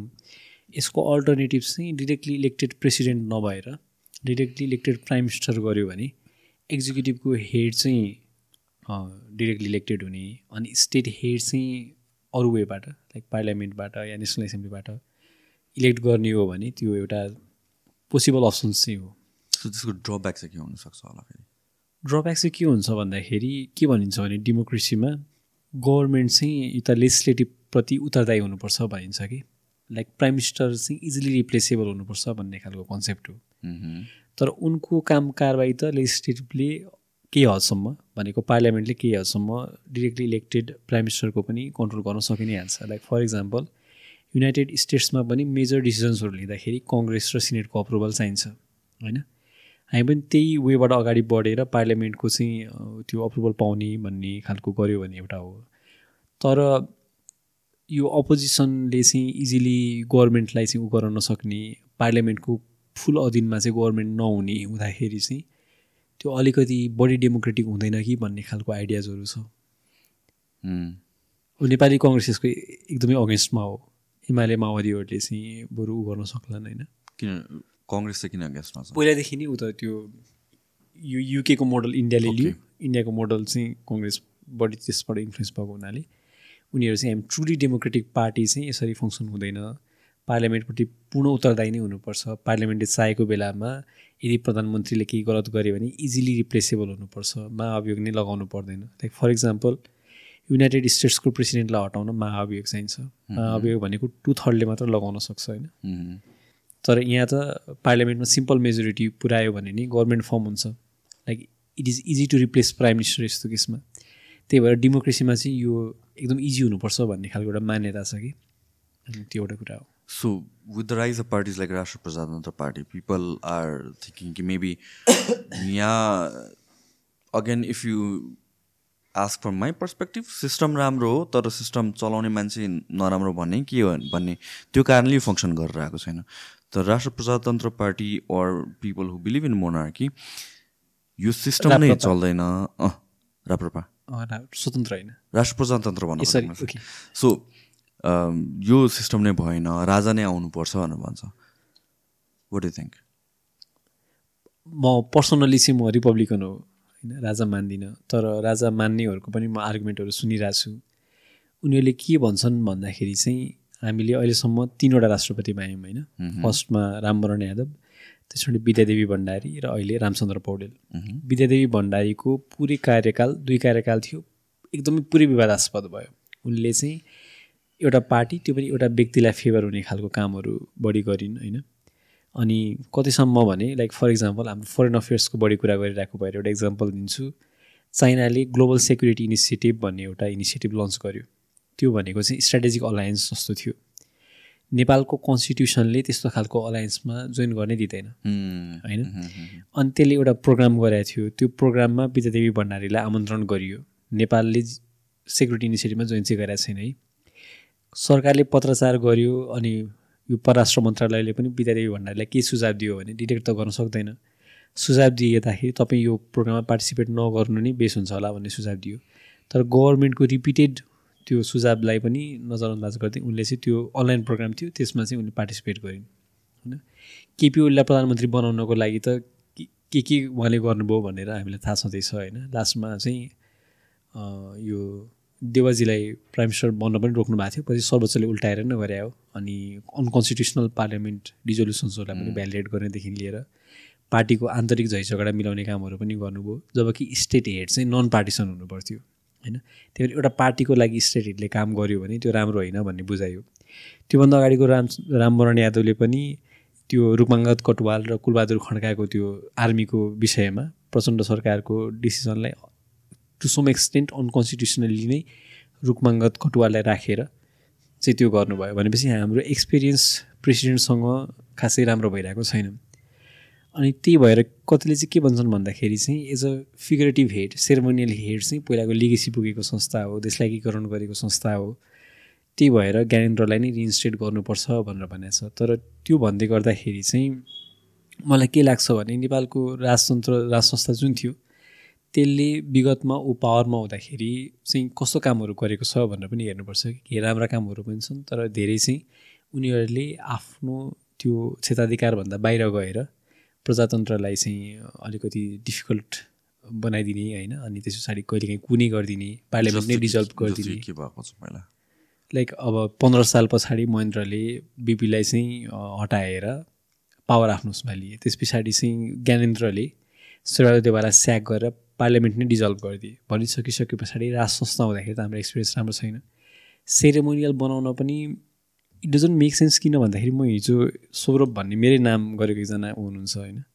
तपाईँलाई थाहा विश्लेषक हुनुहुन्छ। इज एक्सट्रिमली पपुलर अनि उहाँले के भन्ने हुन्थ्यो भन्दाखेरि यति हो हाम्रो देशको स्टेट हेड चाहिँ विदेशीले चेन्ज गर्न नसकोस् त्यही भएर राज संस्था चाहिन्छ भन्ने हुनुहुन्थ्यो कि। अहिले उहाँको आर्गुमेन्ट अनुसार चाहिँ अहिलेको स्टेट हेड भनेको प्रेसिडेन्ट चाहिँ विदेशीबाट परिचालित पनि हुनसक्छ विदेशीबाट परिवर्तित पनि हुनसक्छ। तर हाम्रो स्टेट हेड चाहिँ विदेशीको उसमा नजाओस् भन्ने इन्टेन्सनले नेपालमा राज संस्था हुनु पऱ्यो इन एसेन्स भन्दाखेरि भन्ने हुन्थ्यो। इन्टेलेक्चुअल भोइसमा उहाँको भोइस चाहिँ मोनर्कीमा सबैभन्दा स्ट्रङ होला होइन? तर मेरो आर्गुमेन्ट के हो भने यदि प्रेसिडेन्ट हुन्छ भने त्यो प्रेसिडेन्टलाई त जनताले पनि घटाउन सक्छ नि त। राज संस्था हुँदाखेरि पछि कुनै एउटा राजा विदेशीकै ऊ बनिदियो भने गुटी बनिदियो भने विदेशीले त्यो राज संस्थालाई चलायो भने त्यति बेला हटाउनको लागि त्यो अप्सन पनि हुँदैन। अहिले त राष्ट्रपति छ र नै चेन्ज भइरहेछ। रामवरण यादव चेन्ज भएर विद्यादेवी भण्डारी आउनुभयो विद्यादेवी भण्डारी चेन्ज भएर रामचन्द्र पौडेल आउनुभयो। रामचन्द्र पौडेलले के हदसम्म पहिलाको जस्तो त्यो सडकहरूको ट्राफिक जामहरूको इस्युजहरूदेखि लिएर उपचार खर्चहरू आफै बिहोर्नेदेखि लिएर केही कोर्स करेक्सनको एटेम्प्ट्सहरू पनि गर्नुभयो। तर फेरि यो आम माफी दिने विषयमा चाहिँ अपराधीहरूलाई आम माफी दिने विषयमा उहाँ पनि चुक्नुभयो। त्यही भएर उहाँको पनि क्रिटिसिजम्स भयो। हाम्रो एक्सपिरियन्स विथ प्रेसिडेन्ट खासै एकदमै राम्रो भएको छैन होइन? हामीले यस्तो होप गरेको थिएन अझ बेटर हुन सक्थ्यो। तर त्यो भनेर फेरि राजै ल्याउनु भन्ने आर्गुमेन्ट चाहिँ इट डजन्ट मेक सेन्स अनि म सबैको आर्गुमेन्टहरू सुनिरहेको छु रविन्द्र मिश्रको सौरभको तर आइएम नट इन्टायरली कन्भिन्स्ड होइन? अनि त्यो बाटो पनि एकदमै डिफिकल्ट छ। I don't see it happening any time soon अनि ज्ञानेन्द्रले पनि अब अब म मलाई के हुनु के हुनुपर्छ भन्ने लाग्ने त एउटा विषय हो होइन? तर के भइरहेछ भन्ने एनालाइज गर्दाखेरि पूर्व राजा ज्ञानेन्द्रले पनि दुर्गा प्रसाई जस्तो मान्छेको पछि लागेर चाहिँ हुँदैन थियो होइन? अब उहाँ त उहाँले के गरिराख्नु भएको छ त हामीलाई थाहा छ नि त।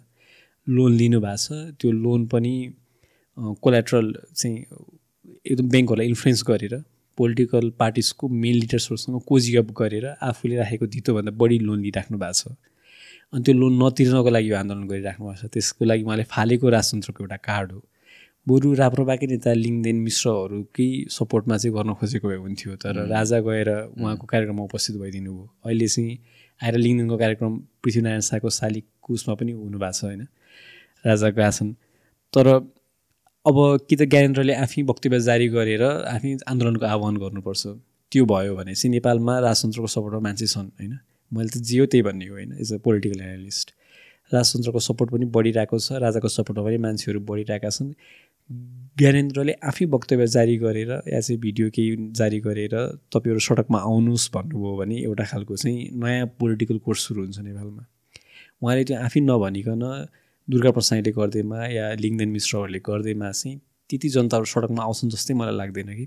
यो चेन्ज गर्नको लागि त हामीले संविधानले ठाउँ नै दिएको छैन नि त। कि त रिफरेन्डम गर्नु पऱ्यो कि त सडकबाट चाहिँ राजा स्थापित हुनु पऱ्यो राजा आउँछन् भन्ने कसरी आउँछन् भन्ने कुरा प्रमुख हो। कि त आर्मीले कु गर्नु पऱ्यो आर्मीले कु गर्ने कुरा भनेको डिस्टेन्टको कुरा भयो होइन? सडकबाट आउनको लागि राजा आफैले चाहिँ आह्वान गर्नुपर्छ। त्यत्रो जोखिम मसँग बोल्दैन थाहा छैन। फेरि आन्दोलन सक्सेसफुल भएन भने अहिले जुन जति उसले कमाएको छ त्यो पनि सब जान सक्छ। देश छोड्नुपर्ने अवस्था पनि आउनसक्छ अर्को रिफरेन्डम हो। रिफरेन्डमको लागि दलहरू इजिली मान्दैनन्। त्यही भएर राज संस्था आउँछ भने कसरी आउँछ भन्ने कुरातिर पनि हाम्रो ध्यान जानुपर्छ कि।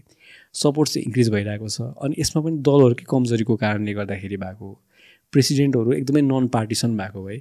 एउटा राजनीतिक दलको लागि या एउटा नेताको लागि फेभर उनीहरूलाई फेभर गर्नको लागि काम नगरेर एज अ स्टेट हेड बसिदिएको भए यस्तो ठुलो समस्या आउँदैन थियो।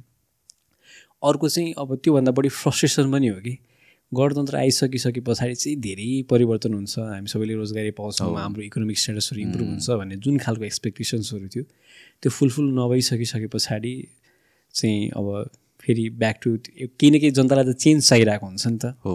अनि सधैँ अब यस्तो सोसाइटीमा चाहिँ चेन्ज खोज्दाखेरि अहिले चाहिँ त्यो फ्रस्ट्रेटेड जमात चाहिँ राजाकोतिर गएको छ आई थिङ्क मेजोरिटी त्यही नै हो जस्तो लाग्छ मलाई चाहिँ स्पेसली युथहरूको कन्टेक्समा कुरा गर्ने हो भने चाहिँ त्यही नै हो। अनि एउटा एउटा एउटा अर्को के बुझाइ पनि छ भने राजा हुँदाखेरि चाहिँ कम्प्रोमाइज गरेका थिएनन्। या चाहिँ राजाले चाहिँ त्यसको मान बसाएका थिए भन्ने खालको नेरेटिभ पनि अलि सर्कुलेट भइरहेको छ। अब त्यसमा कति सत्यता छ त्यो अर्कै विषय हो। तर अहिले सपोर्ट चाहिँ ग्रो गरिरहेको छ। हामीले युट्युबहरूमा कमेन्टहरू हेर्ने हो भने पनि सोसियल मिडियासमा हेर्ने हो भने पनि राजाको सपोर्ट एकदमै इन्क्रिज भएको छ। तर राजा फर्किने बाटो चाहिँ म एकदमै डिफिकल्ट देखिरहेको छु कि। त्यही भएर अगाडि कसरी राजनीति बढ्न सक्छ भने यो हिन्दू धर्म नेपाल हिन्दू राष्ट्र हुने सम्भावना बरु छ होइन? राजतन्त्र चाहिँ फर्किने एकदमै गाह्रो छ संवैधानिकै भए पनि। शेरबहादुर देउवाले पनि अस्ति के भनेको थियो भने हिन्दू राष्ट्रको बारेमा चाहिँ हामी सोच्न सक्छौँ भनेर होइन? तर अब यो आन्दोलनले अझै सेप लियो भने एउटा पोलराइजेसन चाहिँ हुन्छ। नेपालमा कन्जर्भेटिभ पोलिटिक्स एकदमै छँदै थिएन। यो जब हामीले बैसठी त्रिसठीको जनआन्दोलन गऱ्यो त्यस पछाडि चाहिँ हामी स्टेट रिस्ट्रक्चरको फेजमा गयौँ। फेडरलिजम सोसियल इन्क्लुजन जस्ता विषयहरू एकदमै बढी प्रोमिनेन्ट भएर आयो होइन। अनि कतिपय इस्युजहरू सल्भ पनि भए कतिपय इस्युजहरू सल्भ भएनन्। तर अब चाहिँ कन्जर्भेटिभ पोलिटिक्सले फेरि आफ्नो मोमेन्टम गेन गरिरहेछ कि। लाइक सोसाइटीमा लिबरल मान्छे मात्र हुँदैन। म लिबरल हो तर मैले के कुरा बुझ्नुपर्छ भने सोसाइटीमा दुइटै तब्काका मान्छेहरू हुन्छन् कि दुइटै यो फ्याक्सनका मान्छेहरू हुन्छन् दुइटै इडियोलोजीका मान्छेहरू हुन्छन्। एउटा लिबरल इडियोलोजीको नि हुन्छ अर्को चाहिँ संरक्षणवादी जे छ त्यसलाई संरक्षण गर्ने हाम्रो भ्यालुज हाम्रो कल्चर हाम्रो आइडेन्टिटी हाम्रो पुर्खाहरूले के गर्थे कस्तो लाग्थ्यो यी सबै कुरालाई संरक्षण गर्नुपर्छ भन्ने नै हो कन्जर्भेटिजम भनेको। त्यो पनि नेपालमा छ। अनि यस्तो कन्जर्भेटिभ सोसाइटीमा त्यसलाई रिप्रेजेन्ट गर्ने पोलिटिकल पार्टिज या त्यसलाई रिप्रेजेन्ट गर्ने चाहिँ एउटा प्लेटफर्म नबदिँदाखेरि त्यो भोट एकदमै स्क्याटर्ड भएको थियो कि। अब चाहिँ राजाको त्यो भित्रभित्रै उनले चाहिँ एक्टिभ हुँदै गर्दाखेरि अनि राप्रपामा पनि अलिकति चेन्ज आएर राप्रपामा पहिला त जुन पार्टीसँग पनि मिल्ने सरकारमा जाने होइन अनि भ्रष्टाचार गर्ने अनि लोकेन्द्र बहादुर चन्द सूर्यबहादुर थापा मन्त्री हुने होइन अनि दिपक बोहराहरू जस्तो यस्तो कन्ट्रोभर्सियल फिगर्सहरू थिए अनि अहिले त लिङ्गदेनहरू जस्तो नयाँ फिगरहरू आइरहेछन् त्यो आइसकिसके पछाडि चाहिँ जुन रि अनरिप्रेजेन्टेड त्यो कन्जर्भेटिभ भोट ब्याङ्क थियो नि त्यो चाहिँ अब रिप्रेजेन्ट हुँदैछ कि अब नेपालमा चाहिँ एउटा कन्जर्भेटिभ पोलिटिक्स पनि या त्यो धार भने राजा नआए पनि यो कन्जर्भेटिजमको जुन पोलिटिक्स छ कन्जर्भेटिभ पोलिटिक्स छ त्यसले चाहिँ एउटा ट्र्याक्सन गेन गर्छ त्यसले चाहिँ मोमेन्टम गेन गर्छ जस्तो लाग्छ मलाई। अब त्यसको रिप्रेजेन्ट अहिलेसम्म चाहिँ उसले नै गरिरहेछन् होइन? राप्रपाले नै गरिरहेछ मिश्र लिङ्गदेनले नै गरिरहेछन् टु लार्ज एक्सटेन्ट तर अर्को कन्जर्भेटिभ पार्टी नहोला पनि भन्न सकिँदैन। I think that's much it हामीले प्रायः सबै कभर गऱ्यो जस्तो। Anything you'd like to add के छुटेको छ त्यस्तो कि ठिक छ।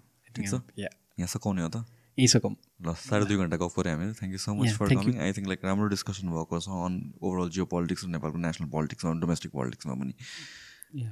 It's very good experience talking to you अनि क्वेसन्सहरू एकदमै इन्ट्रेस्टिङ थियो। मलाई पोडकास्टमा आउनुभन्दा अगाडि यति इन्ट्रेस्टिङ हुन्छ। कि हुँदैन म रा गर्न सक्छु सक्दिनँ भन्ने थियो तर एकदम राम्रो भयो। तपाईँको क्वेसन्सहरूको कारणले गर्दाखेरि त्यही भएर। Thank you so much thank you bye